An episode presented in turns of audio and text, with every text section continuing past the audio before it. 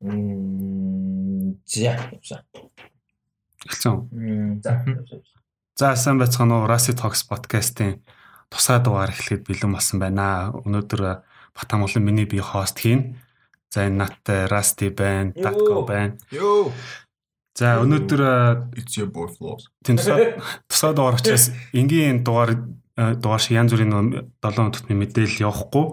Зүгээр нэг нэг сэдв аваад тэр сэдвийн тухай ярилцъя гэж бодлоо. Тэгээд би энэ хоёрт очис юуны талаар ярих хэлээг байгаа. Ер нь бол тусгай дугаараар яг юу ярих вэ гэж бодож бодож тэгээд фильм мейкинг буюу те яг энэ кино хийх явцсан одоо энэ фильм мейкинг процесс буюу те энийг шат шатаар нь дараалтай дэлгэрэнгүй ярилцъя гэж бодлоо. За тэгээд аа за ер нь тэгээд технээсээ эхлэе. Би бол ер нь өнөөдөр тэгээ нэлээд асуулт асуугаад тооёроос асуулт асуугаад тоо хоёр тэгээд хариулаад хариулаад явчих гэж бодож байна. За ер нь кино яг одоо ер нь айгүй ерөнхийдөө ярихгүй айгүй шат шаттай дараалтай тэгээд детальтай ярих гэж бодож байна.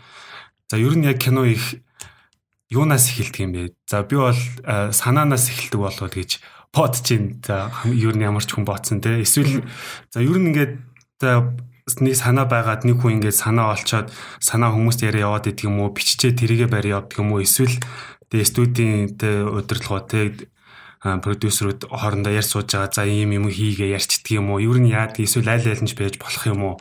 Энэ дээр юу гэж байна? яг яг кино яаж утдаг гэж ярихаар юу яхах л та мэдээж юу гэдэг нэгдүгээр Монголд ямар хуу процесстэй явагддаг тодорхой хэмжээ ярих сонирхолтой баг. Дээрээс нь бидний арай гаагүй мэдээлэлтэй одоо мэддэг гэхээр одоо худлаа болно ямар чихнэсэд салбарт нь ажиллаад байгаа шүү дээ. Мэдээлэлтэй байдаг нь Америкийн кино салбар болохоор. Тийм би аль аль кинонуудэр яриад байна. Нь ярих баха. Түнш одоо Европ ч юм уу Аз бусад орнуудыг мэдгүй юм чинь тий.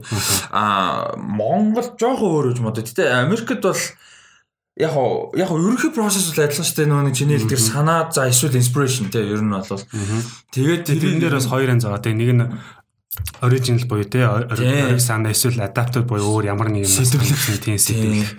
Одоо нэг бол Тарантино шиг сайхан нийлүүлэх гэж одоо нэг тэгдэж шүү дээ. Аа Хоёулаа баян шүмжилдэг те нөгөө ном нь гараагүй ээж номын гарахаас өмнө худалдаж аваад кино хийнэ гэдэг. Тийм, комик мамик тэгдэг болчиход байгаа шүү дээ. Тэр болохоор яг ямар учраа одоо жишээ нь production одоо нэг бол том компани тэрийг нь худалдаж аваад тэн дээр нь зохиолч бас өөртөө оруулж ирнэ гэсэн үг. Нэг бол зохиолч нь ингээд байгаа. Сүүлийн хэдэн жил яаж вэ гэхээр нөгөө нэг Атичаа шахам нэг салбарын юмлалтай Америкч одоо ингэж штэ комик за жишээ амархнаад ярихад за Marvel DC-г явчих чинь тий. За ингээд том зохиолууд гэх юм бол George R. Martin одоо хин бэдийн цөөхий дүү юм байна тий. Яг алттай бүр амар том юм чинь. За тэгэнгүүт тэдний чинь юмнууд ихэнхдээ ингээд том компаниуд дээр их нь ингээд аль хэдийн хуваагдтар нь хуваагдаад ингээд тодорхой болсон. А шин залуу хүмүүс гээд ихэр итгэхэд хэцүү, найдахад хэцүү, а бүтээл нь одоо амжилттай болох үгүй хэцүү дээ. Одоо баталгаа баггүй. А тийм болохоор ихэнхдээ хүмүүстэй одоо нэг яриадсан дээ. JJ Abrams за тэгээд Jonathan Nolan, Lisa Joy хоёр за өөрхийн имч Lord Miller зэлэр ингээд амар том артистууд дандаа энэ нэг first look deal хийгээдсэн дээ. Blumhouse Universal-тай чинь. Тэр шиг first look deal-үүд амар хийдэг болсон. А тэр нөгөө нэг юу хэлээ тэр нөгөө нэг Berserker Comic-ны студио бас тийм байлаа шүү дээ. First Look Deal-тэй. Тэд нэр яаж ийнө гэхээр First Look Deal-гээ хийчихээр А за жишээ нь за Berserker гэдэг комик хийх Boom Comics те. За зөв жишээ авчи. За Boom Comics гэдэг компани Netflix-тэй юу First Look гэдэг дийлтэй. За тэр нь яаж ийнө гэхээр Berserker Comics-ийн шин бүтээл гарч штэ. Ямар нэг комик. Тэр нь одоо Keanu Reeves бичдэг байдагс нь өөр хүн хамаа авахгүй. Ямар нэг байдлаар шинэ бүтээлүүд гарангууд тэрийг телевизийн одоо цуврал эсвэл кино болгох ямар нэг опшн яригдлагт legally хамгийн түрүүнд санал нь юун дээр очдөг танилцуулга нь Netflix дээр хамгийн заавал хийх ёстой даа биш. Хамгийн түрүүний first look нь pitch гэсэн үг шүү дээ тийм pitch нь хамгийн түрүүнд. А тэгээд тэр яригадад Netflix хөрөнгө оруулалт хийхээр болох нь эсвэл өөрсдөө бүр хөрөнгө оруулалт давхар distribution дээр очих тустай юм те тэгэхээр болох нь яг ихэнхдээ нэг юм байдаг А тэгээд эсвэл co-producing өөр байгууллагаас аваад хийх юм уу? Тэр яриаг нь хийгээд тэгээд за Netflix за яах яах юм гэх юм бол legally өөр студ өөр distribution л ярих боломжтой болдог. Өөр production л жишээ нь тэр компани өөр production компани биш. Тэгэхээр ингээд яг уу ярих юм бол амар олон янз л байгаа байх. Гэхдээ их хэдүүлээ ярих юм бол яг миний за ингэж яриа гэж бодож байна. Яг specifically юу сонирхолтой. За ингэж яриа. За за гуруулаа заа. За одоо ингээд За өнөөдрийн дугаараар ингээд нэг кино хий зав эхнээс нь. За тэр нь за нэг дундаж те. За нэг тэ лов бачтай тэ нэг зүгээр нэг дундаж зүгээр л нэг энгийн кино хийя. За тэр ихнээс нь за тэгвэл яах вэ? За мэдээж эхлээд санаа бах тэ. Санаа гар тий. Тийм, санаа гарна. Аа, санаагаа мэдээж нэг юу болгоно. Монголч. За би бичин тэ. Тийм. Бүх киноны скримплейг уншижсэн гэж би худлаа яриад яваа. Гэтэ нэлээ хэдэн скримплей уншдаг Монголд айгуу сайн юу өвчсөн байдаг байхгүй плот өвчсөн байдаг байхгүй. За нэг ер нь гэхдээ эхлээ плот бол гарна шүү дээ. Тийм, ер нь бол эхний хөлбөр бол плот гарна. Яг нэг тэр бол айгуу basic яг уу өгөх гээд байгаа мессеж тэ яг үйл явдал. Яг миний хитүүлээ нэг амар олон жилийн өмнө юу байсан шүү дээ. Ингээ нэг character-ууд үзгээд тэгээ тэрийг ингээд би биенийхээ мэдгүй зохиосон character-уудыг хооронд нь ингэж авцалдуулаа плот гаргуулаа гоо сонирхолтой гэдэг. Тиймэрхүү байгаар хандуулах сонирхолтой байж магадгүй. Character-уудаа илүү төрүүлж үүсвэл яг плотоос хамаарат л та хэдэн хүмүүс оролцоосоо хамаарат. Жишээ нь гурлаа англиа гэхэд а плотууд character-уудаа илүү ягаад idea-га илүү одоо үгүй юм idea өгч байгаа мессежтэй датгүй гэл тэр тэрнийг үсгчээд тэрийгэ тойруулаад плот үсгэл сонирхолтой байж магадгүй. За тэгэнгүүт одоо за мэдээж хүм олон Тарантино шиг те өөрөө бичээд өөрөө найруулад байхгүй. Ихэнх кинод бол ер нь за эхлээд writer буюу зохиолч нэг хүн байна те. Тэгэнгүүт тэр хүн за санаагаа олоод зохиолоо биччихэнгүүтээ а за энийг кино болгоё гэд хүмүүст ингээд яриад пичээгээ санал болгож явдаг юм уу? Эсвэл яа тийм тэр процессын талаар А тийм ер нь тийм тохиолдол бол ерөөдөө Монголд хийхтэй тийм байлаа. Яг кино ерөөдөө нэг ингээд хэсэг хүмүүс санаа бүрдүүлнэ. Аа тэд нар нь өөрсдөө жүжигчтэй байж болно, тодорхой хэмжээний продюсер байж болно, зарим нь найруулагч нь өөрсдөө байдаг.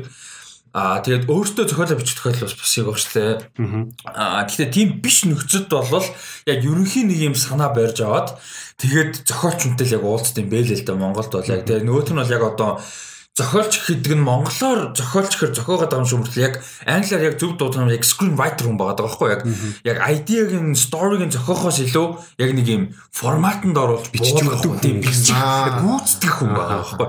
Тэгээ ерөнхийдөө нэг тийм зохиолчтой барьж аваад тэгээ ер нь баг зураг авалт өгөх хүртэл final version хүртэл ер нь тэр зохиолчтойгоо л явчих тийм бэлээ Монголд бол. За тэгвэл эхлээд нэг санаагаа олцоод өөр хүн дээр очиж бичүүлээд нь штэ. За тэгвэл тэр эхлээд санаагаа олж байгаа хүн чи яг юу юм бэ? Продюсер юм уу, найруулагч юм уу юу юм?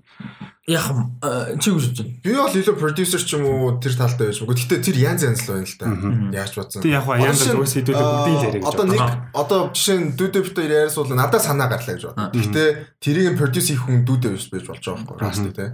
Тэнгүүд би продюсер яг биш, өөрөө writer нь биш. Тэгэхээр яг нөгөө executive producer ч юм уу, co-producer ч юм уу тэр тал руу л. За ер нь бол товчондоо санаа бол хаанаас гарч болно л гэсэн үг юм тий. Тий, яг уу ингэж л байгаа юм л та нөгөө нэг Монголд ч айгу тийм амар specific юу багтаа шүү дээ. Арай баг, арай жоохон баг байхгүй гэж байгаа юм биш үү. Арай баг. Тэгээ тийм болохоор үндсэн нэг story buy гэж нэг юм байгаад байдаг шүү дээ. Заримдаа кино харахад. Яг тиймэрхүү юм бол хинээс ч гарч болоод байгаа байхгүй юу. Аа яг producer хүний үүрэг бол ер нь бол аа юу штэ? Хоёр үүрэг байгаа тийм нэг нь бол мөнгө босгох хөрөнгө оруулалтыг босгох пич хийхтэй. Аа нөгөөтөл нь бол бага босгох эсвэл бага одоо юу гэдэг ингэж лид хийх нэг хөлбөмбөгийн багийн менежер шиг юм байгаа байхгүй ерөнхийдөө. А гэхдээ яг эсэмэн дээр гол гүйцэтгэл бүх юмыг найруулагч юм уу а тэгээд аналж ярих юмар найруулагч менежер маягийн байж болно л да гэхдээ ерөнхийдөө тиймэрхүү. Яг гол креатив найруулагчтайгаа л хамгийн гол ажиллах хэрэгтэй юм байна. Тэгэхээр яг зарим нөхцөлд одоо бид нар Kevin Feige маягийн шиг хүмүүс ярих юм бол creative producer хүмүүс байдаг. Тэгээ яг creative юмд оролцдог мөртлөө одоо нөгөө талаа бизнес талаа хариуцдаг тий. А тэгтээ тэр нь бол илүү ба. За тэгэнгүүт За санаагаа оллоо бичлээ. За ингээд таас нэр болгочлаа те. За тэр бол development чат те киноны бүр хамгийн анхны. За development шат тэгээд дуусаад дараа нь pre production руу орох уу? Тэрнээс өөр дараа нь шат байгаа юу? Хөрөнгө оруулалт. Монголд хөрөнгө оруулалт амар юу юм бэ? Монголч гэлтгүү зэ. За тэрийг ч Монгол гэж ярих болж байна. Ер нь global юу юм бэ лээ? Хөрөнгө оруулалтын дээр Өстө жинхэнэ продюсер гарч ирдэг, скейл нь ч юм уу чадвар connection гарч ирдэг. Яагаад тэгэхээр одоо цаасан дээр байгаа нэг хүн танилцуулаад нүдэнд нь болгоод ийм юм хийх гээд байна мөнгө өгөөч л гэж гуйх гэдэг шүү дээ. Мөнгө өгөөч гэдэг тэр авсан мөнгөөр хүмүүс залхамжуулаад production. Тэгээ тэгэхэд угаасаа Монгол гэлтгүү, Америк гэлтгүү ерөөсөө дэлхийд дараа айл ихэнх за ятад метод зарим нэг юм ус мусаа яадаг гэж юм одоо. Монгол тус нэг тэгж тэнэгдэх гээд байна. А тэрийг тооцсон бол ер нь а продюсеруудын л ёстой жиг юм тэр нэг гард юм шүү жижиг том. Янз бүрийн левелээс мэдээж продюсерууд байгаа л да ганц сая доллар олцдог гарууд байгаа. Ёстой жиг хэдэн хэдэн сая л байгаа. 10 сая руу авдаг хүмүүс байгаа. А тэгээд продюсерууд тэр дээр тэгээд продюсерийн хамгийн чухал юм тэрэн дээр бол миний ойлгосноор бол connection юм билээ. Ерөөсөө ямар ямар зөв хүмүүстэйгээ connectionтэй за connection-аас гадна зөв хэр pitch хийдэг амар тийм. Нэг бол өөрөөсөө мөнгөтэй бас байж болно. Продюсерууд. Э тийм гэхдээ маш ховор. Ер нь бол хичнээн бүр мөнгөтэй байсан ч гэсэн corporate юу хөрөнгө оруулалт financing авч иж хийдэг. Ягаад тэгэхээр нөгөө хариуцлага хуваадаг. Нөгөө кинон цэвэр артны төлөө байна уу, тэ алдах нь тодорхой байна уу, эсвэл ашиг олохоор байлаа гэт хуваахаар байд юм уу? Тэр дийл бас янз бүрээр яв. Манай рууми чинь Вайсо, Вайсо ямар Вайсо байлаа? Томи Вайсо. Томи Вайсо. Манаас гарч өөрөө бүх юм нүстэй. За тийм ээ, Томи Вайсо. Томи Вайсо бол тийм. За за тэгээ продюсер хүн ингээд за цааснаар буулгах чи мөнгө олох гэж явлаа. Хаанаас мөнгө олох вэ? Хинтээ олцох вэ? Ямар компани байгуулах хүмүүстэй олцох юм? Аа, юу яадаг юм бэлээ? Монголд миний зүгээр ингээд сонсч ирсэн шүү дээ. Тийш паблик ивент болохгүй. Ерөөсөө тийм ч ерөөсөө паблик болно гэж байхгүй. Тэгээ таньдаг мэддэг талаараа уулзсан, өмнө хамтарч ажилласан. Одоо жишээ нь ингэж л байна л да а миний нэг мэддэг таньдаг ингээд уран бүтээлч өөрөө продюсер байсан. Нэг кинон дээр бас гайгүй том нэлээд том кино. Тэгээд яасан гэсэн чи хөрөнгө оруулалтыг ингээд олгослоод яасан гэсэн чи яг баг 3 4 дахь скриптэн дээр явуулсан гэсэн хувилбар нь. Аа тэгээд дөрөв баг дөрөвтэй 3 дөрөвт хувилбар руу орсон. Гэхдээ final version руу ороогүй. Гэхдээ нэлээд гайгүй polish болсон гэсэн үг шүү дээ.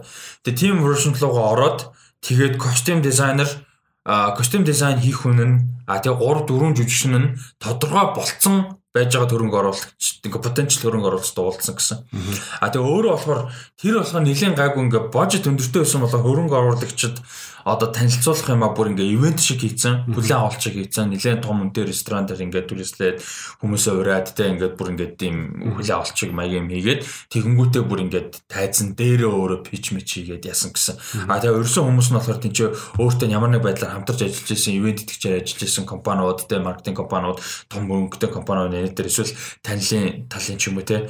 Тийм их юм байсан. Тэр нэг тийм ивент шиг хийчихээр бас нөгөө очих нь их магадлал нь арай их яг тэр шууд ингээд нөгөө тэхүү үгүй юу? гэж уулзах биш зүгээр л потенциал харъя тий тий яг хөө тэр нь тэнцэнэ тодорхой хэмжээний нууцлалын ингээд нэг жижигхэн юм дээр гар үсэг зуруулаа явсан гэж байгаа тий. Тэр нь бол нэг хүмүүс окей гэл тий зохиол үйл явдлаа гар үсэг зураал тэгэж бол явсан гэсэн жишээ сонсон гэтээ тэр болохоор бас хөрхөн өндөр бажеттай кино Монголд жижиг кинонууд бол А ёстой жинхэнэ л тусдаа уулзаал заах нэг юм кино заагч нэг юм кино байл л тест. Ёстой тэгэж ярьдаг. Тийм production компаниуд нь яад юм бол одоо монголчууд нэлээд нэг production компани байгаа. Тийм жишээ нь одоо нөгөө нэг алтартай чинь би яг толгоос гарч авч байна. Харин би бас алдартай гэж санддаг. Нөгөө тооч юм хийдэг чинь юу вэ? Мөрөд биш. Фантастик. Фантастик. Тийм жишээ нь фантастик энэ төр бол амар намын спорттой шүү дээ. Батлаг мотлогын талын хүмүүс тэд нар чинь яг бид нар нүрдэн дээр нэг амар ил улаан цаан тэхгүй. Гэхдээ ерөөдөө цаанаа тэд нар чинь амар намын тэ бос мөнгөтэй хүмүүсийн спорттой. А тэгэнгүүт яг юу яччихлаа юм л да. Арай гайгүй. А дээрэс нь гэтээ ингэдэм. Монголч гэлтгүү ер нь кинон дээр амар кофанаас авдаг ер нь ямар нэг байдлаар өөр байгууллагатай хамтарч конференс авдаг. Тэгээ спонсор авдаг дээрээс нь. Одоо кинон дээр Pepsi гаргад юм уу яа тийм тий.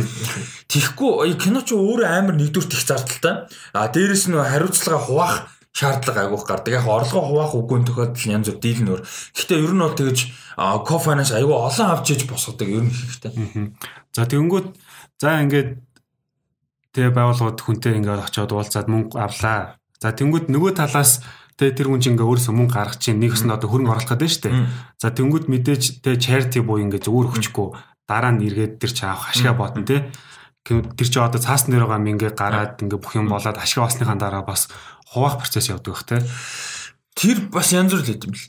А би зүгээрсээ гинтсэн юм бодлоо. Бас нөгөө одоо нэг стриминг юмнууд их гараад байгаа шүү дээ Монголд. Бүү жишээ. Тэд нар бас илүү бас юу байж магадгүй спонсор спонсорлох нэг бол яг хөрөнгө оруулалт хийх тал дээр бас байж болно. Тийм яг гоо вүү ч юм уу эсвэл одоо Univision Test Media ингээл юу яадаг юм бэлээ home media тодорхой хэмжээнд. Нөгөө нэг дээр өөрсдөө тодорхой хэмжээнд хөрөнгө оруулалт хийх тохиолдол байдаг юм бэ л тодорхой хэмжээ. Би нарийн шинэ хэлсэн мэдгүй байна. Гэтэ тодорхой хэмжээнд. А тэгэнгүүт Гэхдээ co-finance авдаг хэвээр спонсорын дээрээс нь авна. Спонсор гэдэг co-finance хоёр тусдаа дээ. Гэхдээ аль аль нь ер нь нэмж авах байгаа л байна. А тэгээд тэр хуваалцах хариуцлагын юм дээр бол янз бүр. Зарим нь бол үнэхээр charity гэдэг юм байлаа. Өстой жинхэнэ ингээ те өстой кино урлагаа бодд юм уу, хамтарч ажилласнаа бодд юм уу, те эсвэл дараа нь favor гэж бодд юм уу, те. Бартер аягүй хийдэг. Жишээ нь продюсер нь эсвэл жүжигчин нь одоо юу гэдэг ингээ олонний танил манил те тийм хүмүүс байлаа гэхэд хөрөнгө оруулж байгаа компанийнхаа юмн дээр рекламандаа тоглуулдаг ч юм уу те тэрэн дээр хариу дийл хийнгүү те за нэг 2 жилийн юм рекламанд нүгөө тоглож авчвал 50 амьдралтаа тоглох гэдэг ч юм уу ингээл ер нь амар флексибл юм байла Монгол ингээ нөгөө нэг нарийн ширээ юм байхгүй. Тэгээ хууль дүрэн баг байхгүй заяа. Ер нь л их хууль дүрэн байхгүй. Тийм болохоор бүр ингээд ч та яаж л яаж тохирно тэрүүгээр кейстэй зохицуулаад нөхцлүүдэд тохирно гэсэн үг юм. Тэгэд ер нь хөрөнгө оруулсан хүмүүс орлогоноос нь хувь ахын баг. Ер нь нилээн баг. Ихэнхдээ л хөрөнгө оруулаад хариудаа одоо реклам авт юм уу те ямар нэг байдлаар хамтрах тийм л юм аваад продюсерууд нь кино уран бүтээлчд нь өөрсдөө л тодорхой хэмжээнд орлого аваад байгаа. Ингэ яаж байгаа штэ. Одоо жишээ нэг юм beverage те MCSS ч юм нэг юм одоо спонсор одоо нэг мөнгө авлаа гэж бод. Тэнгүүт одоо кинон дээрээ тэр чин сурчлагаа хийж байгаа шүү дээ. Тэгэхээр буцааш нэг мөнгө өгөх шаардлага байхгүй шүү дээ. Тийм байхгүй. Тийм. Тэрэн дээр бол байхгүй. Тийм байхгүй. Одоо жишээ нь акшн кинон дээр ингээл спорт амар амар машинууд гараад тэр чин бас ингээд юу нөө сурчлагаа хийдэг гэсэн үг шүү дээ. Тэгээд тэр тэр чин зүгээр яг тэрнийхээ оронд л мөнгө авчиж байгаа шүү дээ. Тийм тийм тийм. Яг би сайн нөгөө co financing тэгээ спонсорын хоёр өөр шүү гэдэг тэр байхгүй. Спонсор бол ойлгомжтой. Ямар нэг буцааж авахгүй product placement тийм тэрийг нь яаж ямар хэмжээнд яаж рекламдахыг бол мэдээж хоорондоо ярилцсан. Аа тэгэл яа ихэнхдээ Монголд бол нөгөө нэг кинон одоо жишээ нь Transformers шиг улаан цан бодлоо эзгэл амар ингээд тийм том импакттай учраас ихэнхдээ жүжигчдэр нь юм уу олонний танил хүмүүс байгаа бол тэд нараар нь яадаг юм бэ л л дээ. Тусдан зүгээр хуваар нь ингэж нөгөө реклам реклам юм тоглоулдаг. За үгүй махад нэг Instagram дээр нэг пост оруулдаг тийм. Хэдэл юм байсан. Монголч нөгөө арх тамхиг нөгөө сурчлаж болдгоо шүү дээ. Нэрийг гаргаж болдгоо шүү дээ. Нэг тийм үлдээ шүү дээ. Тэгэхээр бас кинон дээр бол энэ бас нөлөөлнө шүү дээ. Тийм. Кинон дээр хамаагүй юм шиг байлаа. Тийм гэж хамаагүй юм шиг байлаа. Ягаад тэгэхээр кинон дээр бол ингээл алкол маскол юм бол гарах хувьд гарч лээдэг. Ялангуяа би бол гайгүй байдсан шүү дээ гарч идэг. Гэхдээ зарим нэг Монгол кинон дээр ингээд нөгөө нэг хаацсан байдаг шүү дээ. Архины төрлийн тэр ямар очиртай. А тэр ер нь монголчлтгүй ихэнх юм дээр байдаг. Яг нь том кинонд бид нар үздэг. Ягаад тэгэхээр том кинонд аль бишний эрхийг авч хийх юм а оруулдаг болохоор бид нар анзаардаггүй. Жижиг кинонд бол байдаг. Юу вэ гэхээр а эрхийг аваагүй гэсэн. Эрхийг аваагүй эсвэл хамтарч ажиллаагүй эсвэл нөөдөн зөвшөөрөөгүй тэгээ спонсор биш.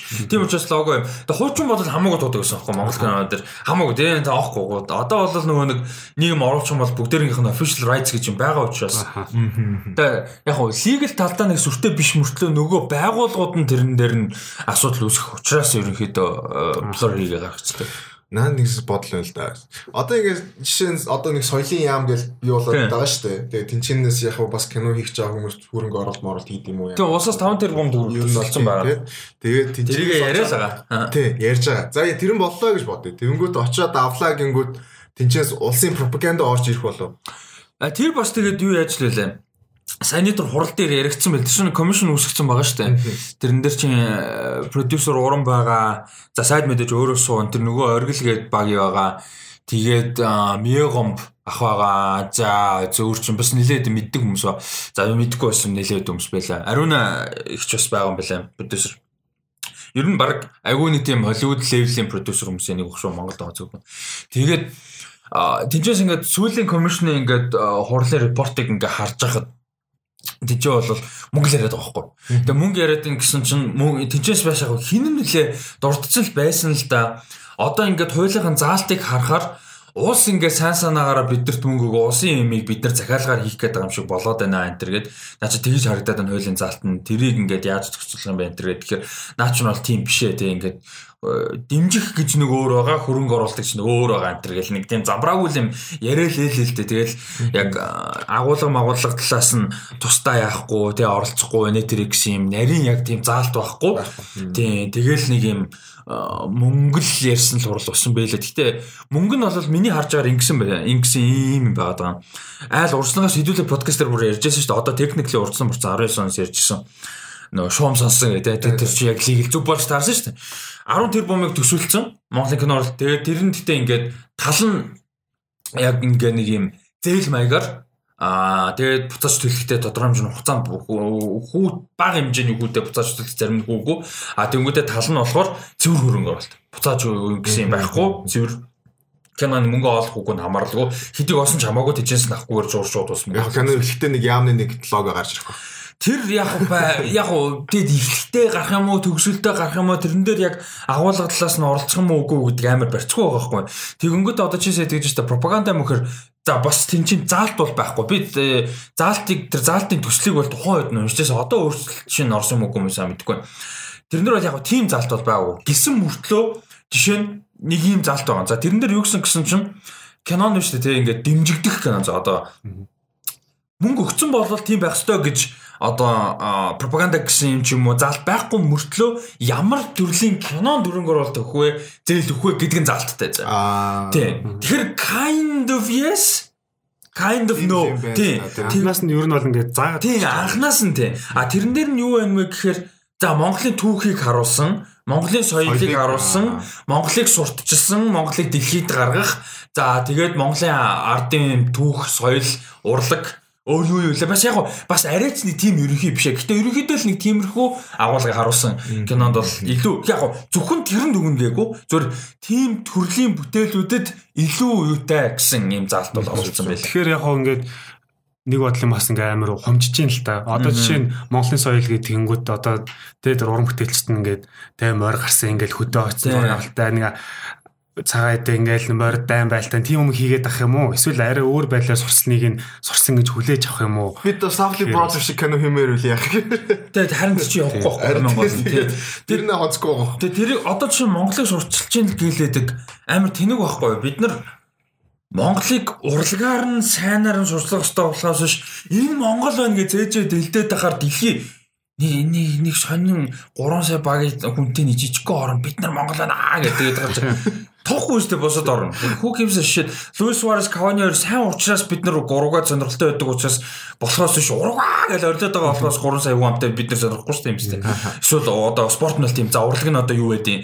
Тэ Мактоны нэг кино нэр дэвшгэр бид нар сонирхолтой байдаг болохоос бид нар аа бид нар Мактон гэж орилоод байхаар хинч тоохгүй шүү дээ.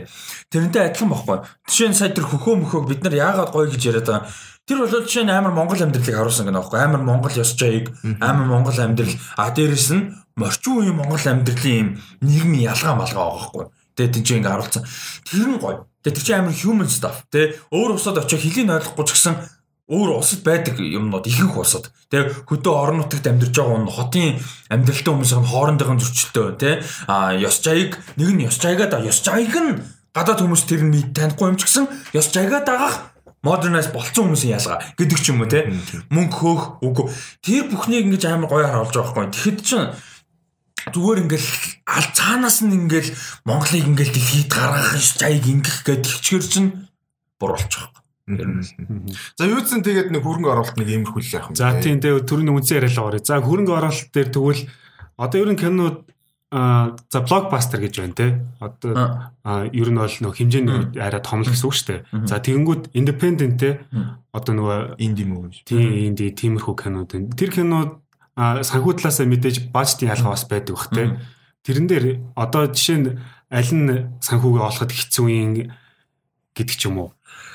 Аа Америкт бол юу юм бэлээ. Том студиуд угаасаа хамгийн түрүүнд green light өгөн. Тэгээд студиуд зөвшөөрлөг э, гаргаад ингээ яхаар co-finance хийгээд нөгөө co-finance их байгууллагуудаа олохдоо ч гэсэн сайн том студиуд бол а нэг бол продюсер нь тэрийг ганцаараа олоо явчихна. Тэгээд мэдээж жижиг инди кинонууд хөрөнгө оруулалт болоод чинь ер нь яаж ч утсан. Аа Монголд тэгээд тэгэхээр яг аль бисны студио систем байхгүй шүү дээ Монголд чинь. За нэг э, цөөхөн хэдэн мэдээж production компаниуд байгаа. Тэд нар нь зарим нэг нь ингээд томорцсон учраас хөрөнгө оруулах чадвар сайн. Тэ ингээд нөгөө нэг connection сайтай ч юм уу эсвэл цаана том артай ч юм уу гайгүй болчдөг. А жижиг ингээд за жишээ нь хэдүүлээ зэ. Зүгээр ингээд жишээ нь literally independent болох гэдэг шүү дээ. Тэ. Тэгэхэд бол хэдүүлээ нэлээд юмрна. Тэгээ яадаг ч мундаг зохиол байгаад ер нь бол хөрөнгө оруулалт олоход нэлээд юм. Яагаад тэгэхээр олонний танил хүн байхгүй гэдэг ч юм уу. Тэгээ продюсерт найруулагчт нь эсвэл одоо юу гэдэг нь жүжигчт нь тэрийг тодорхой олгоо. Хүнтэй очиод уулзахад нөгөө хүндээ өгч чадах юмныхын хэмжээ нэрэ бага байгаа. Итгэлийн олоход. Тийм. Тэгэхээр нөгөө нэг Америкт бол жишээ нь яг уу жижиг киноны бас олох боломж байдаг гэхээр нөгөө нэг кино урлаг нь 100 гаруй жилдээ одоо бүр ингээд 100 гаруй жил явцсан учраас нөгөө нэг юунууд байдаг одоо фондууд байдаг. Тэгээ жижиг кино жижиг фильммейкеруудыг дэмжих фондууд байдаг. А дээрээс нь Sundance Sundance шиг юм жижиг фестивал өгдөг. За сэнда жижиг дундаа Sundance бол амар том. Sundance-аас гадна бидний онцолж ярьдаггүй зөндөө жижигэн жижигэн юм те. Одоо локал ч юм уу фестивал зөндөө байдаг. Фестивал наадам янз бүр юм. А тэрэн дээр кино мино юмнуудаа ингээл тест мэсэнд өгөөл те potential pitch мич хийгээд тэгээ тэнцэнээс тодорхой хэмжээний хөрөнгө оруулалт хайх. За хөрөнгө оруулалт биш юм аа гэдэг фондоос тэгээ нөгөө нэг одоо support хайж тодорхой хэмжээний юу авах те тиймэрхүү хэмжээнд байдаг. Аа нөгөө amazing flight лөө. Тэр wonderful flight. Wonderful flight чинь нөгөө British Awards юу лээ? Тийм, Английн нэг жижигхэн шагналаар шагналд олцоод. Гэтэ тэр хөрөнгө оруулалт бас биш биш биш. Харин тэгтээ тэр чинь тодорхой хэмжээнд тусалж байгаа байхгүй. Тийм. Тэр нэг жижигхэн awardд оролцоод шагнал аваад тэгээ авсан шагнал нь болохоор ямар вүлээ камера системийг лимитэд хугацаанд нэг жилийн дотор 30 мянган долларын хэмжлүүдээ 50 мянган долларын хэмжлөө нэг тийм камера хэрэглэх light system хэрэглэх зөвшөөрөл авсан байлаа. Шагналтай тэрэндээ хийсэн. Тэгэхээр яг хуу тиймэрхүү нөхцлөөс гардаг юм. Тийм. За тэгвэл нийлээ ерөнхий асуулт суучих. За энэ жижиг кинонууд хийгээд тэгээ фандууд ингээд хөрөнгө оруулалт за за мөнгө өгөөд ингээд хийлгээд нь штэ. Тэгэнгүүт тэр жижиг кинонууд эргээд кино урлагт өөр нь ямар хэрэгтэй юм бэ? Distribution бас нэг яригдах бах бас аюу хэцүү. Хүмүүс жижиг киноны чинь гац хэцүү юм. За нэгдүгээр мөнгө олох хэцүү те. А том жүжигчд татах хэцүү. Таньж мэддэг л бол гайгүй хүмүүс тоглуулна те. Нөгөө идэг зохицуулж байгаа те. Нөгөө энгийн үед авдгаас баг заллан байлаа гэл те. Хөшөө. Хаа гэдэг ч юм чи. А тэгэнгүүт бас нэг хэцүү дистрибьюшн ахгүй. Яг Монголд бас арайгаагүй. Театр нь зөөхөн зөөх хэдэн IPTV компанитай тэднэртэйгээ зохицуулалт ярьж болно бас гайгүй. Америк хүмүүс бол бүр амар хэцүү байгаа шүү дээ. А дистрибьюшнээ зохицуулах нь нэгдүгээр хэцүү. А тэгээ тэрний дараа хүмүүс төрөхгүй юу гэдэг асуудал гарч ирж байгаа юм. Тэгээд яг хуу ихэнх нөхцөлд бол жижиг кино бол тэгэл ойлгомжтой юу шүү дээ ялангуяа Америкт бол тэгэл Station for the sake of art шүү дээ. Гэтэ сайн кино байх юм бол тэгтээ streaming services чинь баг булаацалтай худалдаа. Яг одоо тэгэл бас нэг тийм боломжтой болсон. Сүүлийн жишээ Sundance дээр дажгүй кино байх юм бол одоо Minari-г сая Amazon авлаа яалаа. Тийм Amazon. Тийм тэгээ Nomadland-ыг Hulu авлаа тийм. Тэр Birth of a Nation-ыг 15 саяар юу ч үлээ нэг авч исэн. Тэгэл Netflix Mix кино авч яадаг бас болцлоо л да хааж. Түүнээс биш streaming service нэг сүүлийн 2 3 жилд ингэж амар гарч ирэхээс өмнө хэцүү л байсан шүү дээ. Яг үнэндээ. За тэгэнгүүт ингээд за ингээд нэг хэдэн хүмүүс нэг жижиг кино хийжлээ. За тэгэнгүүт тэр нь кино нүнхээр сайн учраас ингээд амжилттай байчлаа. Тэгэнгүүт дараа дараагийн шатандаа ингээд те одоо тэр киноны найруулагчийг буцаагаад нөгөө том блокбастер киногоо найруулдаг ч юм уу. Тиймэрхүү юмдас нэлээд байдаг те. Тий одоо Kevin Feige-ийн хийдэг амар том юм тэр шүү дээ. Яг John Watts-ыг авчирлаа те Spider-Man дээр хийж байна. Одоо Fantastic Four-ыг найруулна гэж байна. James Gunn-ыг одоо ийм амар том найруулагч болоход том ойрын нэмэр орууллаа жижиг кинонод хийжсэн юм шүү дээ. Өөр одоо юм байна. За Russo Brothers байна тий комеди найруулагч, комеди зурлын найруулагчтайсан. Taika Waititi. Тий Taika Waititi байна. Тэгэхээр яг хуу Feige шиг Feige-с гадна одоо том жишээ юм бол яг өөр жишээ юм бол Blumhouse байж болж байна. Jason Blum тий жижиг найруулагчдад аягүй их боломж олгодог нэг сая хүртэл юу яд юм бэлээ. Blumhouse ч өөрөөсөө нөгөө нэг саяны манай тэр нөгөө нэг яамны ийм шаардлагатай кино хийн гэдэг шиг мань хүн барыг тийм байд юм шүү гэлээ. Нэг тийм өсрээд сая хүртэл долларын бажет бажет те. Тэнгүүтээ зүгээр киноныхаа саналыг явуулаад л тийм шиг хүн болгон. Тэр нэг тийм мэдээж хоррор чиглэлтэй те. Тэгэл тэр дундаас нь жиг бөмбөгд юм бэлээ. Бид нар чинь Blumhouse гэх тэгэхээр нэг том кинонуудад нь тэд нар дундаа амжилттай кинонууд нь хүрдэн шүү. Тэгээ ингээд яг official list-ийг авах бүр амар олон кино хийд юм бэлээ Blumhouse. Тэгээ нөө орлого олохгүй нэг орлого нь байгаа. Тэгээ олсон ч гэсэн 2 сая доллар олж байгаа ашиг тээ. Тэгээ нөгөөдг нэг тийм 500 мянган доллар хийж амар хөгийн кино. Нэг бол сайн явчих юм бол тэнэг жоохон мөнгөөр амар амар тийм.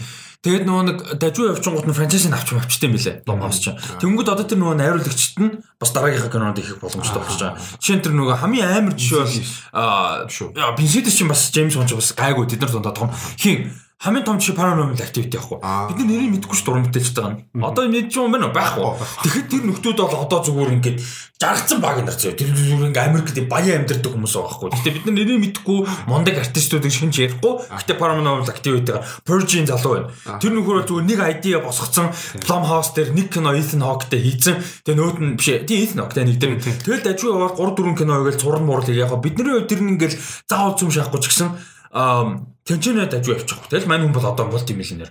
Яг уу мань нүний том ялгаа нь өөрөө оюуны юм чи эзэмшдэг юм бэл. Гэхдээ ерөнхийдөө тийм Тэгэхээр одоо парч дээр бол жишээ санаа чухал байна те. Тэнгүүд амар юник санаа.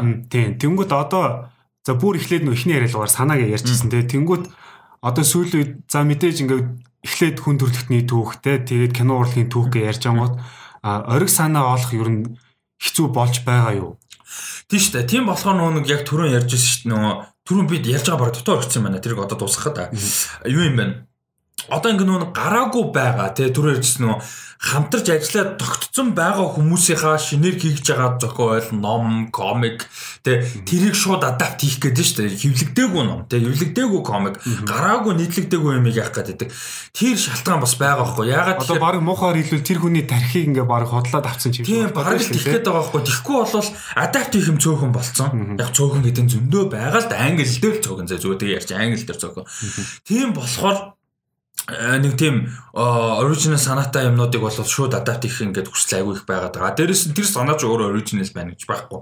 Ямар нэг юм нэл version байгаа. Тэгээд э, улаан цайн бүр ингээд юу гэдэг юм бүр beat by beat гэж ярьдаг бүр ингээд копидчихгүй болвол ер нь оригинал санаа гэж бол бараг л байхгүй те. Ер нь За тэгэнгүүт за за тэгээд эхлээд санаагаа оллоо бичлээ. За тэгээ мөнгө олчлоо гэж бодъё. За тэгэнгүүт storyboard гэж байгаа тий. Тэр хизэн байх юм бэ? Мөнгө олохоос өмнө байх юм уу, дараа нь байх юм уу? Одоо ер нь бол битсэн юмгаа одоо хүнд хараад ойлгохдохоор ингээд энгийн нэрлэл зурх гэдэг нь шүү дээ тий. За тэр нь хизээ байх юм бэ? Чараа би нэг юм асууж байгаа. Одоо зохиолоо бичлээ. Гэхдээ эхлээд бага бүрдүүлэх юм шүү. За энэ янз бүр янз бүр янз бүр. Тэр бол янз бүр. Одоо чи асуун асуун тэр ингэ шатаараа. Дараа л яг нэг янз бүр гэж яриад нэг тийм хариултыг тойруулаад байгаа юм шиг мөртлөө үгүй байхгүй. Яг үнэндээ үнэхээр янз бүр. За жишээ нь жишээ нь Harvey Weinstein Lord of the Rings-ийн эрхийг авцсан production хийх эрхийг авцсан найруулагчийг Peter Jackson-а болгож байгаа байхгүй. Тэнгүүт яаж юм хэрэг Peter Jackson ирсний дараа storyboards production-д орж байгаа. Ягаад гэвэл яг артист нь байхгүй учраас pre production-д орох ямар ч боломж байхгүй. А гэтэл MCU-г ярих юм бол жишээ нь Ant Ant-Man за за за амир дали а за жишээ нь Blade-ийг ярьчих за. За магадгүй найруулагч зохиолч нь тодорхой болоог байгаа. За цаана тодорхойлсон байж магадгүй гэхдээ цаана тодорхойлох юм бол ликт болчихно зэ ихтэй мэтэл гэж яриа. Зөв би амар албар нөө зарлагдсан мөртлөө уран бүтээлчин байхгүй мэй гэх гээд л та. За жишээ нь Blade байлаа гэж бодоход концепт артууд production design юмнууд гараад эхэлсэн баа. Ягаад тэгэхээр Tom House-тэй Marvel Studio бол дотроо энэ house marketing э, department-тэй production designer-уудтай те концепт артистуудтай ийм учраас аль хэдийн тэрийг ID-г нь Marshall Ali-гтэй ингээд тоглуулад иймэрхүү сценүүд байж болно гэсэн юмтай эхэлсэн байгаа аль хэдийн. А тэгвэл найруулагч ороод ирэнгүүт за хэр том найруулагч жижиг найруулагчаас хамаарат эргчлөө нь жоохон өөр Тэг creative vision жоохон өөр ер нь орж ирээд тэр бүхэнтэй танилцсан. Тэгээ ийм концептууд байна. Ийм юм байгаа. Ер нь ийм син бол орж таална шүү. Тэг Kevin Feige угаасаа тийм юм өсөсөг. Тэгэнгүүт тэрэнд нь тэр лимитэндээ тааруулж одоо жишээ нь хин Sam Raimi Doctor Strange дээр орж иж байгаа бол шал өөр левел юм ба. Ягаад тэр Sam Raimi өөрөө амар powerтай их мэдлэлтэй карьертай мундаг хүн учраас а арай өөр. Тэгээ bargaining нөгөө negotiate хийх power нь арай өөр. А мэдээж утгаар уцахгүй бүх юмараа би ингэ нэг зүтгэхгүй гэхдээ арай өөр. А Scott Derrickson нэг өөр, а John Watts Fast and Furious нэг хийх өөр те тиймэрхүү байх гэж бодож байна миний бодлоо. Тэгэхээр ялгааны хувьд бол өөр хийж байгаа одоо нэг киноны санаа гэдэг чинь шүү дээ. Санаа нь анханасаа продюсер хүмүүсээс нь байгаад найруулагч гүйцэтгэх хүмүүс те уран бүтээлч, найруулагч, зохиолч, жүжигчтэй олоод ингээ хийлгэж байгаа мó эсвэл анханасаа санаагаа гаргасан хүмүүс нь найруулагч, жүжигчтэй яг actual уран бүтээлчтэй зохиолч хүмүүс нь юм уу? Продюсер олоод ингэж хийх юм уу гэдгээс бас тарахмаар дараална. А хэрвээ анхнаас уран бүтээлч эхлүүлж байгаа бол концепт нь гараад эхэлж болж байгаа байхгүй юу? Ер нь бол болохгүй байхгүй. Продюсероо олоод бүр хөрөнгө оруулалтаа олохоос өмнө магадгүй таньдаг мэдгээрээ те хоорондоо зохицоод pre production-ийнхаа зарим нэг юмыг бол те ингээд явуулж авах боломжтой. Ер нь бол а ховор гэхдээ. Миний бодлоор Бат амгалангийн яг асуусан асуултанд хариулахад тэгээд яг юугаа олчлоо, хөрөнгө оруулалтаа олчлоо. Тэгээ яг тэрний дараа илүү яах вэ? Найрлагч майрлагч үштэй илүү бодоод яг би нөгөө storyboard гэж асууад байгаа нь за бүх кино те за за бүх кино скрипт бол байдаг бах те. За скрипт тэнгууд бүх кино скриптээс storyboard руу бууж гин үү заавал буух ёстой юу? За гадаад кинон дээр ярьж байгаа штэ. За тэнгууд Монголд яа гэм бэ кинод яг storyboard байна уу? Одоо тэнгууд за тэр санааг ингээд бичсэн байгаа амиг бас нэг үүргэн дээр очиод бас ер нь бол ингэнээр хэлбэл зурлах гэдэг шүү дээ. Тэ ингээд нүдэнд харагддаг болох гэдэг шүү. Тэ бий болох байна. За тэр талаар Монголд бол өстой хоёр янз зав. Миний мэдгээр штэ. Simplify гэхэд. За simplify. Энгийнээр болгоход хайрцаглахад хоёрхан янз л байгаа. Юу гэхээр нэг нь угаасаа улаан цаа мөнгө хөөх гэдэг тэр яаж их процесс процесс нь хамаагүй. А нөгөөх нь бол мөнгө зүнг бодож хийжсэн ч гэсэн тодорхой хэмжээр процессаа дагаж байгаа. Тэгээ одоо концепт артууд тодорхой хэмжээнд гаргадаг. Арай одоо жишээ нь концепт арт гаргах шаардлагатай өссөн өсөв шаардлагатай кино жишээ нь single ladies дөрөв а ягаад тэгэхээр нөгөө нэг юм дайн байлдааны хэсэгтэй тэгээ 13 дахь 100 моныг харуулсан юм байгаа учраас тэрэндээ тийм гарахгүй болохоос болохгүй хүссэн. Тэгээ костюм дизайны зургнууд гарна, концепт артууд, storyboard хүссэн зүйл гарах хэрэгтэй болж байгаа. А зарим нэг кино болвол тэр нөгөө нэг ярьсан анханасаа тэрийг нь тоохгүй кинонууд бас байна. Одоо нөгөө заавал нөгөө буулгаж иж харахгүйгээр өөрөө толгоондоо харцсан бас яваад иж болно тийм. Толгоондоо харцсан яваад иж бас болно л доо. Гэтэ storyboard гэдэг хэрэг чинь shot blocking mocking гэж уулан байх хэрэгтэй тийм ингээд тэр зураг авалтын ч юм уу найруулгын ач холбогдол шаардлага нь тэрийг ингэж төлөвлөөд ингэж авч байгаа. Яг нь тодорхой хэмжээнд найруулагчд нь бол төлөвлөж байгаа. Ер нь бол бүр бүгд 0 гэж хэлж болохгүй л тийм зөвхөн ихүү баг ба гэдэг юм. А тэгээд анханасаа тэрийг нь бүр ингэж төлөвлөхгүй явж байгаад найруулагч нь л тэрийг тодорхой хэмжээнд зурлагчтайгаа ярьж байгаа ч юм уу хийцэн кинод нь илүү их нь байгаа. А тэгэхэд зарим нэг кино бол тэрийг бүр онцолж ярьдагчгүй байна. Бүр ямар зураг авалт ямар стилтэй бүр ингээ ерөөсөө тоохгүй. Яагаад тэгэхээр найруулагч нь болоод зураг авалт нь эхлэхэд тэрийг найруулагчд нь өгчих. Тэ зураг авлагчд нь зураглагчд нь өгчих тэр хэдий өөртөө хий. Тухайн момент өөртөө болоод хийн гэдэг шүү дээ. Яагаад гэвэл тэрийг тоохгүй байхгүй. Аха. За за түрүү ингээ продюсер хүн яг яг юу идэх юм бэ гэж ярьж исэн те. Тэнгүүд за сая crew гэж ярьлаа.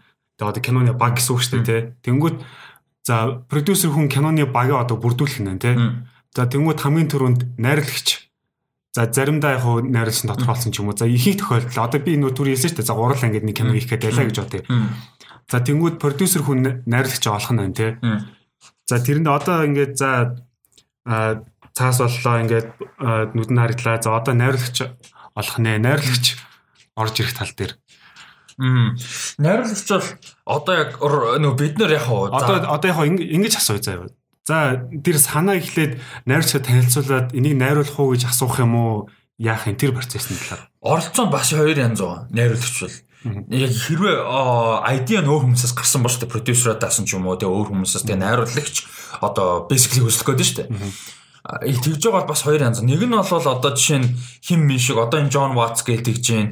За бид нар сүүлийн хэдэн жилийн Рон Ховардыг жоохон дойлдог. Гэтэ залуудаа бол мундаг найруулагч л та гүйцэтгэгч хүн байна. Тэ яг яг actual одоо яг нэг тийм ажлыг явуулах уу. Тэ яг creative амар output инээтрээ тэ артист гэхээс илүү яг зүгээр процессыг яг явуулах. Зураг авалт процессаа яг явуулаад дуусгаад тэ ингээд зэгцлээд бас эдитинг дээрээ ч гэсэн оролцохоор бол оролцоод тэгээ дуусах яг продакт яг нэг тийм ажил гүйцэтгэх хүн нэг болвол одоо хин байдیں۔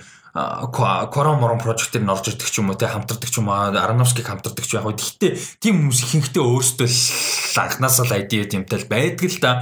Гэхдээ за окей let's say James Gunn те те Guardians 2 мордор орж ирж байгаа ч юм уу те Sam Raimi ч юм уу илүү жоохон оролцоотой те сторийн дээр илүү санаа эхлээд уулзаж ярилцах бах те тэгчүнгүүд нөгөө хэд нь за наа чи гоё юм. Гэхдээ миний зүгээс ийм юм оролцоо байна. Би ингэж ингэж өөрчлөмөр байна. Одоо ийм жүжигчин байгаа. Зохиолд нь найрлж орж ирэнгүүт бас жоох жоох өөрчлөлт орох гэдэг шүү. Тэнгүүд одоо чинь Джеймс Коннелл за би бол Майкл Рукертэй л ажил тий. Майкл Рукер ямар нэг рол авахгүй бол би үгүй гэсэн юм байгаас тий. Тэгэнгүүт нөгөө талаас за Майкл Рукер би дургүй гэж продюсер нь Джеймс Ганны болиулах юм уу эсвэл за за нэг рол өгчгөөг оруулах юм. Тэгэхээр найруулагч өөрөө бас крүүтэйг ирэх магадлал айгүй их байдаг.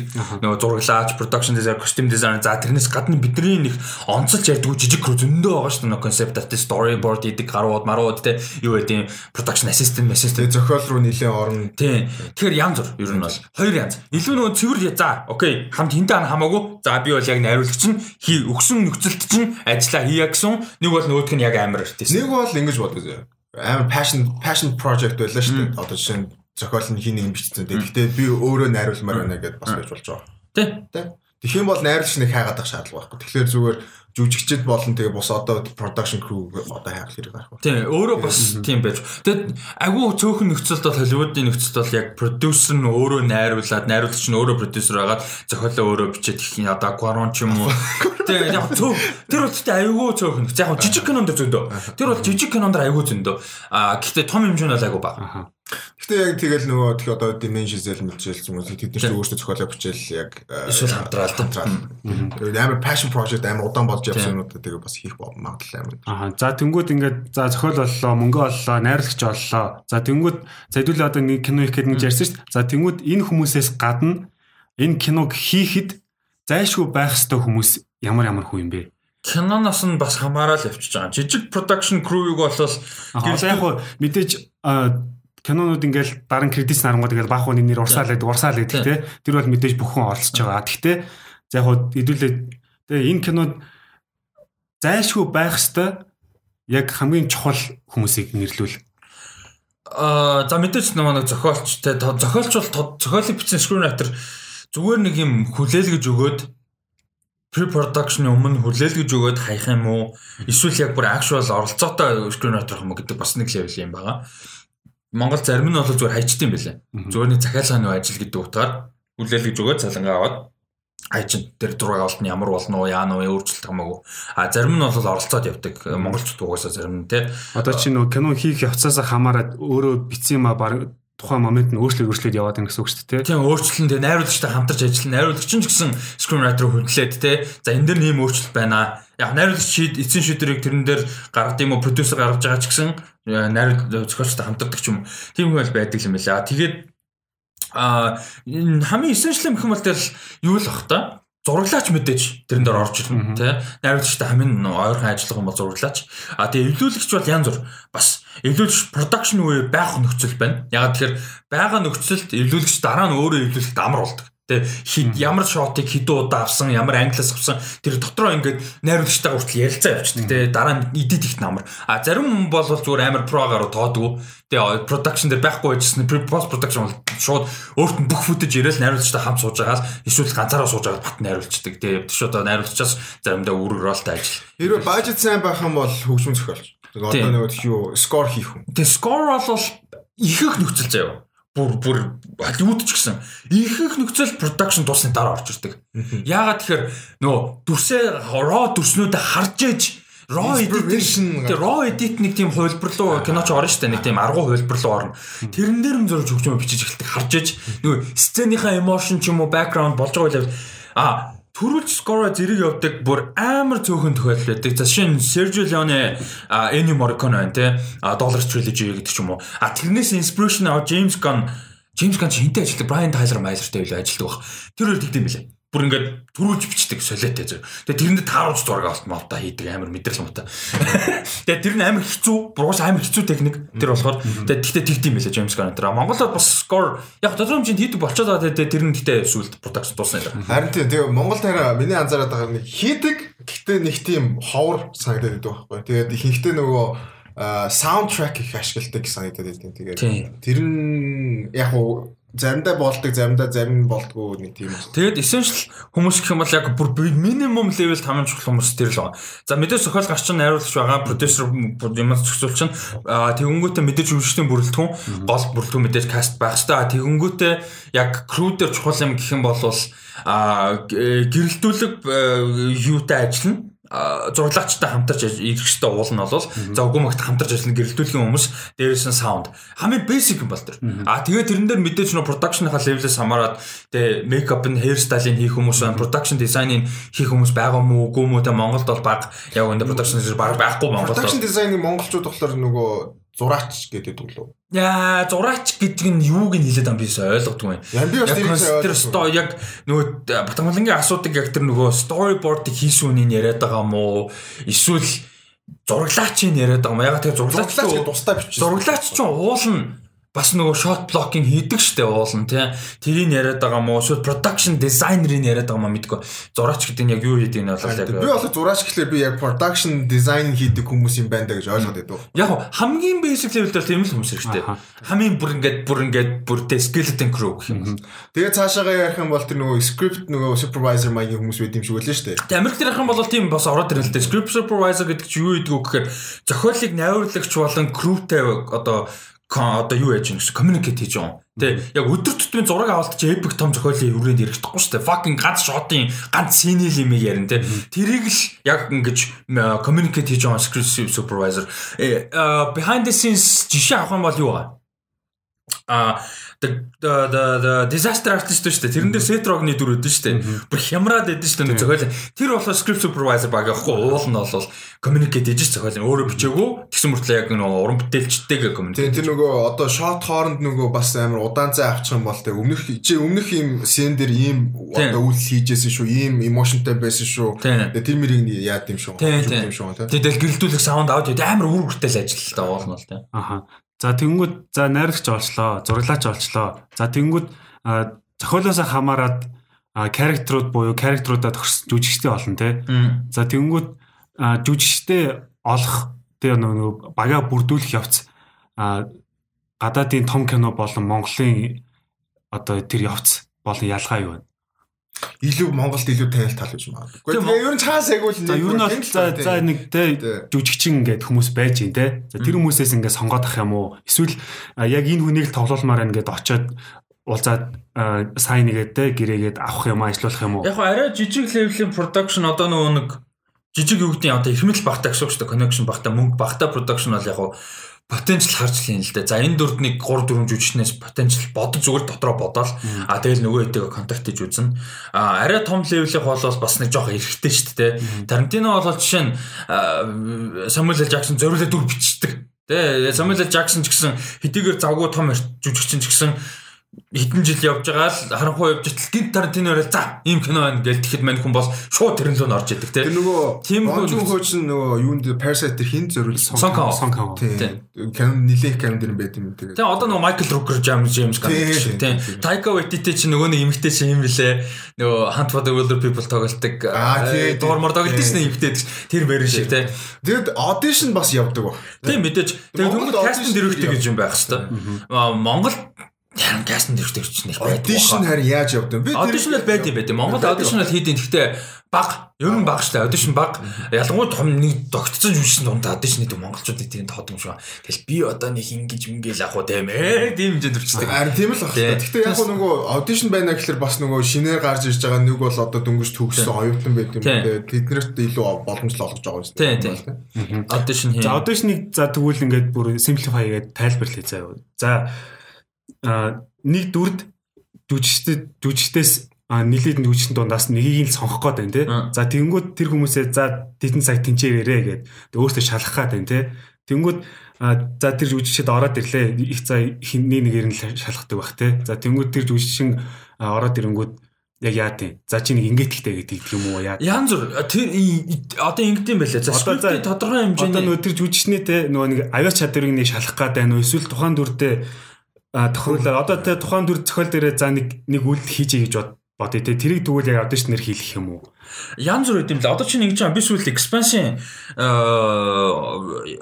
зохиолч хоёр зохиолч нэг нь Ty Frank гэдэг тэгээд цувралынх нь чухал гол дөрүүдийн нэг тоглолтыг West Chatham гэдэг Jerem гэдэг хоёрын подкаст өгөхгүй та эндага гэдэг ер нь амар фан тэгээд тэрэн дээр манайд ярьжсэн л да. Нэг мань хоёр. Яг анхны нэг expansion нэг casting process-ийн тухай ярьж таа. Тэгсэн чинь тэрэн дээр бол яг цуврал шүү. Кино бол биш. Гэхдээ ер нь бол яажсан гэсэн чинь амар харамсалтай байдаг гэдэг ч аахгүй. Яасан гэсэн чинь кастинг дээр жишээ нь нэг жүжигчин орж ирээд нэг синийг мэдээж тоглож үзүүлнэ. Өөртөөх нь бэлдэж өгсөн л тэ скриптийн хэсгийг тоглож үзүүлнэ. Тэгэнгүүт нөөтг нь үнэхээр сайн байгаад байдаг. Аа тэгээд ингээд 4 5 10 20 30 40 том кинонд бол fucking хэдэн 100 бүр заримдаа 1000 гарна тэ. Аа Тиймэрхүү ингээ хүмүүсийн дундаас харангууд зарим нь үнэхээр сайн ч гэсэн дүрдээ тохирохгүй юм байна. Тийм. Царайных нь хэлбэр таардгүй ч юм уу. Каризма нь жоохон өөр ч юм уу, тий. Хиллэг одоо гүйцэтгэл нь жоохон өөр ч юм уу те өснийх нь өнгө жоохон өөр те блонд болчиход зөхгүй байх гэдэг ч юм. Тиймэрхүү юм айгүйх байдаг гэж байгаа хгүй те тэр нь амар харамсалтай өөртөө ч гэсэн мэддэг. Ингээд ээ уулан тэр гоё юм те даанч тохирохгүй мэн те гэл илүү бараг авьяас багтаа илүү гүйцэтгэл багтаа жүжигчин мөртлөө илүү тохирохны авах тохиолдол зөндөө байдаг гэсэн. Одоо чинь Том Hiddleston чинь анх аудишнда Thor-ын дүр тоглосон гэж байгаа. Тэгээ одоо энэ Falcon дээр байгаа Captain America чинь бүр анх White Russell те тийм White Russell чинь жинхэнэ ориг Captain America аудишноос орж исэн тийм байсан. За за тэгээд жүжигтэй сонгоод авчлаа. А тэгэд нэг ямар хэсэг тоглолтын гэдэг дээр бас янз бүр үт юм бэлээ. Бүр үнэхээр яг би амар ядаргаатай санагдав янз бүрт үнэхээр янз бүр үт юм бэлээ. Я одоо чинь нэг нь бол нэг хөлбөр мэдээж хамгийн basic хөлбөр нь юу гэхээр script-ний тодорхой хэмжээ болцсон. Тэгээ script-ний хэсэг байна. Тэгээ audition орохоос өмнө нэг цаас өгөх гэдэг шүү дээ. За энийг уншчаа. Орж ирээд энийг хийн шүү гэдэг. А тэгэнгүүт тэр нь дотроос хоёрын зам юу гэхээр нөгөө одоо диалогтой хэсэгтэй хэсэг агиух байдаг. Яг нэг харилцан ярилцахтай харилцан тоглох. Тэнгөт нөгөө талдаа жүжигчин тодорхой болцсон байдаг. Одоо чинь ноутбук дээр те um Rachel McAdams-ийн cast юм дээр Ryan Gosling алитийн зарим нэг юм дээр тодорхой болсон скрипт уншиж байгаа байхгүй. Тэр Rachel McAdams жүжиглж яан одоо audition хийж байгаа. Хим болохоор Ryan Gosling жүжиглэн гэхээс илүү өөрөөхөө бардаж зүгээр уншиж байгаа. Яг тэр камерны хажууд камер гарахгүй. А заримдаа болохоор script supervisor ч юм уу зүгээр уншдаг хүмүүс үгийг ингээ уншаад үү. Тэ. Урд хариуг хэлэнгүүт нөгөө нь бүр яг жүжиглэж гаргадаг ч юм уу те. А заримдаа болохоор бүр ингээд юу яд юм бэлээ шал хамааралгүй юмнууд байдаг. Яг нэг одоо юу яач юм ач гэдэг юм шиг байна. Спойлд чинь лик микэн сайдаг ч юм уу те Marvel зур шиг том юм бол шал рандом юм зүг чадварыг харах гэдэг. Эсвэл тэр дүртэн тохирсон юмны одоо синийг ингэж тоглолдог. Шекспир Шекспир чинь тоор нэг дээр бол зарим нэг жижиг жүжигчдийг Шекспир яасан гэж байгаа хгүй. Яг тэр нөгөө Kenneth Branagh аим Шекспирийн тоор хийсэн. Тэнгүүд юм Шекспирийн зарим нэг хэсгүүдийг ингэж жүжиглүүлээд а энэ дээр гайгүй маань энэ гэсэн гэж байгаа. Зарим дээр бол а зарим нь бол бүр ингээд амар fucking ямар ч ID өгдөг гэж байгаа. Амар тэнийг зөв. Жишээ нь Tiana Paris уухгүй сая ярилцлага байсан. Одоо нэг юунд тоглож байгаа штэ. А Monica Rambeau. Тэгээ тэгэхэд ингээд юу нь мэддэхдэггүй ямар учиртай мэддэхдэггүй нэг юм 70-аад оны sitcom ID өгсөн гэж байгаа байхгүй. Чи ингээд 70-аад оны sitcom тоглоно яг Marvel-ын тодорхой яг тэрийг мэдэж байгаа. Тэгээ 70-аад оны sitcom тоглоно. Тэгээ ийм иймэрхүү хэсэг байгаа. Тэгээ өөрөө ингээд improvise хийчихсэн гэж байгаа. Тэгээ маньхүү эхлээд бүр амар айсан гэж what the fuck би яах ёстой бол ингээд 70-аад оны sitcom тэгээ ингээд юу юм бол гэж яснаа. За би юу алдтیں۔ Тэгээ угаасаа Marvel тоглож байгаа. Би алдах юм байхгүй. Тэгээ оол ин хийгээд үзээгээд бүр өстө оол ин гуссан гэж байгаа. Манай бүр амар хэтрүүлэлтэй болсон гэж байгаа. Аас тий энэ шал амар хэтрүүлэлтэй жүжиглж мүжил. Тэгээ тэгсэн чинь нөгөө хэд нь өстө чи гоё яаж. Тэгээд ороод ирсэн гэж байгаа байхгүй. Тэгээ нөгөө нэг юм терпиц мерпицтэй амар афростэй синэд шүү. Тэрийнх нь хэсэг явж исэн гэж байгаа. Тэр нь баг скрипт скриптгүй баг явсан гэж байгаа. Манай үний юм. Тий. Тэгээ тэгэхээр бас янз бүр л хийдэг. Яг гоо эсэн яг гоо эсэн л өөрөлдөө гэхдээ тэр чинь бас нөгөө бас production л явж байгаа юм чи. Тэд нар болохоор яад юм бэлээ. Шууд өөртөө юм бэлдээл орж ирд юм impression нэг хүн дөөрөөд ч юм уу impression хийдэг ч юм уу тэгээд яг хөө team audition бас байгаа. Аа тэнгууд audition дээр за нэг хідэн хүн сууж байгаа тэгээ тухайн момент ингээл яаж байж байгаас нь хамаараад сонгочдөг юм уу эсвэл камера бичиж авч байгаа дараа нь дахиж үзэж байгаад сонгодог юм уу? Аа зарим нь бол үнэхээр шууд за үнэхээр чи юм байна гэж сонгочтой юм байл. Яг нэг тийм найруулагч, продюсер ч юм уу гүйцэтгэх продюсер шоуны нөхцөлд те. Ингээд яг одоо яг файнл шийдвэр гаргах хүмүүс нь сууж байгаа нөхцөлд зарим нэг хүмүүс үнэхээр импрессд болоо зарим нэг хүмүүс нэг тийм яхан бол шууд шийдчихсэн юм л газар дээр нь. Дахиж рекорд тэгээ дахиж ингэдэггүй. А зарим нөхцөлд бол амар олон шаттай явдаг. Хин блэ? За би андуурч магадгүй шүү. Гэтэ Джейми Александр гэж би санаад байна. Тор дээр нөгөө нэг Swift тоглодог. Манай хүн 5 6 удаа аудишн хийсэн гэдэг юм байлаа. Тэгээ би буруу санаж магадгүй шүү дээ. Андуурч яж магадгүй. 5 6 удаа аудишн хийжээж дүрээ авсан гэдэг. Тэгээ нөгөө хэд нь шийдэж чадахгүй дээрс аймаг олон жүжигчин өрсөлдөөд байсан. Тэр дүр дээр нь хасаал хасаал хасаал яваадсан бас тийм байт юм. Тэгээ бичлэг харах бас байгаа. Аха. Тэгээ бичлэг харах нөхцөл нь болохоор ямар байдаг вэ гэхээр нөгөө файнал шийдвэр гаргах хүм ч юм уу студио нь нөгөө нэг байхгүй кастинг процесс баахан хүний аудишныг narrow down хийж хагаад за эднэр л боломжтой юм гэж хагаад арай өндөр ирэх мэдлэлтэй өндөр очиж баг үзүүлэх гэдэг гэсэн үг. Тий, тий, тий. Их мэдлэлтэй үнэлгөө дамжина гэсэн үг байхгүй юу? Ялангуяа студийн одоо энэ эцэг шийдвэрийг гаргаад өгөөч л гээд. Тий, тий. Одоо зүгээр basic жишээ файгийн хийж байгаа юм дээр бол тий. Одоо чинь James Gunn бол дураараа хамт каст хийхгүй байхгүй. Тодорхой дуустай Bautista, Chris Pratt, Zoe Saldana Майкл Рукертэй гэрэмэрэтэй эсвэл мань юмтай хамтарч ажилладаг арай гайгүй пасс авахар те. А биш шин каст оруулж шин шин Адам Орлогийн каст хэлэх гэхэд бол мань хүн ярилцахгүй файгтэй. А нэг бол жижиг экстрануудыг каст хийхээр бол файг руу явдаг ч юм уу. За эсвэл арай их мэдлэлтэй бол кастинг директор нь өөрөө мэдэж аудишн нэгэ Джеймс Ган оролцохгүй байж байгаад Джеймс Ган руу яваад Джеймс Ган окей гэдэг ч юм. За тэнгууд аудишн дээр За, жүжигчдийн талаас жүжигчид яг ер нь за том жүжигчид бол яг хөө тэ киноны саналууд бол угаасаа ирж байгаас тэгээд өөрт таалагдахыг сонгоод авч байгаа. За тэгэнгүүт жижиг жүжигчид яг яад юм бэ? Одоо кино бид нар ч мэдээж ингээд мэржлэр ажиллагаа тэ. Тэнгүүт ингээд янз бүрийн аудишн ингээд ороод ороод явж явж байгаа сонгогдсондоо тоглолт юм уу яа тий. Ер нь тэгдэг л гэсэн ойлголттой л байдаг шүү дээ. Одоо La La Land дээр харж байхад бол Ямаас аудишн ороод яваал идэв шүү дээ. Тэгээд жижиг сажиг. Тэгээ яг хуу нилээ их нөгөө телевизийн юу л амир хорт юм шүү. Жижиг жижиг нөгөө жүжигчд аудишнд явж байгаад тэгээд нэг телевизэд ороод тэгээд нэг тийм азар ч юм уу нэг бол яг авьяасаараа нэг нэг тийм том дүр одоод авчих юм бол яг тэрийгээ гоё бий болгох юм бол цаашаага кино руу ордог ч юм уу. Нэг бол кинонд жижиг дүр бүтээчээ тэрнээсээ сайн тэгээ цаашаа явдаг ч юм уу. Нэг тиймэрхүү. Одоо хин чин юунаас ихсэн юм бэ? Ани Тейлор жоо чин аа Witch, The Witch. Witchтэй. Яг тэрнээс өмнө бол зөндөө тоглож байсан хүүхэд багта. Гэхдээ яг карьер нь болсон юм л Witch. Тэгээ гэхдээ тэрнээс өмнө яг жижиг жүжигчд яг гарч ирэхин тулд юу н тэгэл илүү телевиз мэлвизээр илүү их явдаг тий. Тийм, ер нь телевиз ч нөгөө жүжигчдийн карьераа эхлүүлэх амар том юм ш. Нөгөө ялангуяа бидний үздэггүй янз бүрийн нөгөө нэг цувралууд CSI, MI, Netreg гэл нэг бахны яваа л гэдэг цуврал. Тийм юм дээр айгүй их нөгөө нэг экстрагаар орно, дараа нь жижиг рол орно, тэгэл speaking role аван, нэртэй role аван За тэгээд тогтмол гардаг болчих юм бол те тогтмол ажилтаа болно тэр чинь заанаг карьераас гадна амьдрал гэж нэг чаавас хэцүү юм байна те хажууд зөө давхар зөөгчих шаардлага бага болно те тиймэрхүү юм байгалах. Тэгэл одоо нэг офсыг харж байхад тэнчэнээс амар том том нэрүүд гарч иж байгаа. За яг хуу Ryan Rain Wilson нэг цаашаа яваг байх. Гэхдээ тэр чинь John Krasinski тэр байгаа. Michael Scott жүжигчнийх нэр нь болохоор Steve Carell гэдэг бас тэнчэнээс том болж гарч ирж байгаа. Ер нь бол нэг тийм их илүү жүжигчд тэгвэл за жижиг жүжигчд ингээд те жижиг жижиг дүр бүтээж хагаад тэр хүмүүс ч ерөөхдөө бол өөртөө CV-г те резюмег бүтээгээд дээ штэ те. Тэгжээс дараа дараагийн рол одоо жишээ нь Тимоти Чаламе те Интерстеллар дээр бол зүгээр жижиг дүр штэ. Одоо ингээд дараа нь тоглосон кинод одоо бол том жүжигч болсон штэ. Тэнгууд Интерстеллар дээр байсан гэд тэнгуут нөгөө нэрээ тийм илүү гэдэг ч юм уу. Тий яг резюме босгох CV нэмэх дээрээс нь кредиттэй одоо нэг IMDb кредит нэмэх А тэрнээс гадна жүжигчдийн эхний левелийн хэцүү юм бол тэрийг ажил амьдрал болгох л тоо.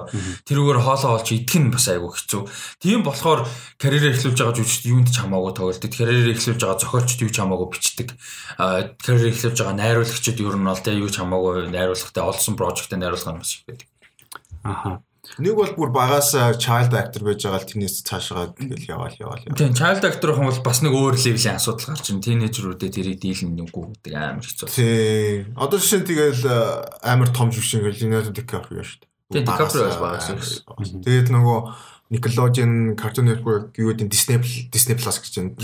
Disney-ийн гарууд ч одоо багаас л тоглосон байгаа шүү дээ. Gomez Moms, Selena Gomez байна. Өөр чин тэр Miley Cyrus энэ төр байна тийм. Яг Cyrus, Zac Efron, Vanessa Hudgens юм уу? Аха. За тэгээд түрүүний нөө үнцээр л урах. За найруулагч боллоо, зурлаач боллоо, жүжигчтэй бүрдүүллээ. За жүжигч нөх боллоо. За тэгээд зураг авалт эхэлнэ те. Тхийн тулд скаут ер нь бол зураг авалт ямар киноноос тулд эхлээд нөгөө юу гаргах бах те. Скежл гаргах те. За эхлээд локейшн буюу байрлалуудаа олно. Тэгээд хуваараа гаргана Том кинонд том кино том зурлууд дээр бол location scout гэж байдаг.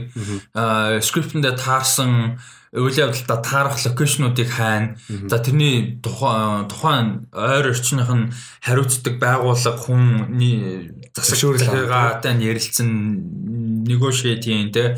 Та одоо танаа энэ хавь чинь сурталчлана те танаа энэ хавь чинь одоо туризмтэй болно гэдэг юм уу? Үгүй юу гэдэг те.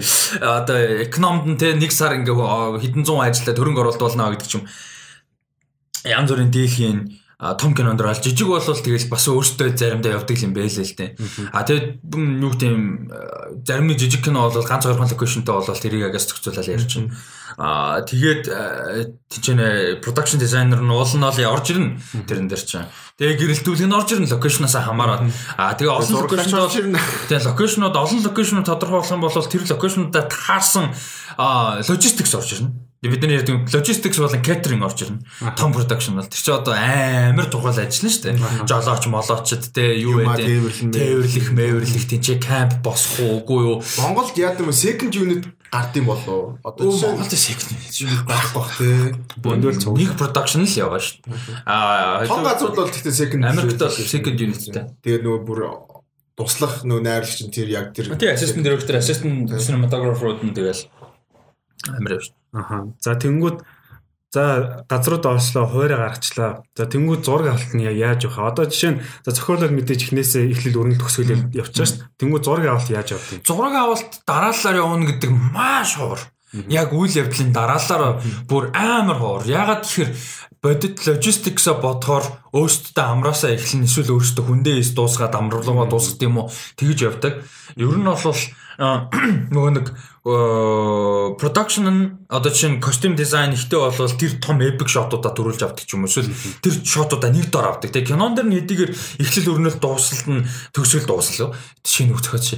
Төгсгөлт нь өөр өөр epic fight-ууд болж исэн ч гэсэн production дээр тэднийгээ нэг дор аваа аваа аваа. Тэгээ яагаад тэгэхээр зураг авалтын форумд орцсон байдаг ч юм уу. Эсвэл тулааны choreographer нь 7 хоног яг тэнцээ байж таардаг ч юм уу те. Тэглээч нь эсвэл одоо морь зорийн зохицуулдаг багийн тэр үд нь байж таардаг Монголын нөхцөл ярьдаг те. Тэр тэрэндээ таарна. Ер нь бол түнш яг зохиолын дагуу зураг авалдаг кино маш бага. Одоо ингээд зураг авалт эхлэхээр production эхэлж байгаа. Тэрний өмнөх нь болохоор pre-production тий. Тийм. Гэхдээ яг тэр энэ Pre-production бол одоо плана гарган, зураг гарган, хуваараа гарган, костюм дизайна бэлтэн, production дизайна бэлтэн, гэрэлтүүлэх саунд. Ерөөсөө зураг авалтанд хэрэгтэй бүх юм finalize хийж юм гэсэн. Ер нь бол Гэхдээ л амар сонжтой. Би ингээд ядаргаатай сонсогдоод байгаа. Яаж ч маа яаж нэг авлын янз үүдэг. Ridley Scott-тэй очиж очиж Ridley тэр том найруулагч. Тэгээд чинь студ нь юу вэ? Амар том студ. Мангар том production 100 хэдэн 100 100 гаруй сая долларын production. Амар том cast. Тэгсэн мөртлөө гладиатор эхлэхэд зураг аваа скрипт нь дуусаагүй гэсэн гэж байгаа амар мэдрэл мунта. Тэгээ ингээ өдөр өдөрт нь Ridley Scott ингээ бүр өдөр шөнө шөн сууж маж ингээ дараагийнхаа өдрийн скриптийг бэлтжижсэн ч шиг ингээ бодоход галзуурмаар байгаа шүү дээ. Яаж тэгсэн гэмээр. Гэтэ тэгжсэн гэж байхгүй амар сонио. Одоо нэг бол жишээ coherence болохоор нөгөө тхиүү тодорхой ингээд нэг юм үйл явдлууд нь байгаа. Тэгсэн мөртлөө диалог баг байхгүй. Тэгээ жүжигч нь өөрөөсөө тэрийг improvise хийсэн гэдэг тэгээд байна шүү дээ. Бас тэгэхээр бас нэг тийм бас өөр өөр юм Яг creative аргууд байж Нэг creative арга. Аа за тэнгуут ингээд зураг авалтан дээр за зураг авалт ямар ч хийж болно те кино хэмжээ зохиолоос хамаарат. За нэг байшин дотор бүх зураг авсаар дуусгачих болно. За эсвэл том кино за эсвэл ингээд кино зохиолоос хамаарч юм өөрөөр улсуудад авсан авч болно те. Тэнгуут за монголчууд нөгөө нэг натурд гарах гэж аюух ярьдаг те. Тэр ер нь за Монгол бүх кино тэгж гараад байна уу? Одоо тийм натурд гарах гингүүдтэй кино багаараа бүгд те инженер хэл зүгээр хөдөөл явах гэдэг нь шүү дээ. Тинч зураг авах гэдэг те. Тэр тал дээр одоо яг натурд гарах гээд тэгж ин тэнгуүтэ одоо гадаадын кинонууд яг яадгийг одоо тэгээ локейшнууд бол ингээд тодорхой болгочихж байгаа шүү дээ. За тэнд л очиж зураг авъя гээд. Тий. Тэнгүүд Монголд бас ингээд би тэр нэг натурд гарах гээд тэр ингээд хөгжлөө санагддаг байхгүй. Одоо тий одоо ингээд тэр локейшнуудаа очоод а тэгээ тэнд яг авах хэрэгтэй зургууд авчаал буцаал ирэхийг л хэлээд байгаа шүү Тий, тий, тий. Ер нь бол Гэхдээ яг одоо яг location scout хийж байгаа шүү дээ. Одоо гадаад бол энэ чи за яг энэ чи энэ чи энэ зүгээс нь ингэж аваад ингэ ингээд тодорхой болсон. Ер нь л тэр нөгөө тхиүү storyboard дээр зурцсан байгаа шүү дээ. Тодорхой хэмжээнд. Тодорхой хэмжээнд тий. Монголд нэг бол яг натурт гарна гэдэг нь яг тэрийг өмнө нь scout хийсэн байх уу? Нэг бол бөөндөө зүгээр нэг өдөр гарч яваад энэ газар гоё юм байна гэж зураг аваад. Тэрэн дээр одоо нөгөө нэг янз бүр бас л амар ядаргаатай хариулт. Гэхдээ яалч? Тийм тэрэн дээр одоо жишээ нь ингээд те костюм дизайнер, production дизайнер тэгэл choreographerтэй одоо нөгөө нэг хөдөлгөөн те тэнгууд makeup artist. Эднэр ингээд бүгд нэг баг болоод бүгд л явж таарна те. Бүгд ер нь яалч уу зураг авалтад essential хүмүүс бүгд л зураг хамт явж таарна. Тэгээ камплн хамт камплн тэгээ нөгөө нэг монголчуудын зовлон чи ярьдаг юм ихлэн чи зураг авалтан дээр майхандаа авч хонж үтсэн юм уу гэдэг шүн зураг авч үтсэн юм уу гэдэг юм нэхлэн амар биш л ахalta би үгүй гэж байгаа юм шүү дээ тэр нэг ярьдаг тэр нэхлэн Аа за тэгээ зураг авалт явж байгаа гот саунд орж ирнэ. Аа. За тухайн үед ингээд саунда одоо зарим кинонууд ингээд дараа нь нэмж одоо дөрүүдээ дуу орж морлсон тийм байдаг те. Эсвэл ANR гэтээ тэр зарим кино биш ер нь баг бүх кино шүү. Дэлхийн дэлхийн дэлхийн баг бүх кино тоглоомжгүй. ANR бол баг дэлхийн бүх кино байдаг. Ягаад тэгэхээр угаасаа нөгөө actual зураг авалтан дээр sound perfect хизээч болдоггүй. Аа тэгээд зураг авалт нь илүү priority болдог. Тийм учраас sound effect л яалчгүй ардаас нь орж ирдэг. Гэтэ яг хөө тэр зүгээр юу л бах те харьцуулаад харах юм бол зүгээр аль нь илүү цэвэрхэн тэгээд илүү quality set хийж ийнэ дээр л те. Тэгээ энэ нарын ч гэсэн өөрөө амар сайн байж болно шүү дээ. Гэн те. Тэ. За тэнгуү саунд дээр айгүй нөгөө нэршлийн үед ингээд айгүй өөр өөр хүмүүс байгаад байдаг те саунд миксер гэж байдаг. Тэгснэ Editing. тий тий саунд дизайнер гэж байгаа. Тэнгүүд композер буюу одоо хөгжмийн зохиолч гэж байгаа. Тэдний ялгааг тайлбарлах. Аа тэгээд яг техникл ажилтнууд нь байгаа. Рекординг бичдэг най. Одоо тэгээд тэнгүүдээр бичиж авдаг тоонд хөрөмжийг бас ажилуулдаг хүмүүс. Тий, тий, тэр хүмүүс нь байна. Тэрийг мэддэг хүмүүс байх хэрэгтэй. Editing гэдэг бол а саунд дизайнертай илүү ойролцоо ажиллана. Заримдаа саунд дизайнер нь өөрөө эдитинг хийж байгаа. Тэрний үхээр ер нь дууралтын уур амьсгалыг гаргах ямар юм ямар дууралтай байх. Нэг хүн панч хийхэд амар сток аудио аваад биш гэж дуурах юм уу? Эсвэл тэр нь илүү өөр дууралт гаргах юм уу? Тэ тэр нь ингээд бүр хамтарсан крүүтэй бүр компанич байгаа. Америкт бол тэ бүр тэрийг харгадаг specific компани. А заримдаа бол өөрөө компанитай ажилдаг саунд дизайнер. Эсвэл өөрөө дотроо крүүтэй. Эсвэл өөрөө одоо ганцаар хийх юм уу? Ганцаарыг нь бол хуурлах. А тэгээ миксинг гэдэг бол бүгдийг нийлүүлэх. Тэр нөгөө камерныхын fucking зураг авалтан дээр хийснийг, тэгээ зөв production дээр тэнгуүтэй sound designer-уудыг хийсэн, editor-уудын хийснийг, дээрээс нь нөгөө fucking score нь орж ирснийг чи амар зав зовлонтой ажиллах байхгүй. Тэр бүхнийг ингээд киноны дууралтыг тэнгуүт одоо тэр ноолны тэнэт дээр ажилласан хүн одоо яатсан мэдрэлтэйгээр байсан тийм хэцүү юм ийцэн тэ. Тэрийгээ ноолн нөмөр тэр янз бүр ерөнхийдөө тэр процесс нь score бол тэр ярьсан шүү дээ нөгөө ихэнхдээ зураг авалт raw production дуусны дараа орж ирээд зураг хөгжөө хөгжмөө хийгээд бичээд өгчдөг. Яагаад хөгжмийн зохиолч киноны хөгжмийн зохиолч жилд ингээ харангууд 5 6 кино мэнэ гараад байдаг те тэр чинь нэг давтал тэр байхгүй. Raw production гарч ирлээ харлаа нэг сарын дотор тэрийг те заримдаа бүр 2 7 хоног моног дотор хийчдэг. А тэгэл гаргаа гаргаа явуулчдаг те тийм болохоор бүр зарим хөгжмийн зохиолч хүмүүс бол идэвхтэй ажилладаг хүмүүс жил бараг 10 хэдэн кинонд ажиллаж тийм Ханс Зиммер одоо жилд хэдэн кино гэж чинь хаас юм жоохон сөөхөө нөө нэг reputation өндөртэй болохоор маньхүү ингээд нөгөө нэг дээрэс нь нас нь жоохон явцсан болохоор цөөхөн баг. нөө нэг хасалт нь баг. Халтуурах чинь хасал хийх нь баг. Мөнгөний ажил хийх нь жоохон баг. Ингээд жоохон оригсэнд орчтой. Одоо чинь Ludwig Göransson ч юм уу а За Ludwig Göransson-оос арай жоохон level доогуур нөхдөд бол хасал их. Ludwig Göransson нь хасалтай хол байгаа шүү дээ. Харах юм бол хоо энэ дээр хийсэн юм уу гэмээр. Тэгээс сонсонгууд нөгөөд нэг онц юм байхгүй зүгээр нэг ажил маягаар хийцэн. Тэ нэг газ юм хийж өгөөд мөнгө аваа явцсан. Тийм нэг ийм дуугаар нэг ийм филинг үг те. Тэ нэг тийм. Тэ нэг generic юм ингээл өгч нөгөө кинондоо ч гэсэн тэр нь болж байгаа. Тийм хүн. Тэгээ бас нөгөө editing дээр бас нөгөө юу гэж магадгүй. Монголд яг editing гэдэг газар байдаг байх те. Мэдхгүй. А юу байсан? Нэр. Гэхдээ нэг сток юмнууд байдаг штэ. Нэг худалдаж аваад болоод байдаг. Тийм их юмнууд бас байж болно. Тийм, тийм хүн одоо нөгөө интернэшнл худалдаж авах боломжтой байдаг болсон болохоор бас авчичаа. Дээрээс нь за shit би харсан юм Меган бах нэг пост мост хийсэн юм а. Монгол нэг амар сүртэй мундаг саунд рекординг студи нэгтсэн байсан. Яг кинонд зориулаад дуу гэхээс илүү тэрэн дээр нөгөө voice over-ууд, A&R-ууд а тэг өнгөтэй sound effect effect бичин дээр нөгөө technical талаасаа амар ийм нөө юу? Одоо одоо хай левел гэх юм уу те амар мундаг ийм студи нэгцэстэй нөө ажилтнууд нь хамгийн гол нь тэрийг ингээ хариуцаж хийж байгаа саунд дизайнер хүмүүс нь Америк Америкт төгсч юм өгсөн ч үлээ Америкт ажиллаж мэдсэн гэдэг бас ийм амар мундаг студи нэгтсэн байсан. Би нэрийн мөрч тийм юм байсан. За тэнгууд а юу гэж байгаа те? Дуу гэж байгаа те? Тэнгууд за саундтрак тийм тэнгууд одоо нөгөө нэг анимашнуудаа их хвчлэн нөгөө ингээд дуун ингээл дундаа ороод дууч ингээл дууж муулаад тиймэрхүү юмуд байдаг штэ. Тэнгүүд кино болго яг дуутай байд юм уу? Үгүй. Дууг бол тэгэл уран бүтээлээс хамаарат өөртөө дуу зохиох шаардлагатай бол дууны зохиолч тэгээ дуучин аа дуу зохиолч гэдэг нь одоо production талаасаа бас дууны үг талаасаа хамтрах үгүй байна баг бүрэлдэхүүнтэй дууны үг нь хүртэл кинотой холбогдох бас тийм зохиолтын мэдээж хамтрах шаардлага гарна. Жишээ нь La La Land дээр бол дэмжижэл Justin Hurwitz-ээр нэгт нэгт хамт баг эмчнөө зохиолчтойгоо тэгээ дууны зохиолчтойгоо хамтарч ярьж дууныхаа үгийг Тэгээд ямар идеатай байх уу гэдгийг өнгөд нөгөө хэд нэг идеанд өгчнаа. Musical бол акшнтай адилхан баггүй юу? Юу вэ гэхээр акшнаар дамжуулж яг сайн акшн кино шүү. Муу нь бол тоохгүй. Гэхдээ сайн акшн кино бол зохиолоо өрнүүлж идэг, тэ дөрвөө хөгжүүлж идэг, акшнаар дамжуулж тэ ямар нэг плот явж идэг. А тэрнтэй адилхан дуу бол зүгээр дуулаад өнгөрөх биш гой дуу байхаас гадна плот нь өнгөрөх character-ийнхаа development-ыг явах те зохиолоо өрнүүлж явах хэрэгтэй. Тэгэхээр скриптийн тодорхой хэмжээний хэсгийг мэдчих хэрэгтэй байдаг ч юм уу те. Скриптэн дээр хүртэл зарим нэг lyrics оруулсан байдаг те зохиолч. За нэг иймэрхүү үг орондоо антер гэдгийгсэн те. Тэгэнгүүт нь дууны зохиолч нь орж ирээд үгийг бичдэг ч юм. Тийм хүн нөхцөл. Нэг бол одоо хин шиг э, Edgar Wright-ийн нөгөө Baby Baby Driver шиг. Тэр саундтрак. Зүгээр тэр саундтрак. Тэгээд тэрийг кинотойгоо холбоцсон. Тийм бас байна. Тэгээ саундтрак бас хэцүү юм байл л дээ.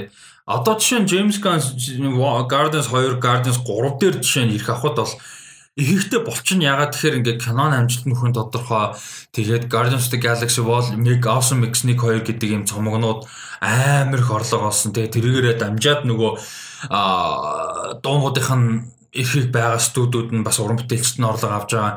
Тэгэхээр э, боломжтой. Тэгвэл шинээр ингээ яаж байгаа юм дээр бол нөхцөл бага байдаг, зөвшөөрөл нь ховор байдаг, зөвшөөрөл авч чаддгүй. Э, ялангуяа том студид дээр ихэн байдаг уран бүтээлүүдийг дууг авах их үнэтэй байдаг. Тэгээд залуу уран бүтээлчд бол эрхийг авч чаддгүй гэдэг ч юм уу. Бас хэцүү нөхцөл бол гардаг л.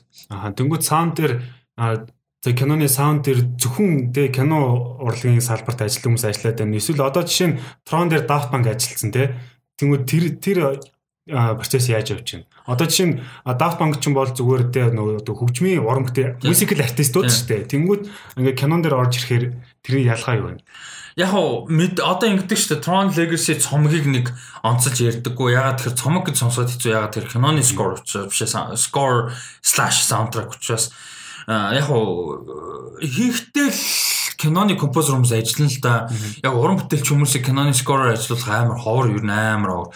Ягаад тэр чинь шал өөр процесс байхгүй. Зүгээр нэг дууралт хийх биш киноны зохиолын үйл явдлын мэдрэмж. Тэгээ дандаа чинь ингээл амар бид нар Ханс Циммер гээл тэгэхээр амар онцлог хаяг яриад байдаг ч гэсэн гол үүргүүд нь кино композерын гол үүрэг бол киноны сцены ард нь бэкграунд болох, дэвсгэр нь болох. Тэ Түүнээс биш дандаа л ингээл анхааралтай л сүртэй аяавал Star Wars аяа шиг яваад байхгүй байхгүй яг үнэндээ бол Star Wars бол амар exception байхгүй. Бүр юм дандаа юм оператик юм яваад байдаг айгу ховор. Түүнээс гол үүрэг нь бол ямар сая ямар санда сая систем ингээд нэг халтур шиг ажиллаж зүйндээ байдаг те зүйний background тэгэл явчихдаг. Тэд нар чи илүү чухал ажиллана байхгүй. Яг үнэндээ бол тийм. Яг мэдээж онцлог хаймаа гарч ирдэг. Гэхдээ гол юм тэр. Аха. За тэнгууд а зураг авалт дээр одоо зураглаач гэж яриад байгаа тийм. Тэнгүүд зургийн дарга гэж бас байгаа тийм. Тэр тэр чи одоо хоёр туслаг хүү юм уу? Нэг хүн айл айлыг Уул директор фотографи чи өөрөө зураглаач л да, cinematographer нь л да. Уул нь бол өнгө тавина, зурглалын стилээ тодорхойлно, киноны өнгийг тодорхойлно, найруулагчтай ярьж хагаад найруулагч зохиолтой ярих шаардлагатай бол ярьж байгаа shot blocking гэдэг одоо нөгөө нэг зохиол шотуудынхаа одоо хаана нь юу нь байрлах гэдэг ярин заримдаа production designer-тайгаа ярина. Аа тэнгууд зургийн дарга нь өөрөө ингээд камера бариад зураг аваад явдаг юм уу эсвэл тэрний одоо нөгөө зохицуултыг хийдэг юм уу эсвэл аль аль нь байдаг уу А ер нь бол найруулагчтайгаа л яриад хамаг зохицуултыг хийн л дээ. Одоо тийм зарим гэмдэр найруулагч нь өөртөө зураг аваад явдаг. Одоо жишээ нь Zack Snyder ихэд өөр ингээ камера ингээ яг жигнэсээ бариад явдаг те. Тийм яг уу зураглаачтай ажиллана. Тэгээ зураглаачтай ажиллаж исэн ч гэсэн найруулагчтай айгүйх зургийг авдаг л да. Actual зураг авдаг. Тэгээ зураглаачийн чинь гол юм нэг камер бариад гүйх биш. Тэгээ зургийн дүрслийн стил гаргах байхгүй. Тэр киноны language-ийг гаргах, өнгийг гаргах те зураглалын стилийг гаргах, камерны хөдөлгөөний одоо стилийг нь гаргахтай тэр кинон дэр а түнш бүх зургийг өөрөө авах гэсэн үг биш ер нь бол. Тэгээд тэр чинь бас зураглаач яг киног яг өрнөлийг нь амар харуулхад амар том чухал үүрэгтэй. Тийм тэгээд тэрэн дээр илүүлэгч орж ирнэ. Тийм. Тэгэл нөгөө нэг юу гэдэг чтэй кино ч нөө амар олон баг бүрэлдэхүүний нөгөө нэг юм зарим уран бүтээлчтэй ярьдэн штэ ингээд сонсох юм бол ер нь кино хийгдээд анханасаа санаа байж байгаа санаа байхасаа үзэгчдэд хүрэх хүртэл ингээ хийхдээ дуусна гэдэг өөрөө magic гэдэг амар miracle гэдэг. Яг тэр амар боломжгүй юм шиг юм. Анханасаа яг бид нар баян үздэг учраас тэрийг ерөөсөө анзаардаггүй.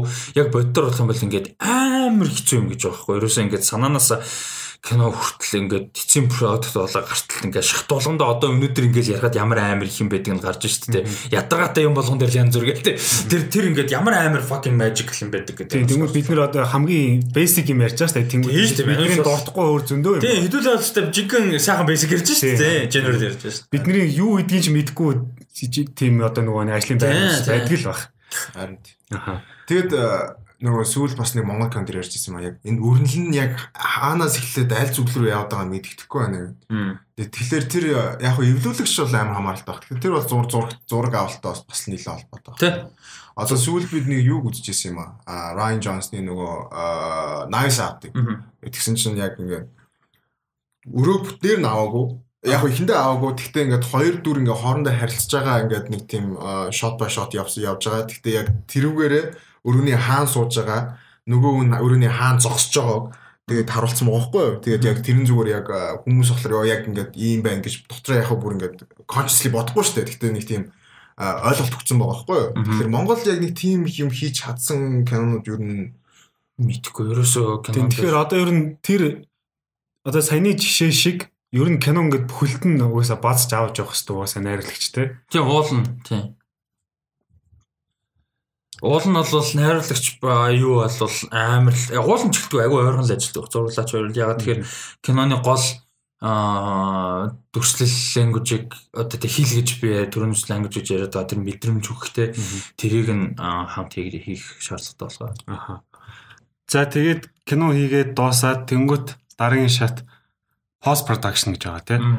За а түрүү нэр нэг юм марцсан байна. Stantable буюу одоо нөгөө орлон тоглогч.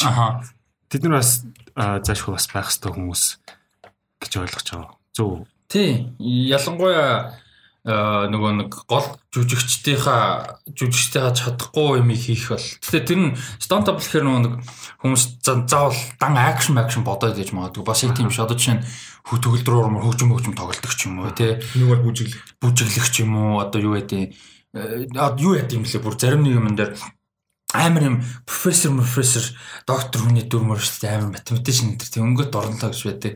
Жишээ нь ингээд нэг самбар дээр тэр нөгөө томьёом бичин хүн жүжигчин хүн хичнээн яагаад байгаа мэдгүй юм а зээж жүжигчнээ өөр тэгээ мэдэн өөр байдаг гэд. Тэгээ тэр мөрийг хүртэл яадаг юм бэлээ. Тийм заримдаа нөгөө цаашаа жүжигчин байхгүй тохиолдол нөгөө стенд ин одоо юм шиг юм тий одоо орлон орлон тоглогч юм да. Нөгөө цаашаа харцсан байгаа гэж мэдэж байна. Тийм нөгөө нэг зураг авалтан дээр нь яг тухайн жүжигч нь яг тэр үед нь байгаагүй байдаг ч юм уу тий. Тийм хүн бас байдаг л. А тэгээ мэдээж хамгийн түгээмэл ойлголт нь яг тулааны орлон тоглож байна. Тулааны ч юм уу стандарт юм янз бүрийн стандарт. Одоо нөгөө Once Upon a Time in America дээр тий. DiCaprio-г орлон тоглож нь Brad Pitt. Тэгээд бүх кинонда цогцоо ороод явдаг тий. Тийм нөгөө rock entry чинь бас амар байнга ороод явдаг нэг залуу юм чинь тийм л дээ.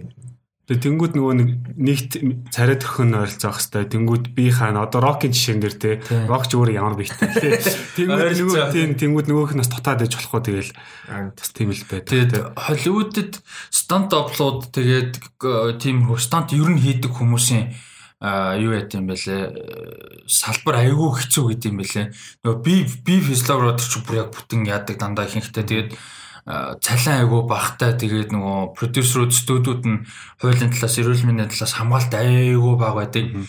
Тэгээд ихэнхдээ яг тийм стант хийдэг хүмүүс бол яг үнэхээр кино урлаг тайртай тэгээд тэрийг их их дуртай дулдаал амар хийдэг хүмүүс гэдэм байлээ. Би гимш бэлтгэн аягүй хийдэг. Амар ихтэй тэр нөгөө Resident Evil-ийн сүүлийн кинон дээр чинь нэг юм ихтэй бүр яг гаргуу болцсон тэр бүр амар хөнгөсөн жишээч байгаа. Өгсөн жишээч байгаа, асуусан жишээч байгаа. Хэд хэд удаа байгаа. Тэр эмэгтэйгийн стори бүр амар харамсмаар. Тэгээд хамгийн гол нь тэр амар тэнэг assistant director нь юу яагаа гэж байхгүй. Тэр өдрийнхөө шүтний яг яг тэр specific планыг өгөөгүй. Тэнгүүтээ бодолтой ингээд моциклтай амар хурдан явж байгаа заяа. Бүр жишээ 100 км цагтаа нисэж байгаа байлгүй. Тийм бахад ингээ хажууд нь давхар каранта камер дагаж исэн. Тэгээд тэгсэн чи тэр нь өөдөөс нь зөгцсөн. 100 км цагтаа явж байгаа нэг өөдөөс нь нисдэг каран зохиорч юу үлдэх юм бэ? Тийм биз тэр. Тэгээ тэр эмэгтэй бүр ингээд нэгдүгürt гаргуу болоо тэнгуүтээ ингээд мөр дал малныхын энэ ясыг бүр бүтэн reconstruction төр хийсэн байгаа хгүй бүр ингээд тэгснэ хамгийн амар нь продюсер нь студ нь нэгч төгрөг гаргаагүй даатгал өгөөгүй. Тэгээ тэр эмэгтэй бүр ингээд амар олон зуун мянган долларын өр мөрөнд ороод бүр ингээд амьдралгүй болцсон карьерэн дээрсэн байхгүй ядаж хахад амьдралаа авч явдаг карьер нь. Тэгээд тэр бас нилээл юм бас. Тэгээд юу сонирхол сонсож байгаа хүмүүст хэлэхэд Hollywood Reporter дээр нь 2 жилийн өмнө байна орсон амар гоё нийтлэл байгаа. Тэр болохоор яг нөгөө 5 яг юм жүжигчин бидний мэдээ нэгэн Scarlett Johansson байсан нөгөөд нь хэд марчиж. Тэгээд 5 жүжигчинтэй яг тэр 5 жүжигчний 5 орлон тоглогчдын тухай яг нэг юм амар гоё нийтлэл байгаа. Тэр бүр айгүй гоё ярьцлага маягийн нийтлэл. Өө тэр чинь юу лөө? Хм. Нэг докюментари гарлуу. Магадгүй, магадгүй. Би яг докюментари бол үзэж байгаа. Гэхдээ магадгүй. Гарсан байж магадгүй. Нэг тийм санд орчлоо. Гарсан санагдаад. Тэр ямар ч аюугаа нийтлээ шүү дээ. Нөгөө амар инсайт өгч байгаа байхгүй яг ард нь юу болдог процесс нь. Тэгээд жүжигчд нэг ярдууч нэг ярахаараа нөгөө нэг амар сэтгэлээс ярьдаг шүү дээ. Stand up юмнууд орлон тоглолчтой амар их баярлдаг гэд. Өмнөөс нь literally баг амиа яаж байгаа болохоор. Тэ нэг Том Круз мөс шиг хүмүүс бол цөөхөн шүү дээ. Өөрөө өөрөө нэг Keanu Reeves шиг үнэ. Тэ. А assistant director нэрээ ерөөсөө яриаг юм те. За assistant director гэж хүн яг юу гэдэг вэ? А assistant тэр юу яад юм бэлээ? Том production-ууд уус Mission Impossible гэдэг юм бол Lord of the Rings юу гэдэг нь ер нь basically амар том team юм дээр assistant director-ууд амар чухал байт юм бэлээ. Бүр бид нар л нэг юм янзаардгүй те ярьдгүй ч юм уу бид нар ч гэжтэй салбар л ярьдгүй болохоос биш assistant director баг тэр юм баг яг actual гүйцэтгэл юмнуудыг бүр аим директор нэг юм нарратив шиг ингээл нэг оролт моралттай баг үг. Яг тэр нь хайшаа гэхдээ ерөөдөө нэг тийм арай overall маягийн тэгээд assistant director-уудтэй second unit нэ том production бол team найруулагчд бол үнэхээр их ажил хийх юм байна. Яг нөгөө actual shooting-ийг хийдэг, яг production-ыг явуулдаг, crew хариуцдаг ер нь бол амар л чухал юм байна. За тэгээд зураг аваад дуусаад тэнгууд post production ажил за хамгийн ихэнд юу ихлээ. Аа, ер нь зэрэг явд юм шиг бэлээ. Одоо жишээ нь score хөгжим ярьжсэн шүү дээ. Болдорд юу дуусчингууд score болоод яваад эхэлчихсэн. Яг тэгэхээр яг тэрний өмнө нэвлүүлэг ордог байж юм уу? Яг тэгэхээр rough edit гарах хэрэгтэй. Тэгээ rough edit гарангууд шууд нөгөө effect effect янз бүрийн final version A&R-маар орхон өмнө score нь явж идэг. Score-тэй зэрэгцээд rough edit-эн дээр A&R орж эхэлдэг. Аудионы effect sound effect. Одоо нөгөө quiet place дээр нөгөө нэг яг нөгөө тэр дуунуудыг яаж гаргаж байгаа тэр нэг юу гэсэн шүү дээ. Тэр Тийм тэгээд зураг авалттай зарим том production одоо нөгөө Marvel жишээ аваад байна л. Гэхдээ том production-ууд production-тайгаа зэрэгцээд VFX нь эхэлжтэй юм байна. Одоо чинь сая Quiet Place-ээс санд орлоо. Одоо нөгөө мангасны үед чинь амтны харин Тэр нь жишээ ингээд цэвэр CGI болохоор зураг авалтнаар байгаа юм шиг эсвэл оронд нь нөгөө нэг юм green screen зориулсан нөгөө теннис бол болтой тийм. Илийн илийн юмнууд ингээ бариад яачдаг. А тэгэнгүүтээ тэрийг явж явах процесс юугаа эхлүүлчихсэн юм лээ. Эхний жижиг юмудаа амар болох version-ууд нэг гардаг behind the scenes үүдэн CGI гэх санаа зам нэг амар гачин хэлбэртэй юм дөрүлж үздэг баг юм баг. Тэр нь эхэлчихсэн юм байлээ. Ер нь бол. Гэтэ тэр чинь нөгөө одоо нэг нэг сценийг чинь нэлээд одоо одоо авч байгаа шүү. Тэгээ тэнцэнээс аль хэдийн сонголтоо хийсэн байна л гэсэн үг юм. Үгүй яг гоо сонголтынхоо хэм маягийг мэдээд rough editing хийж эхэлж гэнэ гэсэн үг хоо VFX. А тэгэнгүүт эвлүүлэг найруулагч яг final version руу төхөөд ирнэ шүү. Яг за энэ shot-ыг хэрэглэх юм. Тэрэнд нь таарах үед VFX-ын final version руу орж байгаа. Тэгээд яг тэрэндээ тааруулж ингэж хийж оруулдаг. А тэгээд Тийм, ер нь бол. Тэгэнгүүт саунд бол хажууд нь ингээ зэрэг явчихна. Тэгээ энэ дараа явчихна. Тэгээ эвлүүлэг явж байгаа. Тэгээ дээрэс нь тэр version тэдний яг дараа орж ирж байгаа амар чухал юм нь болохоор color grading орж ирнэ. Хэдийгээр найруулагч юутай ч гэсэн өнгө тавилттай хийж байгаа ч гэсэн мэдээж final version дээр нөгөө нэг тэр том камернууд чи кино гэдэг нэг Soderbergh энэ нэг iPhone-оор хийсэн баг. Гэтэ ер нь бол том камернууд чи raw авдаг ерөнхийдөө. Тэгээд гэлтүүлээд харуулаа тэр raw footage дээр өнгө тавилтаа хийд юм байлаа. Нөгөө нэг хүмүүс чинь нэг хэсэг нэг color palette color palette гэж амар шилдэг дуртай болсон шүү дээ. ANR гэж үгсүү. ANR нь болохоор а за би хараати. Audio recreation recreation гэсэн л утгатай юм байна. За би ямар хараати. Гэтэ ANR гэж нэг аудио юу дараа нь янзлахын дуу оруулалт байдаг шүү дээ. Тэрийг хэлээд одоо хүмүүсийн амар мэдгч шиг хөл жишээ нь Infinity War дээр нөгөө юу яд дээ. Who's Gamora гэдгсэн чинь Э, нөгөө нэг нь хин юу гэдэг вүлээ. Where's Gamora гэсэн чинь Who's Gamora гэдэг чинь тэр тэгсэн чинь зүгээр л тэгэл дуусчихсан гэсэн гэж байгаа байхгүй тэгээ болцсон. Тэгсэн чинь хамгийн сүүлд нь Dave Bautista Russo Brothers-тэй ярьжсэн нэг энэ дээр Drax-ыг ингүүл гоё юм байна гэд а Who's Gamora гэд Aaron Darrow оруулсан гэж яг зураг авалтан дээр тийм ерөөсөй байгаагүй. Тэгээ бүр сүүлд нь editing process дээр оруулсан гэдгийгсэн. Тэгэхээр бас айгуу сонирхолтой. Аа тэнгууд кинон дээр одоо нөө reshoot хийдэг те. Дахиад зураг авалт. Тэр тэр чи одоо post production-ы нэг юунд ороод явна сте. Тийм, post production-ы агуу чухал хэсэг. Яг хуу мэдээж нөгөө нэг яг technical юмд оруулах юм бол зөв shooting-ийн одоо хоёр дахь part гэдэг чинь. Тэгээд амар normal юм шүү гоо тий. Тэгээд нэг хэсэг нөгөө reshooting хийж ин гэхлээр л нөгөө Canon муу болцсон тэгэл reshooting хийж ин гэдэг нэг хэсэг тийм ойлголттой болцсон. Тийм, тэр амар буруу. Ер нь бол reshoot ерөөсөө сони юм бол биш. Яг гоо юун дээр ярьж штэ New Mutant-ыг сүүл дахиад нэг reshoot хийж гэн гэхэд тэгэхэд ярьжсэн санагдаад байна. Ерөөс сонирн бол биш. Яг жижиг production бол хуур ягаад тэгэхээр budget багтай байдаг тийм дураараа мөнгө зүнг хийцүү. А түүнээс том production бол reshoot ерөөсөө нэг тийм амар сүртэй surprise юм бол ерөөсөө биш юм байл. За post production-ээр өөр орхигдсон юм юу вэ? Аа, юу гэж болж байна? Аа, post production дээр өөр орхигс. Би сая нэг юм бодож ирсэн юм гэдэг толгоноос гараад үл. Аа. Аа, зүгээр нэг тийм юу үзчихсэн юм аа. Round table үзчихсэн юм аа. Тэгсэн нөгөө тхөө Hollywood reporter яг шүү дээ. Тийм. Тэгээд round table үзээс судсан чинь найрлагчид ярьсан. Хамгийн хэцүү ажил юу нь пост production л гэдэг нэг editing л нь л амар их зовт юм шүү. Тэрэн дээр амар цаг ордог. Тэгээд нэг тийм жоохон уйдгартай талтаа. Нэг тийм өстэй чиг байдаг хүчтэй тэнцэж авахдаг гэж ойлгосон. Юун дээр зарим найруулагч тесрээрээд юм л. Би дааж одоо нэр хэн байсан specifically санахгүй. Гэтэ яг нэг тийм director round table үзчихсэн байхгүй. Тэгсэн чинь нэг нь а хин санцаа санцаа Oliver Stone. Бүр би юу editing рүүгээ л хурдан орох байдаг. Би production team дуртай биш. Зарим найруулагч бүр ингээл хурдан нөгөө pre-production дуусаа сетэн дээр л очих гол тэ сетэл ингэдэг. Тэгээ нөгөө editing-ийг амар үзээд яддаг. Тэгсэн чинь хин бүр Oliver Stone бүр би бүр яг эсрэгээр би бүр юу л editing-ээс амын ордог хүлээдэг. Тэгэл би миний бараг жаргал тэр мөр гэдэгчсэн. Аха. А edit дээр найрлагч нар ер нь за мэдээж оролцоотой байгаа. Гэхдээ за жижиг кинонууд бол найрлагч нь барыг хажууд нь сууж агаад цог хийгээд явдаг бах тий. Ярилцаад. Тэнгүүд одоо том одоо нөгөө найрлагч нар ч өөртөөс нь олон прожектоор ажилласан нөгөө шахуу хуваартай ба шүү дээ. Тэгэхээр edit дээр тий ингээл байн гос хамт байгаа гэж чаддгүй ч юм уу. Тиймэр мас байдаг бах тий. Тийм, ер нь тиймэрхүү юм бол байдаг юм билээ. Нөгөө э, сайн найр эвлүүлэгчтэй ялангуяа одоо нөгөө хим юм байгаа шүү дээ Оо за би нэрээ дахин орчлаа. Юу Мартин Скорсезигийн эвлүүлэгч юм хтэй. Одоо манд чацууштай бараг 70 мянга гарч байгаа. Э, тэр хэд болохоор ингээд нөгөө амар олон жил хамтраад ажиллаа сурцсан. Тэгээ Скорсезе ямар вижнтэй зураг авалтаа авч байгаа тий. Бүгдийг мэддэг болсон болохоор зарим нэг юм дээр Скорсезе байдгүй гэдэг ч байхгүй тий. Эвлүүлгийг хийчдэг. Тэгэнгүүт яг хөө мэдээж final version-ыг бол Scorsese approve. Гэхдээ яг ингээд ерөнхийд нь сэтгэлд нийцчих юм шиг байна. Тэгээд харах юм бол ер нь яг юм тогтсон нэг тийм карьерийн тогтсон найруулагч байгаа шнэ 4 5 киноноос илүү явцсан. Тийм хүмүүсийг харах юм бол яг эвлүүлэгч мөвлүүлэгч зураглаачтай бол баг нэг рүү ингээд ерөнхийдөө нэг үнтэйгээ сайг болоо. Тийм тэгэл яг мэдээлэл дээр нэг өөр амар тийм prominent нэр хүндтэй ингээд өмнө ажиллаж байгаагүй зураглаачтай ажиллах болохоор тэр мэдээ болдог тийм. Тийм. Тэр нь ингээл одоо сая тэр жишээ нөгөө нэг Нолан чимэн дээр Людвиг Горонсон хөгжим бичингөө өнгөт амар сонир шинийн болол те дандаа хаас юм нэгсэг битсэн гэдэг ч юм уу зураг авалтын тэр чинь хин хэлээ өөрөө хийсэн шүү дээ те. Тэгэл тиймэрхүү юм бас мэдээ болдог яа онцлог юм бэлдэг. Ааха. За тэгээ пост продакшн дуусаад тэгээд ер нь бол кино боллоо гэсэн үг шүү дээ те. За тэгэнгүүт юу яах баха тий. Би гэхдээ тэр Монгол яг яа гэм сайн мэдэхгүй байна. Гэхдээ нөгөө одоо ингээд эвлүүлээ дуусчлаа гэхэлэр хитэн version гарах уу? Гарах юм бол.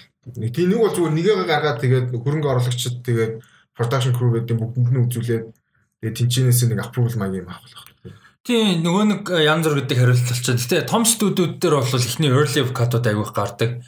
Тэгээ тэнчэнээс нөгөө нэмж хасах. Тэгээ тэр early cut дээр эффект оруулаагүй байдаг. Эффект нь эсвэл нөгөө түрүүний ярьдаг юм нөгөө 95 оны видео гейм шиг аргуу те албаар нөгөө дуусахгүйгээр final version-д ороогүй. Тэг өнгөтэй color grade мэт хийгээгүй аудио модын дутуу байдаг ч юм уу те. Тиймэрхүү нөхцөл бол аягүй их байдаг. Тэгээд Тинчэнэс ингээд нөгөө эдитинг нь синүүд нь л мэдээж голно шүү дээ. Син нь finalize хийчих юм бол аудио эффект нь бол нийлчин. Тэгээ тэгэж бол яа. Жижиг кино бол тэгэхэд нөгөө тийм хүч таа юм уу. Тэгэх олон кат хийхгүй учраас тэгэл анханасаа л аль болох гэтээ шууд final cut-нд ордог кино гэж байхгүй хаа. Монголд ч байсан гэсэн. Ер нь шууд учир утгагүй кат л тийм. Тэгээд тэгээд тийхэд яг тэр тэрийг үзүүлээл харуулаад ADR шүү. Sorry. Би AR гэж солиороо ADR шүү за. Sorry. Аудио нөгөө нэг automatic dialogue replacement гэдэг ADR. Тэнгүүд одоо cut дээр нөгөө нэг director's cut гэл одоо сүүлийн бүр амар их болж штэ. Тэнгүүд тэрний одоо яг ялгаа нь юу вэ? Яг хоо ихэнхдээ студийн кино гэдэг. Одоо Ridley Scott career-та Director's Cut эсүүдээ нэлээд хэд нэлээд хэд байгаа. Martian дээр сүүлд Director's Cut гарсан билээ блүрээ. Аа бараг 20 мянган дээр хүртэн билээ. Одоо Martian дээр. Тэгээд ч Gladiator дээр хийж байгаагүй. Өөр ч юу гэдэг вэ? Ер нь Ridley Scott энэ Blade Runner дээр байгаа амар том жишээ Final Cut гэдэг. Alien Alien дээр. А? Alien. Alien дээр би сайн мэдэхгүй байна байдаг гэж магадгүй. Ер нь Ridley Scott нэлээд яг хоо point нь болохоор ер нь том кинонууд дээр тийм их юм гардаг. Тэгэд яадаг вэ гэхээр нөгөө найруулагчдын өөрсдийнх нь вижн нэг байгаад байдаг. Студийн хүсэж байгаа нэг юм их байгаад байдаг. А тэгээ үндсэн зохиол нэг юм байгаад байдаг ч юм уу те. Тэгээд тэрнээсээ тэрийг ашигтай гэж үзэх юм бол director's cut гаргадаг. Ер нь ямар нэг байдлаар ашигтай байгаа. Тэгээд director's cut гарлаа гэхэд ер нь яг кино театр руу болов явах уу те. Гарсууд маш хор. Зүгээр яг нэг re-release-үүд байдэн шүү дээ. Нэг амар олон жилийн дараа нэг тийм цөөхөн хотод нэг хаяагаад тиймэрхүү юм бол байгаа. Blade Runner-ын Final Cut гардаг ч юм уу. Түүнээс яг бүр нэг full wide release бол. Гэтэ ингээ Blade Runner чинь дотроо ингээ 3 4 кат байгаа. 7 каттай. Ба 7 кат. Тэр яг ямар учиртай. Тэгэл нүү satisfaction хүрэх анх мань хүн хийсэн хэмжээнд нь хийсэн нь яг театрт гарсан хэлбэр нь өөрийнх нь хүсэн хэлбэр байж чадаагүй. Студиэс ингээд ингээ нэг тийг ингэдэг гэдгцэн. Тэгээд дээрэс нь тухайн юм мэдээж хийсэн процесс нь өөрт нь бас таалагдаагүй байсан. Хас нэмэг гэсэн юм айгүйх байсан. Тэгээд студиэс кат гаргасан, продюсерс кат гаргасан, продюсер биш, студиэс гаргасан, илүүлэгчийн кат байдیں۔ А яг хиний нэг кат байгаа director's cut гэж байгаа. Тэгээ яг definitive гэж яриад байгаа final cut гэдэг нь. Тэрийг болохоор студио тэгээд юутай хамт бүр яг ингээд яг окей за this is тэгээ энэ бол энэ киноны хамгийн одоо perfect version гэж гаргасан final cut гэж байгаа. Тэгээ янз бүр одоо жишээ нь миний хувьд бол Watchmen-ы director's cut нь би их дуртай биш. Ultimate cut нь би илүү дуртай. Theatrical cut нь амар богино хон. Нэг тиймэрхүү бас тохиолдол айгүй их. Ер нь director's cut хуралдаа тэгэж гарах нь ер нь ихэнхдээ л эрх мэдэлтэй том найруулагчид л тэрийг тэр хувилбараа олонд хүргэж чаддаг. Тэг хүрсэн ч гэсэн хуучин бол DVD-н дээр нь экстра болж ордог тий. DVD Blu-ray-ийнх нь одоо тэдэн жилийн аймаг хувилбар дээр нь ордог ч юм уу. Тий. Тэмхүүл юм а. Түүнээс Lord of the Rings энэ дээр бол айгүй юу байхгүй юу? Яг үнэндээ бол айгүй ховор юм. Уул нь бол. Яг сайтыг нөгөө сүүлийн хэдэн жил стриминг гээд шууд айгүй хүмүүст ойрхон урдаг болцсон. Тэ дээрээс нь сая Snyder Cut энэ төр гээд нэлээд л үе да хүмүүс төрдөг болчлоо. Түүнээс яг э, overall ярих юм бол айгүй ховор нөө найруулагчийн л их мэдл айгүй мэддэг болохоор. Тэнгүүт Монголд би сая би бол нэг ер нь Монгол кино нэг угаасаа айгүй баг үздэг. Тэнгүүт Юнишны промо сог дээр нэг кино трейлер гарч ирсэн юм а. Тэгсэн чи яг найруулагч хөлбөр хэвчээсэн аахгүй. Snyder Cut биш. Монгол кино байсан юу ч байлаа. Тэгээд бас монголчуудаас тэгж байгаа юм байна да гэж би нэг хараал юм. Худлаа маркет хийж байгаа байх үү дээ. Харин би бол яг тэгэл бас эргэлзээл за өөртөө яг мэдж байгаа юм болоо. Тэгээд тийм тийм тийм байгаасаа гэж нэж худлаа нөгөө Snyder Cut гэдэг чингүүд нь дөөрөөгаад тэгэхэд одоо нөгөө манайхан чинь кино хийнгүүтээ тэрийг кино гэж пасс хийхгүй тулд видео кино контент, зураг контент гэж солиороод уур уур гэдэг нөгөө контент гэдэг үгэндээ ач холбогдол үү. Тэгэхээр бид нэр хизээч бууз хоол гэдэг үл юм шүү дээ. Шил удахгүй шүү дээ. Аа за тэгээ кино тийм уух юм аа кино боллоо. За тэгэнгүүт дараагийн ажил distribution ажил байгаа тий. За distribution одоо яаж одоо сүүлийн үед бол олон л их л болоод байгаа байна. За ерөнхийдөө а за Америк Холливуд Холливуд шаа тий. Тэнгүүд кино бэлэн болгочлоо. За тэрийг яаж хүргэж чинь distribute хийж чинь Distribution яг том студиудын чинь давуу тал нэг аудио одоо хөгжмийн студиуд те том 3 4 студид байгаа. Тэр тэгээд кино студиудын чинь давуу тал мэдээж нөгөө юутай access амар. Тэгээ Америк улс даяараа театруудтай харилцаатай байдаг логистикс бүх юм шийдэгдсэн тий дэлхийд даяараа ер нь бол тий дамжаар байдаг. Тэгээ independent дууч дуран бүтээлчд кино уран бүтээлч гэсэн э, чадахгүй юм. Байхгүй юм л амгаал дистрибьюшн шүү дээ. А тэгээ сүүлийн жилийн бол хөгжмөндөр гоё юм нь бол мэдээ стриминг Spotify ч юм уу SoundCloud гарч ирээс боломжтой болж байгаа. Canon дээр бол одоо Sundance Sundance ч юм уу жижиг юмнуудаас бас хийцэн байхад стриминг меминг лөө бас зарах боломжтой. Арай арай л жоохон те боломжтой болсон. Монголоос амар их Canlo явдаг. Тийм Canlo бол нилээ Canlo сайн явж байгаа. Берлинэл рүү бас овоо явдаг гэсэн Сеул бусан. Тийм Сеул бусан руу амар их явдаг. Тэгээ юу явдаг? Oh fucking hell нэр нь юу вэ нэг сонин нэртэй. За за би мөрчсөн. Гэтэ ер нь бол өөрсдөө маркет дээр л гарч байгааз үг үснэ тэр бол тий. Тэгээд худалдаж авах сонирхох хүн байна уу гэдэг талаас. Тийм зарах одоо ингээ жижиг independent кинонууд бол хийчээд зардаг байхгүй. Тэгээд зарангууд distribution юм process явагдана гэсэн үг. А том кино студиуд бол угаасаа нөгөө студ дээр хийгдэж байгаа учраас distribution тодорхой хэмжээнд шийдэгдсэн. А гэхдээ co-financing бол өөр янз бүр тий. А тэгээд тийм Монголд болохоор яг их их процесс юу яадаг кино хийчихэд театр дээр очиж уулздаг өөрөөсөө. Тэгэл Монголын кино театр кинонуудын дийл бол ихэнхдээ 50 50 байдаг. Ер нь бол гэхдээ амар unfair байхгүй юу 50 50 гэдэг чинь амар unfair яг үнэ хэлэхэд. Тэгээ заван зохицуулт тавьдаг Монголд зөндөө явдаг. Яг цаагаараа. Би бол яг бат бат баримт бол байхгүй. Гэхдээ мэдэж байна. Заван зохицуултууд явдаг. Юу вэ гэхээр цаг магийн тааруулах.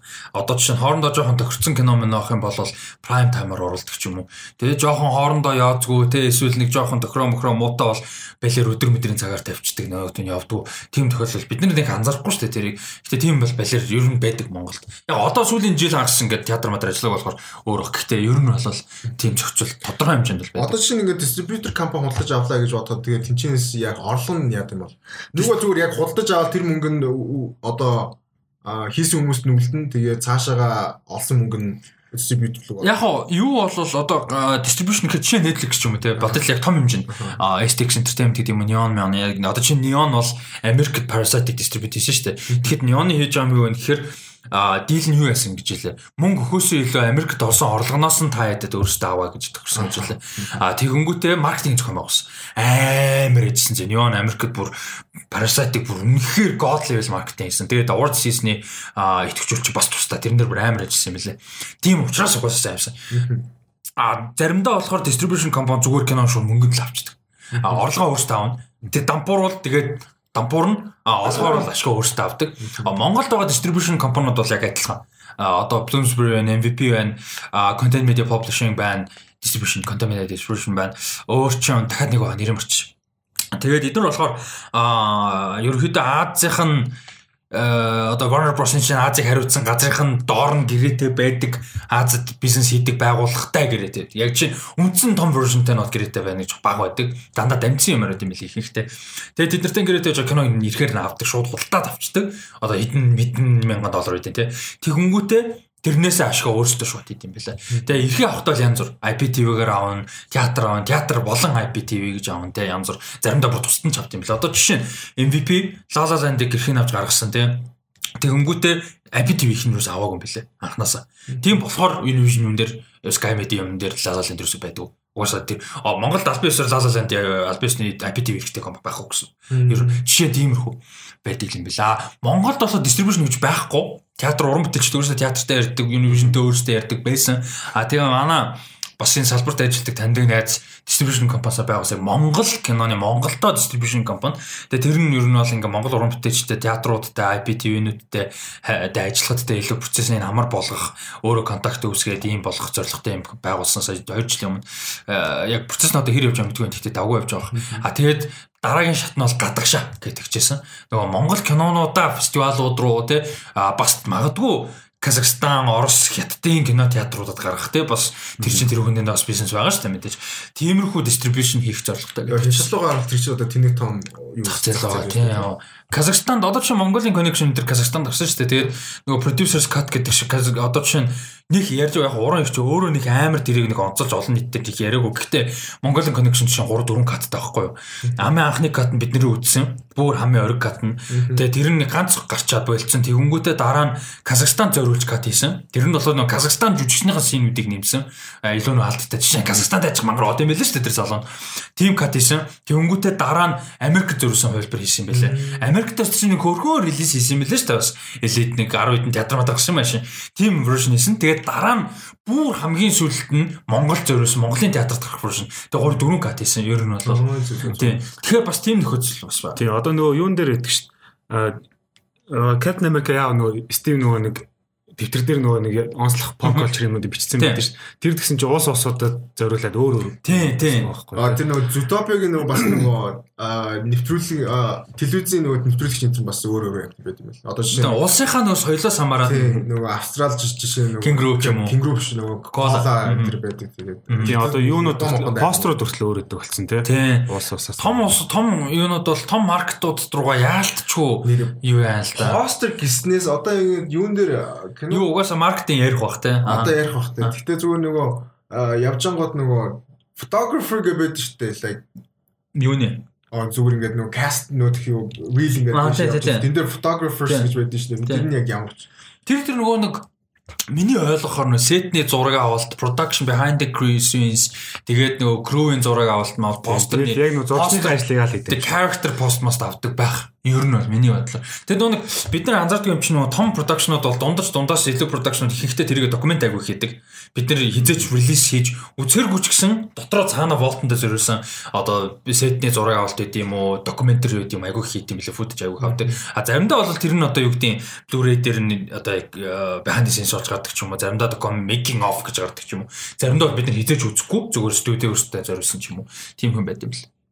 Аа тэнгууд за кино мэдээж театрт гарч байгаа. Тэгээд дээр үед бол нөгөө нэг дисктэй CD-гээр ингээд гаргаад хүмүүс тэрийг нь аваад хайс хайс ч юм уу тий. Одоо тэр хайс коп гэдэг үсэг одоо oh my god. Тийм тэгээд нөгөө тоглоомчиндаа ингээд үзэж байгаа шүү дээ. Тэнгүүд одоо болохоор ер нь бол аюу онлайн болсон тий. Аа Blu-ray гарч ийн. За Blu-ray бол яг хуу арай нөгөө биттэй хүмүүстэнтэй аваад үзчихнэ. А тэнгүүд торрент гэж юм аа тий. Одоо а тэнгүүд тэр чинь болохоор нөгөө нэг хууль бусаар аваад үзэж байгаа шүү дээ. Ер нь бол аваад ч гэдэг татаад. За тэг торрентын талаар одоо жишээ нь одоо уран бүтээлч нөгөө нэг юма зарж иж мөнгө олоод дистрибьют хийж байгаа компани гэсэн тэгжиж мөнгө олно ш. А тэнгууд нөгөө Fire дээр гарчгаар ямар ч мөнгө төлөхгүйгээр тэрийг өнгөө аваад үзчихдэг. А тэгтээ мэдээж нөгөө нэг кино гарангууд нь шууд үзэхгүй те хэсэг хугацааны дараа үздэг. Тэрэн дээр жоохон ойлголт өгвөл. Аа. А тэрний өмнөх нь дистрибьюшнээр жижигхэн комент комент мэдээл одоо үед том студийн кинонууд нөгөө нэг студийн чиглэл ер нь кино театр кинонууд бүгдээр хард ирдэг. Студиэс нь хаягтай юм харднууд ирдэг. Хард дискнууд 500 ГБ зарим терамера гэх том кино бол. Тэгэнгүүтээ тэрийг нь ингээд залгангууд кодтай өөр дээрээ програмтай. Тэгээ тэр кодын мэйлэр ирэх хэвээр нөгөө нэг бүх юм лигл юм дуусны дараа тэгээ тэрийг нь явангууд тэр нь ингээд активит хийлээ гэсэн үг шүү дээ. Тийм. Тэгээд заримдаа цаанаас нь юу муу ирэх гоё юм лээ. Би нэ тэр distribution part-ыг дуусгаад цаанаас ингээд distribution тэгээд дамжаад нөгөө маркетинг материал энэ төр ирдэг. Тэд нар амар гоё юм байна. Надаа бүр утгагүй high quality постэр а бай. Яйс юм байна. Shit миний ард өвдөрч баг. Бартч тэгтээ утгагүй high quality John Wick-ийн постэр байгаа шүү. 400 хэдэн мегабайт чаа зүгээр ганц постэр. Тэр бүр амар гоё юм лээ тийм. А тэгээд юу болохоор piracy юу л да одоо бид нар бол жишээ нь зөв piracy байгаагүй бол гэж бодолтой. Тэгэхэд хашийн сүүлийн 3 жил хөл кино уралттай хөлний зүйлэг машин тийм шүү дээ. Like Look TV, Univision байж ээжтэй яаж нөгөөт нь амар quality асуудал юм асуудал тийм. Netflix уншиж байна. Тийм Netflix Max тийм Amazon Түүнээс биш яг ийм л юм байгаа. Ер нь бол хууль бусаар хэцүү. А тэгтээ torrenting community-г pirate community-г гоё юм юу вэ гэхээр хэдийгээр illegalтэй хэдийгээр ингэж байгаа ч гэсэн quality-гоо бол амар үнэлдэг. Хамгийн гоё юм тэр.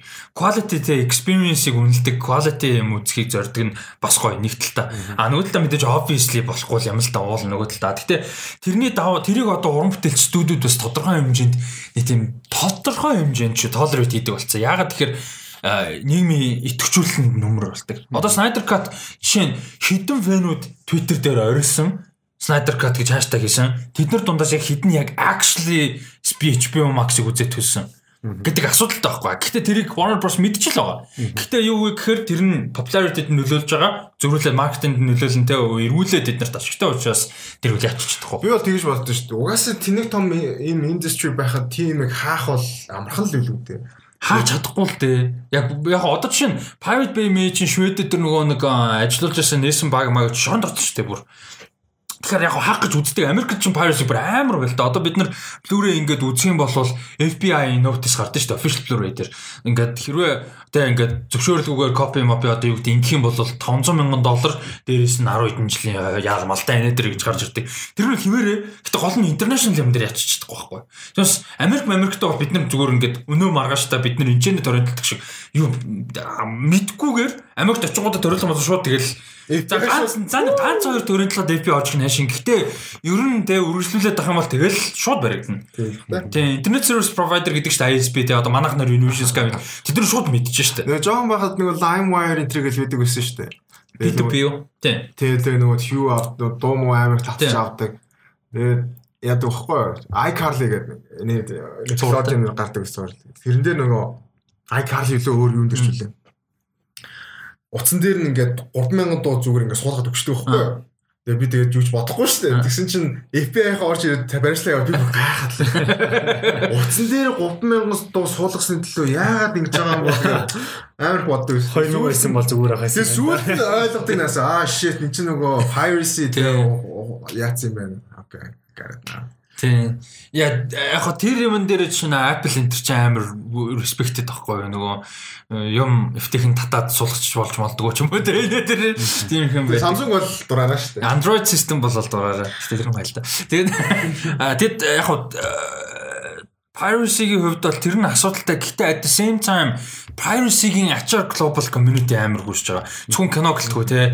Нөгөө нэг triple X юм байна. За тэрнээсээ гадна зүгээр видео games те хөгжим дуу одоо ном програм юу гэдэг айгуу бол юм аниме энэ гэл манга comics гэл тийм байдаг болохоор яалтч нөлөөлж байгаа юм л та. Одоо зүгээр хідүүлэн бодолтой. Хідүүлээ piracy-тэй ингэж ойрхон өсч төрнжтэй ингээд кино урлаг хөгжим юмд ороогүй болов жишээ нь бид нар Apple Music-ээр тэ томлцоод яг actually мөнгөний төлөө дуу сонсгоо Netflix-ийн мөнгөний төлөө сонсгоо хэцүү байхгүй яг тэр үнэлээд хамгийн гол нь тэ culture. Тэгээ дээрэс нь студ уран бүтээлчтэн тодорхой хэмжээнд хүлэн зөвшөөрдөг болсон. Одоо хамгийн том чинь Game of Thrones шүү дээ. Бараг piracy-гийн дэлхийн түүхэнд хамгийн их pirated юм баг.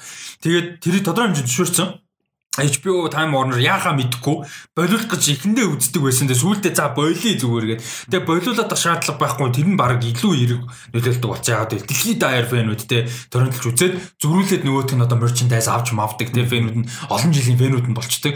Тэнгүүд you know what they actually баг орлого олоод байгаа юм шүү те. Тэрхэдэ тиймэрхүү.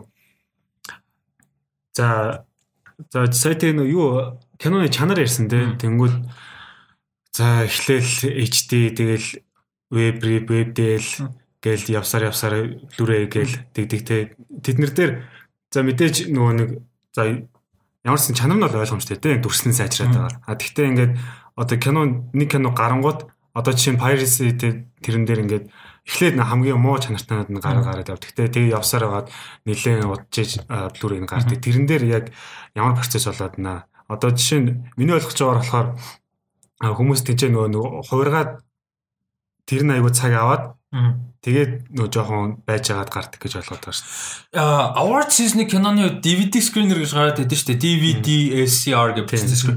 Тэр болохоор а чанар муутай байдаг. Хэзээ ч тийм high quality байдаггүй. Бараг 720p тэй байна уу? Тэрэндээ өрчнөг 640 мчтэй тэр яадаг вэ гэхээр одоо яг энэ жилийн пандемиктэй өөр гэхдээ пандемик байхгүй байсан үе болохоор академи мемберүүд рүү кинонууд очдог DVD очдог тэр систем сайн хүртэл вэрэ байсан. За бүр пандемик болж яж байгаа дижитал болж байгаа байхгүй яг тэр академи мемберүүд юм хөгшин гарууд байдаг юм стриминг мем эргэж мэддэг гар тэгээ DVD очдог Тэгээ тэр DVD-г нь ерөөхдөө үзээд нөгөө vote moto өгдөг. А тэгэхээр тэднээс копи олоо авчиж л гэсэн үг байхгүй юу гарууд.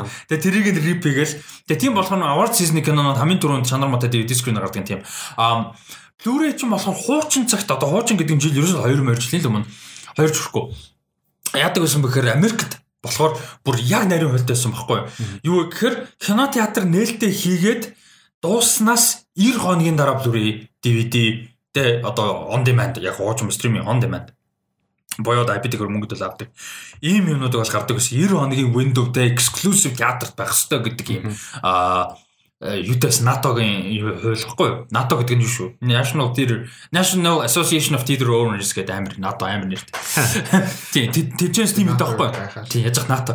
Тийм, тийм баггүй юу? А тэгсэн чинь нөгөө нэг сая пандемик энэ төр гээд нөгөө өнгөрсөн жил подкастаар ярьжсэн шүү дээ. Universal чинь 17 хоног шууд нөгөө зэрэг яана гэ. Тэгээд тэрнээс болоод театрууд ч ажиллахгүй мэжхгүй. Бөө юм. Тэгээд Paramount энэ жил 45 хоноод еврогоо аст Paramount Plus руу орон борно гэдгсэн. Тэгэхээр одоо ер нь бол хуучин тэр 90 хоногийн дүрм нь ер нь катлогда 45 тогтож байгаа шиг байна. Ер нь. А тэрнээс ойрхон гэхээр мэдээж театрууд алдчих гад.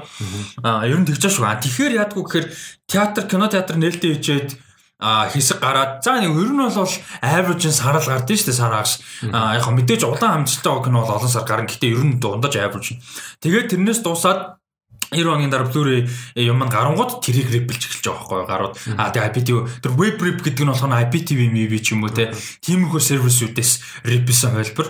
Base яг амар generic болго screen recording байхгүй яг яг тийм амархан жишэлтэй. Тэгэхээр ерөнхийдөө а тэгээ Blu-ray нь бол мэдээж нөгөө player-ээс нь rip их файлыг нь rip их. Ерөнхийдөө тийм. Тийм болохоор удаа байсан. Одоо амар хурдан гараад байгаа чинь мэдээж стримингтэй холбоотой те. Амар хурдан стримингтэй орчод байгаа учраас юм дээр гэсэн тийм тийм амар хурд орчод. Тэр гарууд ч одоо баг студиудээсээ завгүй бараа гараад байт юм шүү. баг л тийм баг. Бид гайхаад нөгөө яг Blu-ray гарсан өдөр нь юм уу нэг бол бүр өмнө нь юу орчод байдаг. Blu-ray rip орчод бидний гар. Тэд нэр юутай гэсэн үг байхгүй? Энд чинь access гэсэн үг байхгүй? Нөгөө нэг дэлгүүр мэлгүүрүүд чинь нөгөө нэг distribute хийгдэж байгаа шүү дээ Blu-ray чинь physical Blu-ray. За best buy лав чинь очин очих хугацаанд тэр чинь үйлдвэрээсээ хэвлэлдэг нэг одоо чинь Warner Bros Warner Bros өөртөө үйлдвэрлэхгүй шүү дээ. Тэр хайрцагладаг хэвлэлдэг придэлдэг үйлдвэр байгаа. Тэнчнээс гараад захиалга нь яваад logistics компани нь best buy дээр авчиж өгч тэгэхээр тэр завсард л хүн байгаа гэсэн үг байхгүй юу? Тэднэрт тийм учраас хүмүүсийн гар дээр physical Blu-ray очихоос өмнө Blu-ray юу rip тодорхой хэмжээнд заримдаа гардаг ч яг тийм учраас том кинон дэр. Тэр бүр ганг тий. Тэнгүүд одоо зарим кинод нөгөө дахиж нээлттэй гэхдээ одоо жишээ нь сайн нөгөө нэг аватар чинь орлогоороо буцаал энд гэмиг гүйтсэн те. Аа тий хятадд нээлттэй гэдэг тий. Зөвхөн хятад юм уу? Тийм зөвхөн хятад China exclusive. Аа тэгэл гүйтсэж байгаа юм те. Тийм. Тэг ер нь тийм тохиолдол хэрэг байдаг вэ ер нь кинонууд? Зөндөө зөндөө. Одоо нөө нэг Дани шоуг үздэг бол Charts with Dan, Char- Charts with Dan тийм. Charts with Dan-ыг үздэг бол яг анзаарах яг энэ оны ялангуяа эхний хэсэг нөгөө нэг театр чинь сая оны ихэнд бол бүр хэцүү байлаа шүү. Одоо гайг болчихлоо. Айгу гоё эрэг мэдээтэй нэр юу яасан бэлээ. Калифорни мужи 4 сарын 15-наас эхлээд аа олон нийтийн өвзүр театр, тайзны театр тэгээд концертыг зохион болгох зөвшөөрөлт олцвол Калифорни 30 минут уу? А? 30 минут гэдэг үлээ. 4 сарын 15-наас ямар ч гэсэн тийм юу бол зохион болгох боломжтой болсон байсан. Яг 30 минут гэсэн юм уу? А яг тэр яг том хэмжээр шүү. Зүгээр Broadway нөгөө театрууд 30 минут ажиллах хэрэгтэй болсон. Тийм. Бродвей чинь Нью-Йорк шүү дээ. Ямар ч сан Калифорниад оролт гэсэн байсан. Тэгээд юу гэж хэлээ? А, Дахиж нээлттэй. Аа тий. Тэгээд сая харах юм бол энэ оны ихэр чинь нөгөө нэг том киноч бүгд хойшлцсон шүү дээ. Тэр нөгөө нэг пандемик пандемик бүгд хойшлоод. Тэнгүүд а театрууд бол техникли ажиллаад байсан. Нөгөө нэг drive by drive by drive by чишэл урдтай.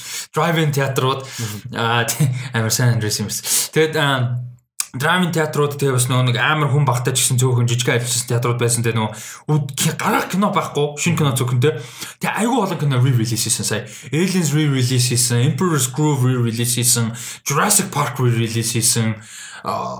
Disney амар Back to the Future сүүлд бас re-release хийсэн байлаа та тэгээ тэд нар чинь ингээд бид нар бид нар төрөхгүй болохоос ш тэнцэнэ ингээл нэг хөөхөн 7 хоногт нэг 30 мянган доллар зарим нь 100 тэр Jurassic Park-ийн re-release чинь 200 мянган доллар молор хийцэн байгаа байхгүй. Тэгэхээр re-release бол саяны ялангуяа пандемикийн үед бол нилээд хийгдсэн. А гэхдээ ер нь бол байдаг. Одоо сая Солонгост сайн нэг сарын өмнө сар хүртээгүйтэйгийн өмнө Солонгос Lord of the Rings trilogy 7 хоногийн хугацаатай IMAX converted version release хийсэн. Тэгээд э, бүр амар 7 хоног нэгхэн ивэл бараг нэгхэн ганцхан театр чанж энд жилүүндээ гасан байлээ. Тэгээд IMAX version. Яа, Lord IMAX-аар үзсэн. Тийм, тэгээд theatrical version. Тэгээд маад нөө Тимука үзсэн шүү. Хоёр анги үзсэн гэсэн. Тэгээд ажилтай. Тэгээд гурван анги үзэж чадахгүй хоёрыг үзсэн гэсэн. Тэгэхээр тиймэрхүү specific version бол байдаг. Тэгээд Монгол шиг оронд бол тэр боломжгүй нөгөө байдаг бах таараа. нөгөө нэг тгий гэсэн чинь нөгөө юу яадаг вэ? Монголд байгаа distribution компаниуд нэгдүгээр тэрэнд сонирхолгүй. Угаас орлого олохгүй, ашиггүй. А дээрэс нь нөгөө студиуд нь ч гэсэн тэрийг incentive нөхгүй. Яг тэр Монголд үзэгчгүй юм чинь. Аха. Тэнгүүт одоо Монгол а, кино нээчээд ингээд театр гараад дуусан гот яа тэлдэг те нөгөө зургтын сувгуудаар гараад эхэлдэг те. Тий, кино те- Тэр- телевизийн rights гэж байна. Тийм. Тэрийг одоо тэр процесс яаж явж байна? Одоо чинь киногоо өгж байгаа сууг болгонтойгоо гэрээж зарах юм уу? Яах юм? Тий, телевизийн суугууд бүгдээрээ distribution-аас нь эрхийг авах хэрэгтэй. Аа, жишээ нь La La Land байлаа гэхэд MVP бол одоо юу яадیں IPTV-г наваагүй гэтээ телевизийн эрхийг нь анханасаа аа, тэр чинь La La Land ямар студи тоглоо Lions гэдэг something аа марч. Тэр юутай студиэс нь анханаас нь телевизийн эрхийг нь авцсан болвол тэр эрхээ зарах боломжтой гэсэн Монголд.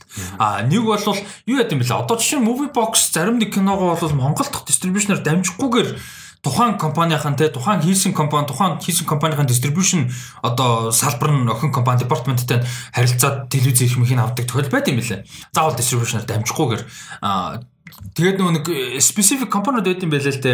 Одоо театр IPTV-ийн distribution чинь ингээд хоёр тустай юм. Дээрээс нь TV distribution бас тустай.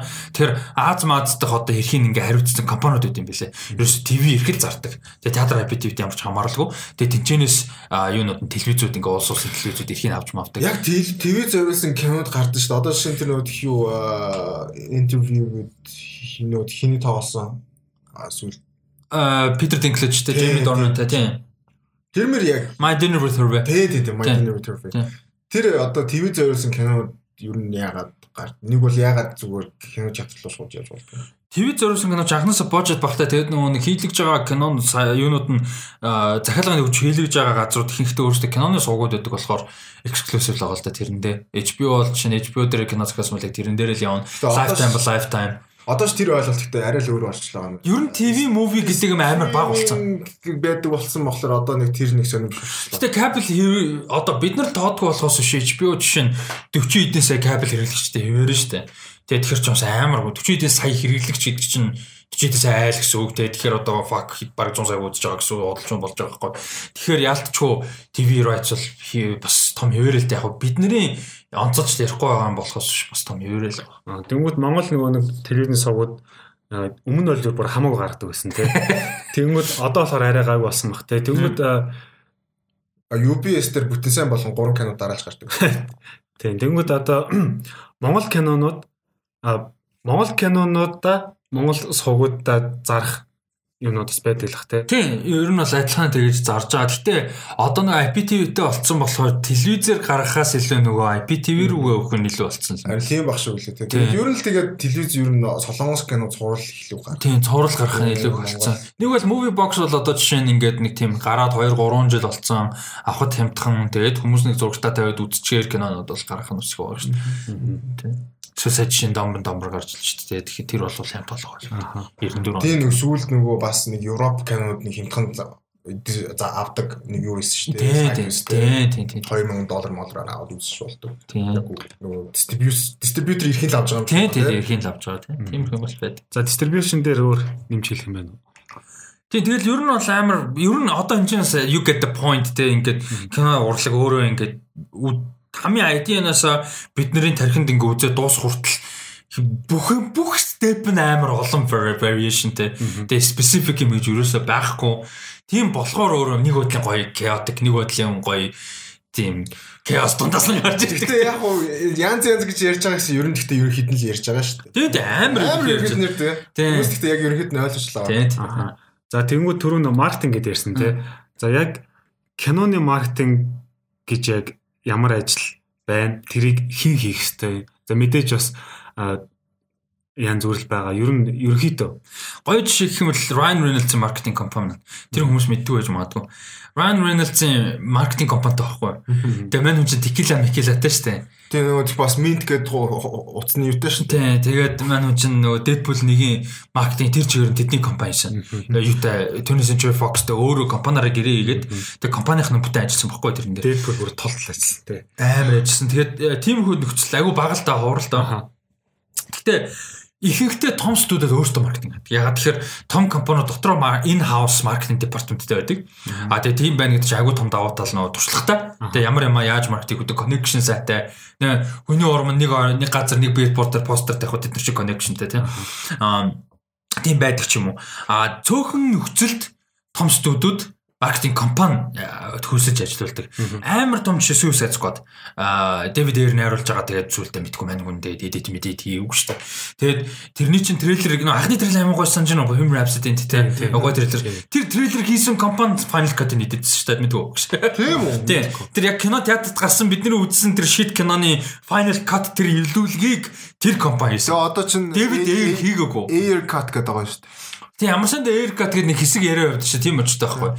Ер нь бол тэр чинь нөгөө нэг киног нь үзэх юм бол эхний 30 минут нэг fucking music video шиг юм байна шүү дээ. Тэр тийм тийм өчтэй байхгүй. А тэр маркетинг бол тийм тэр нэг бас юу яадаг улс улсаасаа том кинонууд бол улс улсаасаа хамаарат тухайн улсдаа нөгөө байгаа distribution компани маркетинг их хэрэгнүдэг. Жишээ нь одоо MCU-гийн кинонууд за Walt Disney ер нь Disney-ийн доторх одоо анимашнууд нь Pixar-ууд нь Star Wars нь Marvel нь тэдний бүх кинонуудын Монголд гарч байгаа маркетингийг Bloomsbury хийдэг.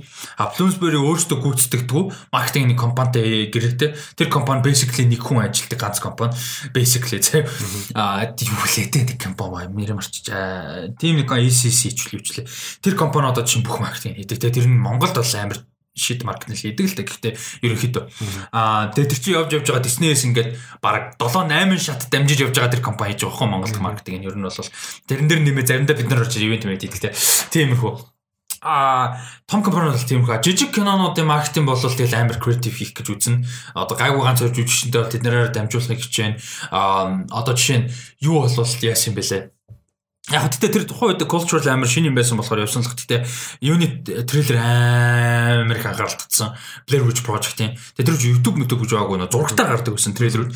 Тийм учраас нөө зурагтын трейлер нөө гэдэг олон болоод тэ амар юм. Тэгээ зурагтаар гардаг байсан болохоор тэгээд Blair Witch Project-ийн трейлерыг бүр амар юм нөгөө ямар маркетинг гэдэг вүлээ. Маркетинг term term terminology гэдэг чинь хэллэг гэдэг чинь нөгөө юм aggressive маркетинг гэдэг чинь энэ юм нүрэн тулгаж байгаа юм шиг додж байгаа юм шиг юм aggressive. Roykin стил юу заяа та маркетинг тийм маркетинг хийсэн байл та яасан гэхээр ингээд хүүхдийн шоу нэвтрүүлэг нэвтрүүлгийн дундор мундор гаргаж маргаад бүр ингээд балер агрессив маркетинг хийсэн. Хямдхан мөртлөө юм тийм тэгээд тэгсэн чинь нөгөөх нь болохоор ингээд юм Blair Witch Project ч одоо paranormal activity ч юм уу эсвэл одоо юу шиг ч юм те нөө found footage кино шүү дээ ингээд камер бичсэн бичлэг шиг юм. Тэгээ тэр нь амар шинэ байсан тухай үед what the fuck is this гэд тэгээ бүүн асуудал гарсан дээрээс нь тэгээ асуудлаа дагаад сонирхол хүмүүс амар яриа ихгүй өрнсөн. Тэгээд бүх зөв хамиг ашиг болсон юм дээ нэг шүү дээ одоо нэг одоо production budget ашиг бодох орлого бодох юм бол тэгээ тэр бол амар феномен болж исэн гэдэг юм байлаа. Тэгээд activity marketing campaign-ууд гэдэг юм бол Deadpool-ийг угаасаа obviously галзуу байсан. Тэрэн дээр бол яг Ryan Reynolds-аас гадна амар creativity-гээр суурилж байгаа. Тэгээд чинь нөгөө social media era эхэлсэн байсан болохоор амар cheap хитэн за potential нь хитэн тэр бомонд хүрчиж байгаа байхгүй потенциалаараа болвол тийм болохоор нөгөө social media амар ашигладаг болсон. Тэгээ нөгөө амар том том гэх юм бол end game Infinity War ч үлээ. Тэр нөгөө Burj Khalifa энэ төр тэр нөгөө гэрэл тусгаж тусгаад. Хаасаг гэхдээ Лондон Мондон юм бас тэгсэн тийм. Тэгээ тиймэрхүү мэмэрхүү юунууд аим гоё байгаа. Аа тэнгууд одоо киноны маркетингийг хийх за үндсэн хийдэг юмнууд юу вэ? За одоо жишээ нь ингээд трейлерүүд ингээд гаргадаг гэдэг ч юм уу. Тэрнээс өөр юм нэрлүүл. Трейлер клипнүүд тэгээ тэд нар чинь зүгээр нэг цацх биш бас хизээ яаж цацх гэдэг амар чухал. Одоо хуучин супер бол гэж ярьдаг. Эсвэл өөртөө конференц ивентээр эсвэл одоо юу гэдэг юм International Women's Day трейлерээ цацдаг ч юм уу те. Нэг тийм specific хизээ гэдэг нь бас айгуу чухал. Тийм тэгээ бас зарим нэг creative ер нь creative юмуд амирх үед. Нөгөө юуных бас гоё. Аа Days of Future Past-их бас нөгөө Traffic гэдэг нөгөө Trust гэдэг нөгөө индустри байгаа шүү дээ. Тэрний яг ингээд юу реклам нэг хэсэг явсан юм. Зүгээр ямар ч жинхэнэ юм шиг жинхэнэ юм шиг ингээд зүгээр яг Trust гэдэг индустри яг байдаг. Тэгээ тийм юм одоо робот хийдэг мэдэг. Тэгээд юу явж байгаа. Бас нэг вебсайттай Trust Industry дотор ингээд оронгууд нөгөө бас юм үйлдвэрлэдэг. Яг бодит юм шиг. Тийм юм 8 гоо. Ер нь сайхны хүртэл 16 7 ч юм уу та тэр үе хүртэл ерөнхийдөө сошиал медиа бүр ингээ глобал амар болох хүртэл кинонууд гой кинонууд ер нь бүгдээрээ вебсайт байдаг байсан. Тэгээ зарим нь бол зүгээр generic те. Зарим нь бүр яг саний хийний datkog хэлдэг шиг юм жинхэнэ юм шиг вебсайтуудтай те. Тэр нь амар entertaining те. А тэнцээс тэгээ нэг folder icon macon татчихулдаг те. Wallpaper map те. Тэгээ ringtone мон татаал те. Тэгэл нэг гой постэр мостернууд. Одоо чинь би тэнцээ Clash of the Titans вебсайтыг би тухайн үед баг өдөр бол орж үздэг байсан амар гой хөгжим мөгжимтэй ингээл амар хайны ол трейлерний ол те постэр татаал character постерууд татаж батал Тэр бол амар том хэсэг байсан. А одоо тэр нь өөрчлөгдөд нөө сошиал медиа амар том болсон. Хүмүүс вебсайт орхон багтсан болохоор тэр лөө шилжиж байгаа. Godzilla-гийнх бас амар гоё шүү дээ. Нөгөө оронгууд нөгөө Godzilla яг хаана явж байгааг ингээд дэлхийд дээр гаргадаг. Тэгэл нэг улаан юм амьч байна. Westworld маркетинг бас айгүй гоё шүү дээ. Жил нөгөө нэг э, гарах шин сизон гаргадаг хөнгөт ингээд сайт нь шинжлэхдээ амар mystery street easter egg мэгтэй болж болдог. Тэгэхээр бас тиймэрхүү э, юунууд төвчөж сажиг юмнууд л амар байт юм шиг. Тэгээд хамгийн basic бол нөгөө постэр за тэгээд нөгөө нэг биллборднууд дээр гадна трейлер тэгээд клипнүүд нилээх гарна. Клипнүүд гарна. Жүжигчд одоо сошиал медиагаар өөрсдийнхөө төвчүүлтийг хийн. А тэгээд тэрэн дээр нэмээд бол creative юмнууд нөгөө янз бүр юм. Янз бүр. Тэгээд opening night-ууд амар том юмнууд одоо жишээ нь хятад нээлттэй хэлэхэд жүжигч нь яг өөртөө орчдөг юм уу, орст байдаг ч юм уу ямар нэгэн байдлаар. Тэр бол амар том Сүүлний амар креатив гоё маркетинг би санджсэн дээ яачлаа. IT IT IT-г солиорч ит IT. IT бас юу ч амар нэг хаасайг улаан. Тийм тийм тийм тийм. Яг юм хямдхан юмар айгу гоё маркетинг хийчих жоох байхгүй тийм.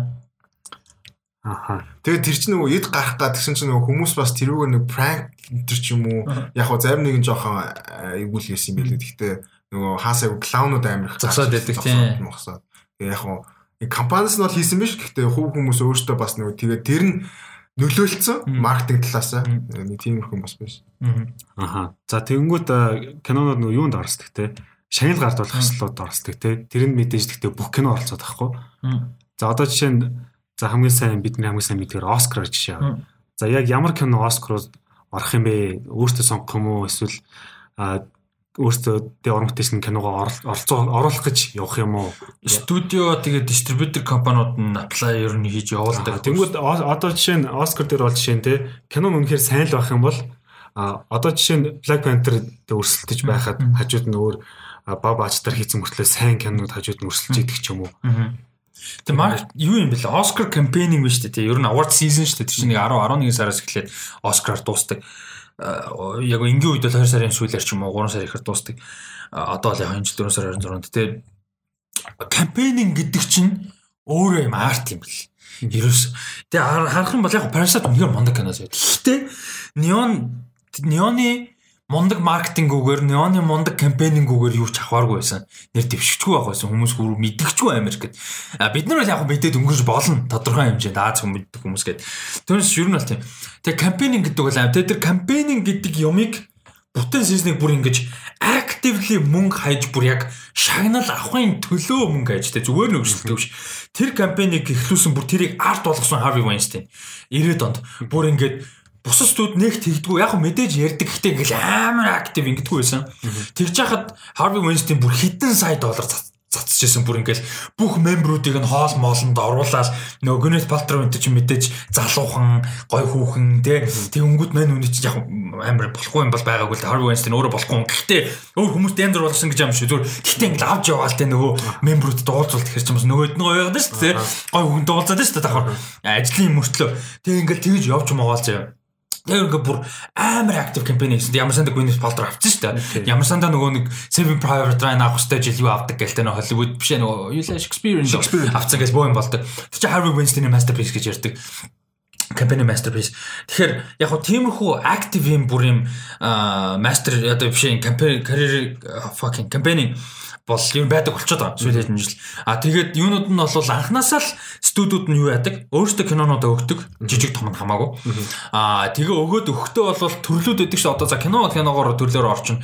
А жүжигчд мүжигчдийг болохоор уул нь студиуд нь өөрсдөө тэр одоо э, За энэ жүжигчдийг тэг consider for your consideration гэж тэгээд шүү дээ. Тэгээ Даниэл Калуяг best supporting actor гэж consider хийгээрээ тий Keith Stanfield-ийг best actor гэж consider хийгээрээ гэж өгнө. А тэнгууд бусад Oscar-аас бусад бүх award show-нууд тэрүүгээр нь англиар явдаг. Оскар ганцаараа зөрдөг жүжигчний төрлүүд төр. Тийм учраас энэ жил амар random Keith Stanfield, Daniel Kaluuya хоёулаа supporting actor дээр дэвшсэн. Which is kind of weird гэхдээ гол дүр мөртлөө туслагт академи тэгээ шийдсэн. Тэгээ тийм хүн болоод а кино ямар кино best pictured одоо яадаг вэ те ингээд одоо тэнцдэг байж юм одоо өршөлдөх боломжтой болдог вэ гэхээр хамгийн basic юм нь а нь хүртэл баха. LA Нью-Йоркт дор хаяж а 2 7 хоног кино татчихсан байх хэвээр. Зүгээр хамгийн хамгийн basic юм энэ. Хамгийн наацхан basic юм.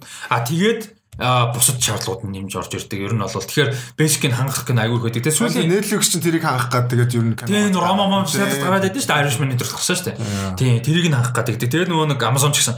Тэгээд а сүүлийн хэдэн жил нөгөө нэг амар шүүмжин төртөд хоёрхан том хотоол ингээд байна гэд. Тэгээд сүүлд Атланта нэмэгдсэн, Чикаго нэмэгдсэн, За тэгээд нэг Phoenix Phoenix өнөө ганц хоёрын нэмэгдсэн. Ер нь тэр нөө шаардлага хангадагт нь тэгээд нэг 5 6 туссан баг ер нь гэдэг.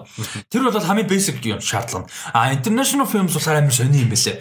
International film-ыг болохоор хуучин foreign language гэдэг чинь одоо international гэж явж байгаа. Би бол тэрэн дээр айгу санал нэг байгаа. Тоор ямар ямар ч сан сэтгэл зулг байх. Foreign language гэхээр амар тэнийг ихгүй Америк ч өөрөө амар multicultural улс юм байж. Сайн Минара дээр амар том юм боллоо шүү дээ. Тэгээ international гэхэр гоё. Зүгээр Америк биш production л тийч байдаг шин. Тэг хэл нь хамааралгүй. Тэр нь бас гоё.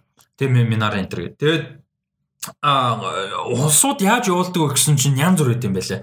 Одоо чинь зарим улсынх бол одоо чинь Англих BAFTA одоо организашн хариуцдаг. Жишээ нь яг явуулах харуул штэ. А тэгэхэд Монголынх болохоор соёлын яам хариуцах юм байлаа. Монголынх ягаад тэгэхээр кино кино урлагаа хариуцсан организашн юу байхгүй. Э, хідэн хувийн организашнтэй. Тэгээд яам нь хариуцдаг тэрийг аппрув хийдэг тодорхой хэмжээнд. Аа тэгээд зарим улсах одоо яам нь өгдөг, зарим нь тэр хорвоо нь өгдөг те энэ дээр тэгээд усаас хамаардаг тийм юм бэл. Тэгвэл Монголд одоо жишээ нь соёлын хэмжээ аваад юу л саяхан л байгуулах гэж байна. Тэрний өмнө болохоор нөгөө спорт юуд яадаг яадаг юмны яам блэ тэр нэг гэсэн шээ. Зөв бах юм болсон тийм. Тийм тэр нөөсөн гэсэн. Аха. За ингээд аа киноны санаанаас ингээд явсаар явсаар явсаар тэгээд дистрибьют хийгээд ингээд маркет хийгээд чанел өрслөөд ингээд явлаа. Тэгээ best picture авлаа. За ингээд гурлын кино best picture авлаа. За энэ дээр өөр нэмж ярих Тэгээ best дуусан юм юм юу вэ? Тэгээ best picture авсан кинон crash ойлос хэцүү юм да тийм. А тийм тийм. Гэхдээ тэгээд ер нь award авж гинэ гэсэн тэгэл тэр чинь бас тэний том маркет биш маркетинг биш тийм. Тийм. Гэхдээ тэгээд Монголд нэг кино сонирхдаггүй хүмүүс ингээд байж байгаа л блокбастеруудыг үздэг юм Монгол кино ингэж байгаа л тэгэл яг Оскар сизон болоод яг Оскар авсан гэл тэнгууд нь үздэг шүү дээ. Тэнгүүс тэр чинь тодорхой юм 8 том маркет байгаа. Тийм тийм тийм. Яг мэдээч Оскар академи Академийн зохион байгуулалт Оскар шагнал гардуулалт болон нэмэр нэр дэвшүүлэх voting систем төрөх зүгэл үгүй. Зөндөө асуудалтай. Аа тэг Golden Globe одоо юу гэдэг зөндөө юм ба телевиз талтай Emmy те өөр бусад зөндөө юм ба хороо холбоо молбоонууд нь. Гэхдээ Оскарын амар гоё юм нь юу гэхээр үнэхээр хүмүүст уран бүтээлчдэг уран бүтээлийг хүмүүс тодорхой хэмжээнд өргөж чаддаг.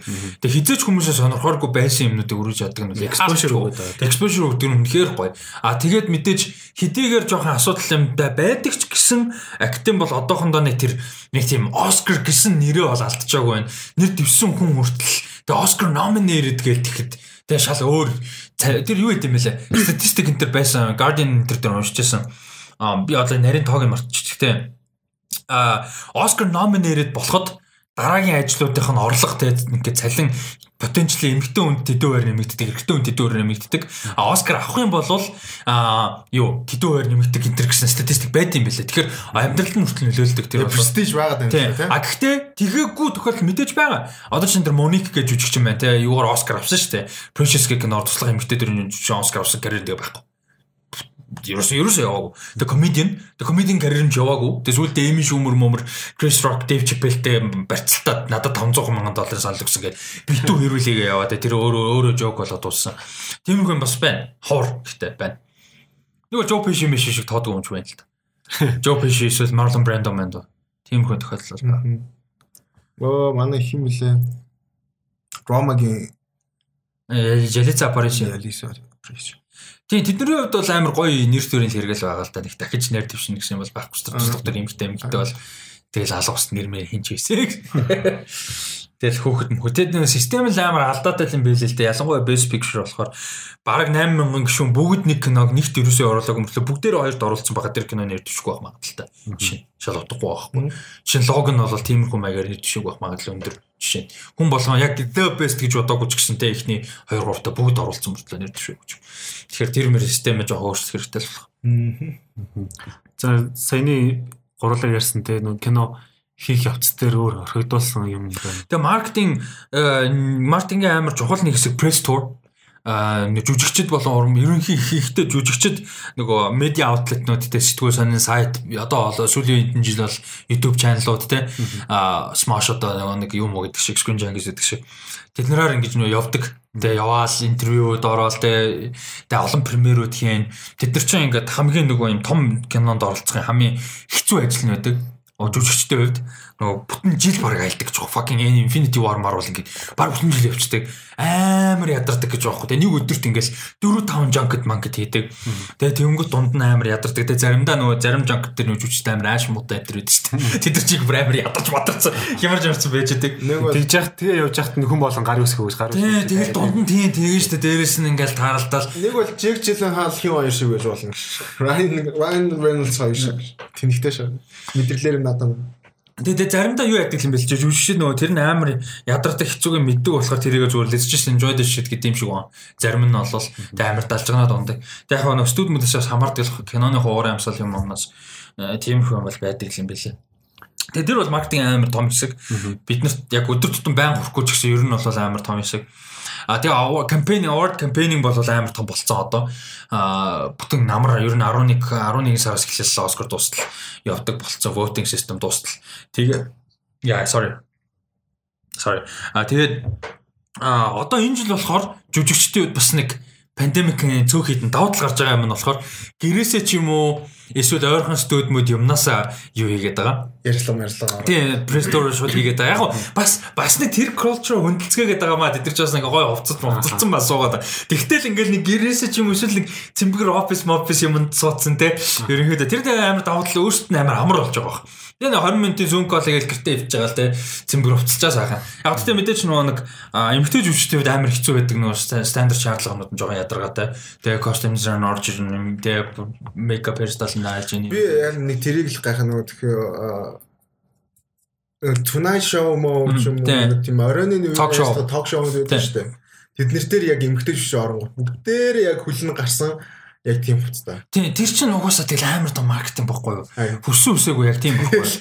Эмгтэй жүжигч level тэгэл богинохон нэг бол dash animation нэг тийм Амар өсгөлтэй гол. Тийм тийм balance sexualize хийсэн юм. Тийм хүссэн үсээгүй тийм тэгээд нөө цаанаас нь угаасаа ч тэгдэг. А дээрээс нь тодорхой хэмжээнд жүжигчдэн ч гэсэн тэр нь өөрсдөд нь эрэг PR гэдгийг мэддэг тодорхой хэмжээнд. А тэрийг зүрдэг жүжигчдэд карьер нь юу жоох хэцүү. Одоо чинь Кан заяа бид нар ингээ Кан хэрэг гарсан киног ярьдаг. Кан амар тэнэг сексист рүүлтэй заяа. Red carpet одоо гейт боо штэ. Гейтнээсээ цаашаага бүр exit хүртлээ бүх хөвчэн эмэгтэй хүмүүс бүгд өсөж тоглоомч штэ. Хитэн чишүүлээ дэше. Бүр тэнэг байгаа штэ амар муухай байгаа хгүй тэр бол бүр тийм балер заяа. Тэгээд тэгсэн чинь тэрийг ингээ амар олон жил жүжигчд хүмүүс ингээ дуран бүтээж шүмжилж байгаа амар сексист рүүлээ энийг болоо. Тэгээ ямар стандарт тавиад байгаа юм бэ те. Гэхдээ тэр нь өөрсөө өөрчлөгддөг. Тэрийгээ бол удаан өмөөрөлтэй аа фэшн дээ эн чинь баг нэг вижюал юм уу? Баг худлах нь артлах нь болов. Тэгээд тэгжсэн чи сүүл Кристос төртэй авах гэсэн. Нэг мань хүн Ланчети яг jury president байдаг жилд баха би андуур байгаа шүү. Тэр жил нөө jury яа нөө шүүгчний бүрэлдэхүүнд байсан аахгүй. Тэгээд шүүгчний бүрэлдэхүүн чинь Кани юуны Хамилтон байсан шүү. Тэгээд мань хүн Red Carpet орж иж өнгөтэй шатан дээр нэснэ fuck the shit өстөд готлоосоо хөл нүцгэн тэр чигээр гараа авч. Тэр бүр амар тэгээд нөө нэг Кани амар том юм юу болцсон гэд мессеж болсон гэд тэрийг өөрчлөн мөрчлөн гэдэг жаах шүү гэсэн тэгтээ өөрчилсөн юм уу. Тэгээ тиймэрхүү юм балан амар хөдөө эмгтэй уран бүтээлчтэй холбоотой. Ер нь бол тэгээ жишээ нь одоо systemic racism гээ ярахаар бид нар sexism ч юм уу racism ярахаар бид нар ингээд монголчууд Монголын нийгэм баг байдаг учраас яг ялгааг нь ойлгохгүй аа чи хар гэж ялгахыг ойлгодог шүү. Тийм байгаа. Тэрнээс гадна зав юм байдаг. Одоо чи сая сайн сексизмийг ярьлаа тийм. Тинчээ тэгэж хандж ин эмгтэй хүмүүс. Дээрээс нь чинь том студид маркетинг хийхээр цагаан арьстай жүжигчд. Тэгээ илүү царайлаг жүжигчд, цагаан арьстай эмгтэйчүүд. Цагаан арьстай эртний хүмүүсээр илүү юугаа илүү хийлэгдэг, кампэйн илүү их хийлэгдэг. Постерн дээр илүү голтон байрлуулдаг. Тэ. Тиймэрхүү юм байдаг яг уу байн бол биш мэдээж Disney Disney шиг топ компани гэх юм бол алуулна баг тэр нь гэхдээ ер нь тийм тохиолдол зөндөө байдаг. Ялангуяа өмнө нь бол бүр амар их байдаг байсан. Тэгээд одоо бол хаа очиж гайгүй. Ер нь бас нэг арай гайгүй болчиход байгаа. Ер нь бол тэгээд тийм болохоор ер нь бол тэгээд одоо харах юм бол чинь үгүй Disney ч гэлтүүдээ ер нь бодолтой та бодоход сүүлийн баг энд гейм хүртэл жишээ постэр болгон дээр Scarlett Johansson-ы постэр ямар байсан Тэгээ поз нь ямар байсан дандаа хажуудсан юм бүкс мөксөн дээр нь тэгээ бүкс юун дээр нь хөхөн дээр нь хайлайт өгсөн байхгүй. Тэгэхээр эртөө хүмүүс нь зүгээр л зогсож байгаа тий гэдэг ч юм уу. Бид тэрийг анзаа бид нар тэрийг анзаарахгүй эмгтэн ч гоё хүн тэгээ бид нар нэг окейг өнгөрөн гэхдээ яг overall system гээ харах юм бол тэр амар асуудалтай. Маркетинг ч нэг хэсэг, кампани ч нэг хэсэг ер нь бол бас муухай. Постэр гэснээс зүгээр яг хаа жоохон дайлаа шүү. Аа нэг тийм постын дизайн одоо нэг тийм яг нэг хэвэнд орсон юм санагдаад байна яг го тэр нөгөө нэг юу л яаж байгаа юм л да. Generic нөгөө нэг танигдах байдлаас нь баггүй. Тэгээ шаардлага байдаг. Гэрээнд нь ялангуяа энд гейм юм шиг постэр те нөгөө том кастер юу болвол нөгөө бүгдээр том жүжигчин дандаа төлөөсөн том эйженсинүүд байдаг. Тэд нар гэрээн дээр нь оруулахад нөгөө том жүжигчд яаж том болгох мэдээж recognitionтэй жүжигчд recognitionтэй байж том жүжигчин болно. Тэгэхээр постэр дээр гарах айгүй чухал, трейлер дээр гарах чухал. Тэгэхээр юу яд юм бэ лээ. Гэрээнд contract-ын clause оруулдаг. За, тэдэн version-ы team постэр дээр байх хэвээр Эсвэл одоо бүр literally fucking Will Smith энэ төр бол одоо бүр айгу бол бүр голдны байх хэрэгтэй гэдэг ч юм уу те айгу бол тэгдэг. Тэгэнгүүтээ трейлер дээр тэгээд тэдэс доор доошгүй секунд гарах хэрэгтэй гэдэг ч юм уу. Тим класс мосонд оруулт юм байлээ. Тэгжээч нүр recognition яадаг. Наад бол сүүлийн үед нь ер нь л хаанзараад хахад тэр өнгөн нь амар адилхан бол нэг яг нэг өнцгөөсөө цинхэр нөгөө өнцгөөсөө улбаршаар яг ингээд ялангуяа Disney постэр Disney сүүл бас тэр нөгөө юу бас тийм байлээ яг анзаарч харах юм бол Suicide Squad бас нэлээд тийм яг тэгээд тэд нар ингээд нэг жоохон Definity гээд ингээд адилхан жоохон ойролцоомод гараад ирэнгүүт монголчууд яг тэрийг найд дуурайд эхэлдэг те. Монголчууд яг яаж хаад инспирэшн авах биш шууд копид нэ копидхдаа Гэхдээ сайн копит бол би юу гэхгүй суулын ерөөсө хадгалахгүй тэ артистик гол юм ин биш зүгээр ингээд аа нэг юм энийг яг юм гоё шааж. Би бол гой копи хийсэн байх юм бол юм хэлэхгүй юу нэг хэлээ. Like oh nice. Тийм Тарантино хэлдэг шүү дээ. Тийм тэгээд постэр дээр болохоор бас нэг юм бид нар яг харчаал generic байна гэдэг. Тэр чинь яг ингээ глобал хэмжээнд явж байгаа учраас хитрхи артистик байж болохгүй байгаа байхгүй юу. Тэгэхээр хүмүүс recognition өрөхгүй, хүмүүс хараад сонирхолтой төрөхгүй дээ энэ дээр болчиход байгаа байхгүй. Тийм учраас А юу гардаг вэ? Гэхээр тэр чинь өөрөө бас дөрвөлээ давуу тал заяа. Яа гэхээр тэрийгэ зөрүүлээд different version гоё Blu-ray make case юмнууд гардаг. Different coverтэй те гоё collector's edition мэдээж. Тэрэн дээр жинхэнэ нөгөө нэг одоо юунууд ч гарч байгаа байхгүй артистик гоё юмнууд нь. Яг тэгэхээр man mit фэнүүд нь авахта тэрийг тоож авах те гоё зорж авах үнэ шинэ гэдэг ч юм уу. Тэр юу нэг Ryan Johnson нэг лаш Лаштай юу постер мастер шиг шал онд байсан. Оо ламуулаа. Тэр лаг Тэгээ generic постэр байгаа. Гэтэ сайд постерууд нас гоё тийм. Ерөөдөө тийм юм. Аа. За тэнгууд кино урлагийн бас нэг том юм юу те. Одоо үнэлэх буюу ревю. Аха. За тэгээд criticism. тий шүүмж. Тэр тал дээр одоо жишээ нь а, за одоо жишээ нь бидний хамгийн сайн мэддэг RT IMDb тэр оноонууд за тэнгууд тэнцээ яг яг ямар хүн оноо өгöd байгаа ямар хүний яг юу шүүмлэгч гээд байгаа.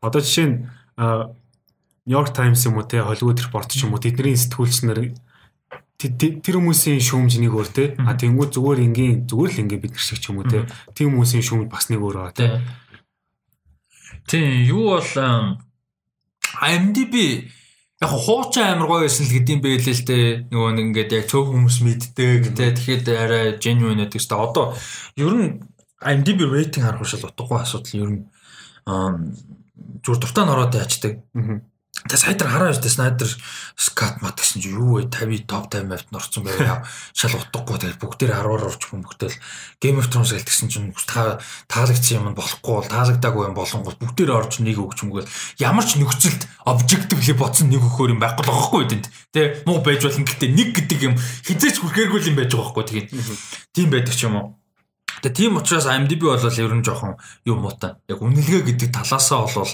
аа credibility байхгүй гэж хэлж бол болно. Гэхдээ IMDb-ийн бас гоё юм. Metacritic score-ыг оруулцдаг.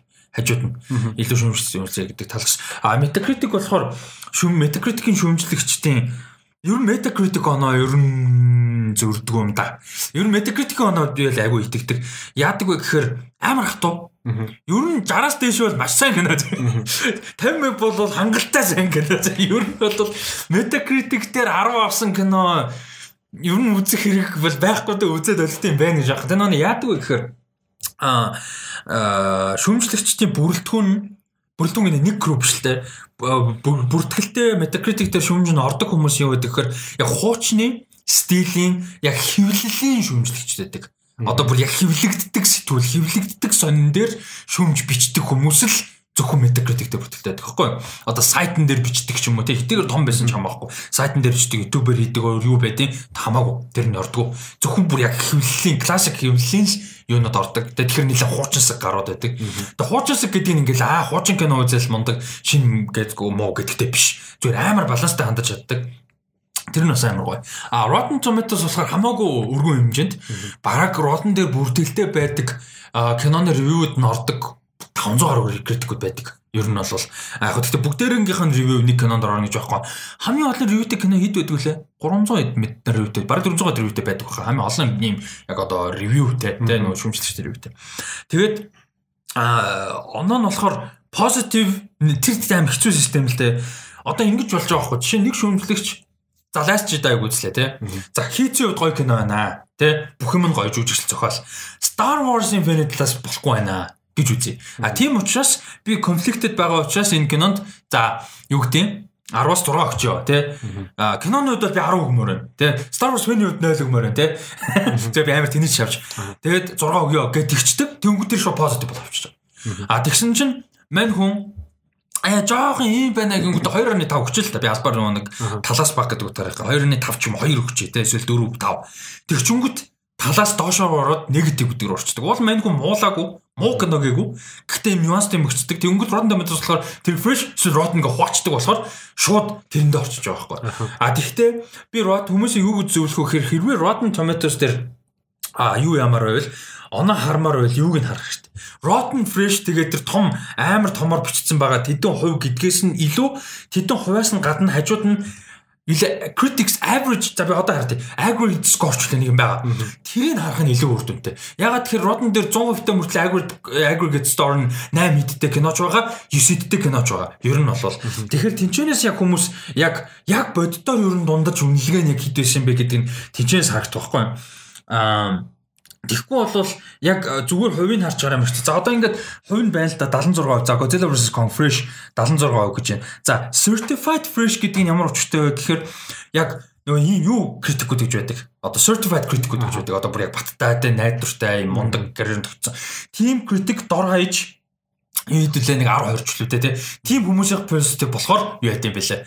Аа certified fresh гэдэг тий. Сүлд Wonder Woman чинь тэгсэн шүү дээ гарангуудаа certified fresh болоод тэгээ certified алдаад тэгээ сүүлийн явсаар госуудаа бараг rotten for орсон яс. А тийм Godzilla ч амар. Godzilla айгуу сайн ба. За ингээ ороо харангуут за юун дээр байна уу? Average score нь гарахаа болцсон юм баг та. Бол байх хэвээр та. Тэр л бол айгуу чухал байт юм да. Сайтаас орвол болж магадгүй энэ таблетэн дээр орсон чинь. За датка кино үзэхдээ point нь бол тийм. Кино үзэхдээ юу үнэлгээ юу нэр хардаг вэ? Аа үнэлгээ нэг хардгүй шүү дээ. Таалагдвал тэгэл үзэл тэгэл таалагдсан. Чи үзээс өмнө таалагддаг яаж мэдэх. Тэгэл тавиал таалагдчихвэл тэгэл үзэл дуусгана. Чи тэг үзэж л мэдэх юм уу? Үзэж л мэддэг шүү дээ. Яг хоо заримдаа харах үед бол хардаг л да. Гэхдээ нэг тоодгүй маа. Одоо жишээ нь цуврал үзчихлээ гэж бодоод Rotten Tomatoes руу орох шал хэрэггүй байхгүй. Зурал дээр бол зурал дээр бол ямар ч хэрэг байхгүй. Тэгэл үзэж үзэж дуусаал тэгэл за за нэг юм их байсан юм байна. Тэгээ дараа нь яг хуу харьцуулж яг өөрийнхөө бодлыг харьцуулж харах ревю бичдэг хүмүүс бол байна. Одоо жишээ нь критик хүмүүс ч юм уу нэг бол Stockman үзэж гин Daniel үзэж гин. Тэгээд эдийг үзлээр тэгээд яг хуу санал нийлэх юм байна. Заримдаа санал нийлэхгүй юм амар их гардаг ярьж байгаа. Тэнгүүд одоо яг нөгөө юу кино шүүмлэгч гэдэг ярингууд хамгийн том төлөөлөл нь Roger Ebert ах тий. Тийм Roger Ebert бол одоо жинхэнэ Rockstar God юу гэдэг бүх юм шүү дээ. Аха. Тэнгүүд тэр хүн ингээд мэдээж ингээд нэрлэгдэл бүгд ялгаагүй кино шимүүлж нараад baаш тэнгүүд тэр хүн яг юугаараа өөр агаад ингэж онцгоороод танигдсан байх. Киног үзээд кинонд дуртай байх, киноны талаар serious ярилцах бусдаа хуваалцахыг nerd shit биш юм а бүгдээрээ тэгэж болно гэдэг хүмүүс төрөгцөн үн Jin Cisco, Robert Roger Ebert хоёр байхгүй. Тэгээс тэрнээс өмнө критикуд байдаг. Гэхдээ нэг art critic, food critic шиг нэг юм сонин сэтгүүл дээр бичдэг нэг хэдэн ааш муутай юм шиг л ойлголттой байсан. Тэрийг mainstream болгосон юм байхгүй. Яг эсэм энэ дээр одоо үеийн хүмүүс ингээл critic гэхэл юм юм яг эсэм дээр тэр тийм болгосон үн өөрөө mainstream болгосон байхгүй тэр чинь Roger Ebert, Jin Cisco хоёрын. Тэгээ тэр хоёрын тэр шоу амар алдартай. Одоо би нэрийг мөрчиж тэр шоун дээр ингэж нөгөө кино шин 7 хоног болгон шин кино ярьдаг те. Тэрэн дээр ингээ two thumbs up up гэдэг те thumbs down маа гэдэг юм. Ягаад тэрийг амар basic thumbs up thumbs down гэдгсэн чинь хүмүүст ойлгоход амар гэдэг жисэн баахгүй. Яг дэндүү complicated юм хүн болгоо яахгүй. Тийм учраас хүмүүст ойлгоход амар учраас thumbs up thumbs up down бол илүү simple. А гэхдээ ярих юм ярьчихаа. Тэрдэг байсан. Л болохоор би үзэн гэж чинь recommend хийж гин үгүй үнийг бол үгүй. Тийм. Рейтинг өгдөг. Тийм. Ер нь Earl-ийн тэгээ Chris Tuckman ер нь яг genuine critic хүмүүсийн хамгийн том inspiration ялч уу Cisco тийм. Chris Tuckman аймаг гоё.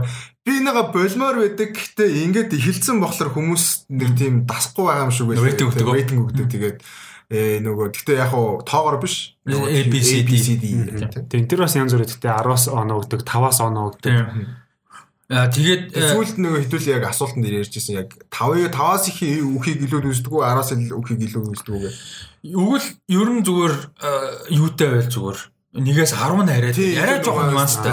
Тэгвэл нэгээс 5 гэчихээр 3 2-ын хооронд амар томил гарчаад байгаа байхгүй. А тэгэхэд 405-ын хооронд бас ялгаа байгаа байхгүй бол ядаж 2.5 гэж өгдөг ч юм.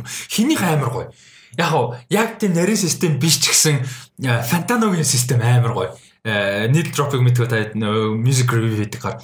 Фантаногийн тэгдэг байхгүй strong 8 light 8 mate гэдэг за тэр нэг юм гоё нюанс өгчдөг light 8 гэхээр 7-оос жоохон чанга юм шиг мөртлөө амар strong 8 биш байгаа даа мэн гэсэн нэг тийм юм бас зүгээр ер нь. Гэхдээ ер нь л rating димээ дээ. Одоо тэгэл ядаргаатай шүү дээ. Фантаногийн тэр нөгөө My Beautiful Dark Twisted Fantasy дээр 6 өгсөн нь одоо уртлаа гэдэг. За 11 жил мем болцсон заяа амар ядаргаатай. 10 өгөө гээд Тэгээ тэрэн шиг ер нь жоохон ядаргаатай. Үнэлгээ өгчөөр хамгийн хэцүү юм яадаг вэ гэхээр ярьсан бүх юмыг нь битсэн ч юм уу те бүх юмыг байхгүй шүү дээ хүмүүс тэгж шанддаг үнэлгээг л яриад шууд анаг нарсан тийм тэгэхээр ер нь үнэлгээ өгөхгүй байсан илүү амар. Аа тэгээд үнэлгээ хармаар бол миний хувьд бол би Canon дээр Metacritic илүү хардаг. Аа Rotten тодорхой хэмжээнд бас харна гайгүй. Аа тэгээд цуврал дээр л хизээж битээ Rotten Tomatoes хар тэрэн шиг bullshit байхгүй. Угаасаа бүр бүр ерөөсөө хэрэггүй. IMDb кино гэдэг шиг. Харин цуврал дээр Metacritic IMDb харуул зөвөр. Ер нь IMDb бас гайгүй шүү цуврал. Тэгээд сүүлийн үед бас юг хардаг болчиход байгаа. Цуврал дээр шүү, бол биш. Аа Google руу оронгууд шууд review гэдэг байхгүй. Од 5-аас 5 тодорхойцсон. Тэрийг унших юм бол бас дайчгүй. Яг хөө тэгтээ нөгөө илүү яг юу хүмүүс одоо яг IMDb шиг байхгүй юу? Тэгэхээр бас зарим нэг юмтай санал нийлэхгүй байх юм байгаа. Гэхдээ амар олон хүн зэрэг өгдөг болохоор тэр бас аятаа харагддаг. Юун дээр бол цуврал дээр бол. Тэгэд нэг юм одоо бас нэг юм хүмүүс ойлгох хэрэгтэй. Ингээ заавал шүмжлэгчд амар сайн байсан байлээ гэд хүн таалагдах хаалбитай бол биш. А шүмжлэгчд 0 өгсөн байсан ч хүн таалагдаж болохгүй гэсэн үг шүү дээ. Тэр чин таалагдах гэхээс илүү кинон сайн уу муу юу гэдэг юм бохгүй юу? Хүмүүс тэрийг таалагдах гэж бодоод байдаг. Тэгээ Last Jedi Certified Fresh 91 нэг уурлаад байдаг чи тэр байхгүй. Таалагдах нэгөр сайн муу гэдэг нэгөр. Одоо чинь Guardians би бүр fucking I fucking love that movie зав. Гэхдээ рейтинг амар өндөр. Гэхдээ тэр киноноос баг ингээд 50 шид муу юм нэрлж чадсан. Бараг амар тэнийг юм зөндөө штэ. Ron Dal бодорой бүх юм шид. Гэхдээ тэр чинь ингээд нэг тийм тодорхой хэмжээнд хүлэн зөвшөөрөөд таалагдах таалагдахгүй сайн муу гэдэг нэг өөр юм байгаа байхгүй. Тэр баланс. Тэгээд нөгөө хүмүүс юуг бас амар хүлээдэг нөгөө одоо ингээд ревю хийж гэн за яг хуу бид нар бол нэг criticize хийхээсээ илүү ревю хийж байгаа юм шүү дээ. Тэгээд эрэнгүүд нөгөө өөрөө таалагдж байгаа киног нь дуртай хүлээж авах нэг тийм шаардлагатай юм шүү. Тий. Тэгээд нэг бол одоо дуртай киног нь муулчин гот ууралдаг юм. Тийм баг. Confirmation байсан. Аа. Тэгээ кино шүүмж ярьсных за ер нь бол олон улс бол тийм байж тээ. За IMDb, RT, Metacritic гэдэг юм хүн таарч байна. Монголд ямар байна? Монголд одоо уулын тийм нэгдсэн тийм системтэй болох талаар амар олон жил одоо худалчинд 10 жил боллоо. Тэгээ та хоёр мэдчихлээ шүү дээ. Хэдүүлээ Filmon гэж байхаас өмнө хүртэл ярьж лээсэн. Filmon-ыг үүсгэн байгуулсан гол ID-нуудын нэг төр байсан. Хинэн тэр салбартай юм аасан яг яг ярих юм бол тэ тэр 50 хэдэн хүний хурлаас хэдэн яг тэр салбарт үлдсэн. Тэгэхээр жоохон хэцүү. Аа гэтээ яг хуу яг actively ийм хийж байгаагүй л мөнгөн байгаах. Аа бид нар байгаах. Тэгээд бид нар гэдэгтэн дээл нь орчиж байгаа. Тэгээд одоо өөр байгаа юм байт юм. Яг actively бүр яг бүр яг actively шүү дээ. Тэгээд зүг. Тий, ер нь яг ер бол тэр байгаа байгаа байгаа. Гэхдээ би бол яг хийж мэдэхгүй байна. Яг мерсер хийдэг хүмүүс бол байгаа байхгүй. Мерсер байгаа. Гэтэ яг бүр actively байна гэдэг нь бол байхгүй байхгүй. Тэнгүүд аа хүмүүсийн одоо монголчуудын эргээд нөгөө нэг тэрийг хүлээж авах нь ямар хань гэж бодож байна. Зүгээр анх эхэлжсэнийг бодлол хамаагүй дээр болж эхэлж байгаа. Анх X 30 та хийдэг байхад ээ бурхан минь амар байсан. Тэгээ гэхдээ одоо бол хамаагүй дээр болж эхэлж байна. Тэгтэл одоо тэгэл хэвээрээ хэвээрээ хэвээрээ тэгэл нөгөө сая сүлтэр Snyder Cut дээр те юу лээ дэлхийн хэмжээний кино чам шиг юмнууд ингэдэггүй юмнээ да. Чам шиг юмнууд шүмжлэхгүй юмнээ да. Нэг тэр юу гэхээр амар мана колчтой холбоотой. Бүр яг ингээд арт түмний амьдралын өдөр тутмын амьдралын монголчуудын бүр яг юм soil culture-тай амар холбоотой. Тэр юу гэхээр шүүмж гэдэг зүйлийг ерөөсөө байхгүй. Яг юм constructive criticism гэж бид бид нар нэрлээд байгаа тийм. Тим шүүмж гэдэг зүйлийг бид нэр сурч өсөөг байхгүй. Гэр бүл дундаа, найз нөхөд дундаа, ах эгч нар аав ээж эмээ өвөө аа сургуул 10 жил их сургуул ажил хаанч ерөөсөө нийгэм нөө constructive criticism гэдэг юм ерөөсөө хүлээж авч сураагүй. Харин би бас тэрэндээ хийж сураагүй, хүлээж авч сураагүй. Тэрэндээ тэгж бодоод идэв. Одоо ингээд бид нэрсэн юмнууд хийгээл гаргаж байгаа. Тэр доор нь хүмүүсээ өөрсдөө хаалцж байгаа. Тэгээ нөө одоо criticize хийх юмуд зөндөл байгаа шүү дээ. Тэрийг бол хэлэмширж байгаа надад алдаа байна. Тэрнээс суралцаад цаашаа дээр болохыг хүснэ те. Тэнгүүд ингээд а бичиж байгаа юм нь нэг тийм ерөнхий ингэж одоо ревю хийдгүү маа гэж байгаа байхгүй юу. Тэгэж яа яа юу нь буруу байгаа юм би яг ямар алдаа гаргаад байгаа Нэг бол одоо алиг нь засмаар байна те. Одоо яа жишээ нь чи суул үг хэрэглээд байна гэж бичсэн баг тэр чинь тодорхой хэмжээнд те болчихж байгаа байхгүй. А за би амар хэрэглээд байгаа минийгаа болох хэрэгтэй. Тэгэхгүй а ингэж юм хийдгүү маа гэж бичих юм бол би юу ойлгох юм те. Яг юуг нь буруу хийгээд байна те. Тийм болохоор яг шүмжил бичиж байгаа хүмүүсийг ингээд нэг тийм тодорхой тэгээд нэг тийм яг ийм байна, тийм байна гэдэг нэг тийм constructive criticism-эл бас үгөөсөө л гэж хүсэж байгаа. Тийм хүмүүс одоо яг нийгэм дээр яг тийм бах бид нар 10 жил их сургууль гэр бүл зайрчтэй. Тэд нар дээр яадаг гэхээр таалагсан таалагдаагүй, сайн муу, босон болоогүй, гоё муухай тийм л ерөөсө binary systemтэй. Яагаад гоё юм бүү мэд. Гоё мөртлөө сая Gardens дээр жишээ те. Надаа таалагчин гэхдээ ийм юм болохгүй байна гэдэг нюанс байхгүй ерөөсөө юм амар хэцүү. Тэр чинь уул нэг тийм хэцүү юм ерөөсөө байхгүй. Жохон нэг 5 секунд бодчихвол болох юм болж байгаа байхгүй уул нь бол. Тэгэхээр ер нь жохон толгой ажиллуулад цаг зарцуулаад уул тэгэхэд зурчил нэг тийм болохгүй юм. Тэгээд нөгөө criticize хийхлээр шууд ууралдаг. Тийм амар хэцүү. Тэр нь хэцүү. Тэгээд яг хоо тэр чинь ингээд нэг тийм ойлголцох юм байна. Тэгээд criticize хийн гэдгээ хүнлүү дайр, хувь хүнлүү халтах, доромжлох гэж боддог. Тийм. Бас тэр одоо чинь бид нар хичнээн criticize хийж байгаа, хичнээн шүүмж ямар жоо хокин fucking хорвогийн хамгийн trash кино байсан ч гэсэн бид нар хувь хүнлүү доромжлохгүй л юу? Муурамт бүтээлч хийж болж байна. Аха. Хизээч хувь хүнийг нь доромжлохгүй л юу? А тэгжээвэл тэр тэр цэвэр бидний буруу болно. Тэгээ тэр бол шууд хариуцлага хүлээх ёстой. Ямар нэг хүрээнд. Тэгэхээр тэр тэр нэг юм балансаа барьж сурах хэрэгтэй. Ер нь бол Тэнгүүд би нэг жишээ санаж л та MMF дээр нэлээд жилийн өмнө нөгөө Машнууц гэдэг кино гараад тэрний нэг ревю орсон. Ер нь бол нэлээд сөрөг ревю байсан. Тэгсэн чинь найруулагч нь өөрөө орж ирээд тийм баталцээ. Тийм. Ингээд тэр одоо яг хэрэлцэн гэх юм уу одоо санал зүрлцэн гэх юм уу тэгээд ихсэн те. Тэрэн дээр одоо жишээ нь тэр бол уг нь яг л сайн нийсэн шиг те нөгөө кино уран бүтээлч дөрөв биш зүгээр киног нь яриад яасан чинь орж ирснээр а би юу юу гэцмээснээ санахгүй байна. Тэр чинь манай лавга лавга ясаж манай лавга гэнэ. Тэр чинь юу ч биш MMF ч биш заяо. Бүр кино ярьдаг групп чи өөрөө ньюс фидтэй зүр өөрөө оруулсан байхгүй юу. Тэгээ тэрэн зүгээр хүмүүс шеэрсээр өгцөн. Тэгэд гисэн чинь хамгийн түрүүнд орсон ахын дүү цэргийн албанд 3 жил над шиг явчаад наа киногоо ингэж ярьж заяо гэж бичсэн. Хамгийн тэнийг юм тэр. Тэгэл тэнчэнээс угаас амар их юм яригдсан тэрэн дээр тий. Гэтэ хамгийн бэсик нь тэр байсан. Тэгээ тэр амар тэнэг байхгүй. Тэгээ тэр энэс салгал ихтэй. Одоо чинь түрүү хэдүүл ярьсан шүү дээ. Окей түрүү гэж юу нүний өнөөдрийн fucking эпизод юм те. Кино хийгээд ямар амар хэцүү вэ гэдэг. Зүгээр амар general ярьлаа шүү дээ. Хийж чадна гэсэн үг ш. Гэхдээ тэглээгээд эцсийн бүтээлийг хэцүү юм хүмүүс хэцүү хийлээ хийлээ гэд бид нар тэрийг яашин тэгээ зүгээр тарихгүй ингээд консюминг гэсэн үг биш үү тийм үстэй. Одоо тэнгуү сайн нэг кино шүүмжлэгч нар ярьж байна. Тэнгуү кино шүүмжлэгч нар чинь за яг өмнө кино хийдэг байсан ч юм уу те тэгж жаа болцсон шүүмжлэж болсон ч юм уу. Эсвэл бүр огт кино хийдэг мөртлөө кино шүүмжлэг тийм хүмүүс бас байж болно шүү дээ. Тэнгуү тэр хүмүүсийн бодол кино хийж үзээг болохоор ямар ч хамаагүй гэсэн үг биш болчих. Тийм шүү дээ. Тийм чи үзэгч. Тэнгүүд Монгол болохоор яг эсрэгээр аваад идэхтэй. Түрүү нөгөө ярьжсэн те натурд гарах гээл. Та нар тэгж үзсэн үү, ингэж үзсэн үү? Кино хийж яг за мэдээж өөртөө биеэр experience хийгээд тэх бол тэр өөр мэдрэмж. А тэрийг бол үүсэх аргагүй. А тэгтээ а тэглээгээд үзээд бид нартэй бодол төрөөд тэрийг илэрхийлэхээр илэрхийлэх болохгүй болчихно гэсэн үг бас биш те. Бид нар ч амар энгийн жишээ авч тэрэн дээр ярьдаг ш. Бид нар дэлгүүрээс хувц авах, дэлгүүрээс продукт авах, тоолны газар соол итгэхэд айн хүмүүс хөдөлмөр гаргаа хийцэн юм чинь ингээд шид юм мэдээд шид юм бодлож аваад тэрэн дээр дургуцгүй байдгүй л байсан. Тэгвэл ямар ч адилхан бохгүй ялгаагүй бид нар завхтаа за нэг хосны үйлдвэр тачаад ажиллаад үзчихээ. Тийм одоо олон жи олон хүмүүс дамжсандаа олон хүмүүс ажилласандаа за яах вэ яах вэ урахгүй юм баггүй л үстэй. Тэ тэрнтэй адилхан л байхгүй. Энэ чи хөдөлмөр орж байгаа мэдээж мэдж байгаа. Тийм ч учраас мөнгө төлөө fucking үзэж байгаа Монгол стандар. Тэгээ бид нар мөнгө л үзэж байгаа шүү. Тэгээд тэгээд тэгээд эцсийн бүтээгдэхүүн хамгийн гол нь бид нар тийч хөдөлмөрийг нь үгүйсгээд байгаа биш consumer гэдэг талаас харж байгаа гэдгийг ойлгох хэрэгтэй байхгүй юу? Тийм үстэй product чинь product гаргаад дээ. Нэг кино гэдэг тийм.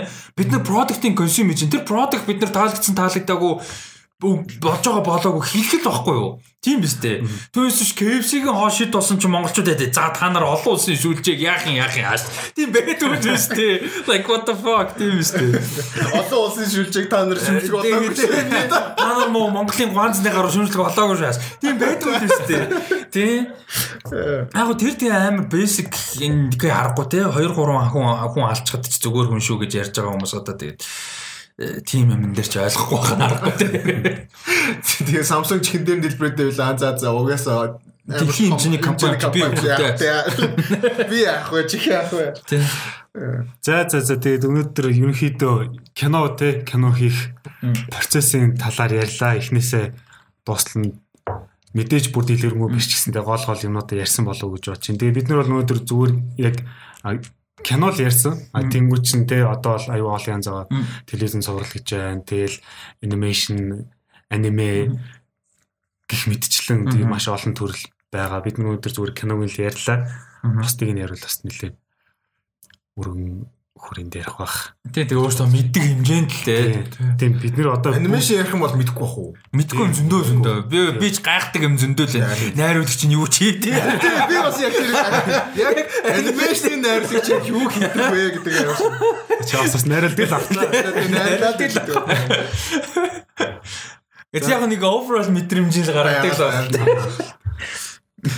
За за тэгээд хоёрт өөр хэлж ярих юм юу байна өнөөдрийн дугаарт? Тэгээ ер нь бол та нар тэгээд тэгээ 2 цаг суугаад подкаст хийж чадаагүй болол тэг битээ шүү. Та нар тэгж үзээгүй тий. Юу ч бас ажил ааш. Та тэгж үзсэн юм ааш. Тийм амар шээ. Юм ярьж ярьж зүйлд нь тэгж дуус. А тийм кинон дээр одоо чинь бид нар бас ингээд ингээд нөө процессын дагуу явж явж байгаа ингээд театр театр гараад ингээд дараа нь дистрибьюшн ингээд ер нь айгүй нөө ерөнхий киноны талаар ярьлаа ш. Тэнгүүд одоо сүүлийн зарим хүмүүс ч одоо уц мутнэр кино ч дээ штэ. Ядаргатай. Тэрэн дээр юу гэж бодож байна? Уу яг хөө тэл гимиктэй хэцүү шүү дээ. Тэрийг яг боддоор сайн хийн гэдэг бол угаасаа боломжгүй. Гэтэ зүгээр Solar Berg шиг хүмүүс өөрөө ингэсэн юутай учраас туршлагатай, мэдрэмжтэй, тэгээ бүтэн крүүтэй учраас утсан дээр линз минз нэмж аваад эвлүүлгийн програм нэмж аваад ингээд хийж ин тогтсон карьертэй хүн учраас чадсан ш бид нар тэр хүн тэглээгээ бид нар iPhone 5s дээр кино хийж чадна гэсэн үг биш шүү дээ. Тийм. Тэгэхээр ер нь бол хэцүү. Тэгээд одоо хоёр багийн зүгээр камертай нэг өөр орсноо кино хийчих тохиол бас байж тээ. Эсвэл одоо Крис Такманыг би бас үздэг. Тэнгүүд өөрөө болохоор нөө кино хийж үл үзээгүй. А тэгсэн мэтлээ ингээ кино хийх гээд амар үгсээд short movie энэ айгуус хийж оролдог. Кино хийсэн шүү дээ. Нэг нэг кино хийсэн шүү дээ. Нэг кино хийсэн. Нэг хоррор кино хийсэн юм. Өөрөө тэрийг гаргасан шүү дээ. Гаргасан гаргасан. Нэг энийг хоррор кино хийсэн. Тэгэхээр ер нь бол тийм те. Тэгэхээр нөө бүгд яг кино уран бүтээлч биш ч гэсэн киноны одоо нэг дотроо хийх юмнуудаас айгу өөр өөр юм те. Тэгээ сайн нөгөө нэг подкастаар бидэд яг ярьжсэн өмнөх дугаараас сүүлд 914 дээр ярьжсэн жишээ нь фильм мейкинг энэ бид саяныхаас саяны бидний ярьсаас бүтэн сондоо ер нь явж байгаа байхгүй тий. Фильм мейкинг гэх юм бол тий. Тэгээд юу зураг муурал бас тий. яг уу манай тэр culture үсээгөө гэхдээ бас байдгүй гэж бол хэлэх бол муухай. Жохон байхад нөгөө юу заагсан нүд мүд гэдэг юм байдаг л байсан. Аа тийм одоо ингээд нэг тийм American culture харж байгаа хүүхдүүд нь доо багаас нэг камертай. Тэгээ тэрүүгээр ингээ янз бүрийн хийгээ сурцсан байгаа байхгүй. Одоо жишээ нь тэр нөгөө me and me Earl and Dying Girl л үү те. Me Earl and Dying Girl. Тийм тэр одоо хоёр найз кино хийдэг те. Яг тэнэг юм шиг өнгөртлөө тэгээ кино хийдэг. Тэгээ тэрийг эдитлээ сурцсан те. Тийм байгаад байгаа байхгүй. Тэгээ Монголд яг тийм хийдэг хүүхд залуучууд хэрэг байдаг би мэдэхгүй байна. Зүгээр байдаг бол яг тийм хүн дагуулна гоё YouTube YouTube хийгээ гэж үл аим гоё. Байдаг болцсон юм бэлээ. Ер нь сүүл харах юм бол 14 15 оноос шалтай ас кино фестивал фестивал дээр шорт юм дээр амар олон орцдог болсон бэлээ. Тэгээ гол нь яг нөгөө тэдний нэг алтан хайсан би шүмжлээд байдаг юм. Энд эндийг өгчгээд байдаг тэнэг байхгүй ингээд хүмүүс төрлөөгээд артистик юм алдна гэсэн үг биш гэдгийг л ойлгохгүй байх шүү. Тэрийг ойлгож юм бол тийч зөндөө гоё юм байгаад байгаа байхгүй юу? Ер нь бол яг зарим нь инди байхын тулд инди юм байгаа. Гэхдээ тийч алтаас тэр амар олон кино минууд бэлээ. Жилийн жилд бүр айгүй олон сонирхолтой бүтээлүүд өрсөлдөж мөрсөлдөж болцсон. Уул нь гоё болж илээ. Сүүлд сая юу амар гоё яасан бэлээ Өө би одоо өнөөдөр ч ингээ нэр нэр мартчих юм аа. За бас нэг студ за ер нь кино хийдэг болж байгаа. Аа ер нь фотостуд амар том фотостуд Монголда нэлээд баян нэлээд павертай том олон крүүтэй. Тэгээд тэднийх кино хийдэг болж эхэлж байгаа. Тэгээд тэдний дотор тийш айгүй хөөрхөн санагдсан надад ID нь. Яасан гэсэн чи тэд нар дотроо ажлынхаа бүрэлдэхүүнийг 2 үлэг 3 хуваагаад дундаа шагналтай хитэн төгрөгийн чинь юуны ч гэнэ шагналтай кинонууд хийлгсэн юм бил. Бажеттай. Юу л 100 сая төгрөгийн чөлөө 500 сая төгрөгийн бажеттай ингээд крүү хуваагдаад тэгээ тэд нар кино хийсэн. Тэгээ дундаа өрсөлдөж мөрсөлтөд дотроо тийм хийсэн юм бил. Тэгээ тэрнийх нь хоёр киног үзсэн би short film. Айгу яг уу нэг нь жоохон cringe мэнж тэгээ ажийн хөөхөн. Нэг амар бажет багтай хийж мэдсэн. Тэгээ нэг нь ингээл нэг юм алдар сүрэл юм цуврал алдарчин баг ингээл нэг юм амбар дотор ингээл сүхмөх юм ирлээл байжсэн чинь ирлээ илч юм ирж ирж мэрэл за юм юм уутай нөгөө юу гэдэг л хадуур мадууртай тийм нэг юм хөөд юм өөдтэй тэр нэг имээ тоглолцсон. Зөв нэг настай жүжигчин тоглож мөглцсон тэр нь жоохон кринж зарим нэг юм. Гэхдээ ингээд ID нэм хөөрхөн байгаа байхгүй. Тэгэл тэгч мэгэл. Тэгээд тэгсэн чинь юу яаж магаал тэр ирлий чинь тэрэндээ тэгсэн чинь бүр ууралж мурлангуудаа бүр ингээд баг гомж байгаа хгүй баг та нар одоо баг хүний аймыг баг ингэж яахгүй баг тийм баг уурж урал тэ баг одоо чамаг баг аалах харин маань тэгэл нэг тийм хүн тэгээ нөгөөдг нь болохоор ингээд хүүхэд тасамжийн газар мацтай холбоотой. Амар хөөрхөн storm байна бэлэл тийм миний ярих хэрэгтэй юм болов. Я мэдгүй. Болохгүй байсан. Гэтэ тийм нэр мэрийг хэлээг юм чи. Тийм хүмүүс хийсэн юм лээ. Дотроо тэр уул нь бас гоё л лээ. Тэр бол тэгэл э, юунаас студиэс өөртөө хэлбэртэй гараад. Тийм одоо зүгээр яг чиний хэлдгээр нэг тийм платформ шиг байгаа байхгүй Монголд одоо алтан алтаас алтан айлс гэдэг. Зүгээр гэхдээ хэрвээ яг тийм байхгүй бол өөртөө бас ингэж ширлээд гоё гаргаад явуул аим гоё юм магадгүй. Одоо Улаанбаатар олоос киноч то шорт фильм ихтэй болчих шүү дээ. Монгол уран бүтээл шүү дээ. Улаанбаатар ч аюул олон төрдөг болсон шүү дээ. Сүүлийн хэдэн жил яаж яхад нөгөө Parasite юм уу гараад Shoplifters Shoplifters гэдэг аюул олон том мундаг тооны ярд нөө юу юучлээ. Амар олон том кинонууд гараад нөгөө юу яадаг болсон. Reputation сайтай болсон. Тэгээ одоо тэрэн дээр ер нь жоохон шийдлэх хэрэгтэй. Тэр нэг хитэн Тэнгис мэнгсээс явах хэрэгтэй. Тэнгүү тэнгисэн ч одоо дүүрч зүгээр тэр юм уу болох хэрэгтэй. Тэр арт каунслийнхаа хитэн хүмүүс хөгшин хүмүүс хүмүүсээ болох хэрэгтэй жоохон залуужуулаад жоохон хүмүүс рүү хүргээд илүү гоё организационтай болоод жоохон маркетинг хийгээд wide audience-тай болоод жоохон тэхгүй болол тэгээд тэр short film интертэй болчихлаа гоё болно. Тэгч бол уул амар гоё. Улаанбаатар ус айгүй гоё шүү дээ. Би одоо 3 жил 4 жил бараг би лээ тий 4 5 жил дараалаад яаж ин би бол миний намрын бүр ингээд хамгийн хүлээдэг юмнуудын нэг болчихсон. Гэтэ тэр байхгүй гэж загсан нүд гэдэг нэг хөөх юм байдаг л байсан. Тийм UBS гэдэг байсан. UBS гэдэг байсан. Тэгээд Орс морчлоо явдаг дээ. Тэгэхээр одоо жишээ нь тэр Улаанбаатар фестивалаар угаасаа international хүмүүстэй Локорно тий Локорно ахгүй юм нэрийн амартац фестивал. Локорно Мокорно бусан юу гэдэг айгүй олон фестивалийн хүмүүстэй ажиллаж байгаа юм чи тийчээс тэднэрт скрининг хийхэд гоё байхгүй юу? Тэгээ тэр short filmнуудаа тий. Why not? Тий тийчээс тэгэл тэгээ муу байж болно. Тийчээс суралцаал явж шүнжээ хүлээж аваад тэр хүмүүсээс чинь тийм international фестивалууд дээр ажилладаг кино шүүдэг хүмүүсийн шүүмж хамаагүй хэрэгтэй шүүмжирэн тий. Тэднээс юм тэмдэглэж аваад За дараа нь гадагшаа кинон гарахгүй махад кино уран бүтээлч талаас хүртэл хэрэгтэй шүмж ирэх л байхгүй. Тэгэхээр уулын тим юм хийвэл гоёлох. Тэгтээ ер нь фестивал айгуу гоё хэсэг. Ер нь кино урлагийн бас айгуу гоё салбар дистрибьюшн дундаа дистрибьюшны дунд ч юм уу дараа ч юм уу. Гэтэ Монголд яадаг байх те тиймэрхүү юм өөртөө яг өөртөө л мөнгө гаргадаг байх те одоо онгоцны тикет мэг гэж юу гэдэг юм. Тэгэн штэ тэгэн штэ. Яа яг хуу кино минон тэнцээд янз бүр болсон бол яг скрининг ч юм уу нэг ганц өөр хүлэн авалтанд нь ордог түүнээс шүү тэгэл зарим нь мөнгө төлт юм байлаа штэ. Эрхээ авчингууд оролцож байгаа мөнгө төлнө. Тэгээд мөнгө төлөхгүй ирэх нь угаас асгах чинь зарим нь тийм заваа юм билээ шүү дээ. Тэгэхээр мөнгө зөнгө төлдөг. Тэр нөгөө тэгээд яга мөнгө төлөн байж фестивал наадам юмд ордог гэхээр навч авна постэр дээрээ тэр фестивалд нээсэн байсан гэл те. Тэр навчнууд ч бас чухал. Юу тоглоомчгүй тэгдэм билээ. Ганц хоёр навч авцсан байгаад бол цаашаа нэг явдаг гэдэг байгаа байхгүй. Тоглоомчгүй худалч үнд те. Худалч үнд ингээд томроо явч те. Яг дандаа тэгж болж чадахгүй. Тэгээс юм амар явсан шүү дээ. Яг нэг тийм сүртэй сайн юм шүү дээ. Хиймэр энэ төр бүр амар сайн явсан шүү дээ. Фестивалуудаар. Гэтэ тэр чинь бас ингээл те навч зурлалаа явж байгаа байхгүй бас тэр үг. Хиймэр гэхдээ шүүдинг гоё. Тэ тэ зураг гоё. Тэгээ яг unique culture болохоор сонирхолтой байгаа. За за за тэгээд өнөөдрийн дугаараар кино хийх тий явцын талаар тэ ярьлаа. Гэтэ өөр хэлэх юм байна. За ингээд дуусчих тий. За ингээд дуусах дуусна. За за. За тэгээд хамт байсан хүмүүс сонсогч нартаа баярлалаа. Баяртай. Бай бай бай бай. За жаа курсор болтгоо. За за. Бай.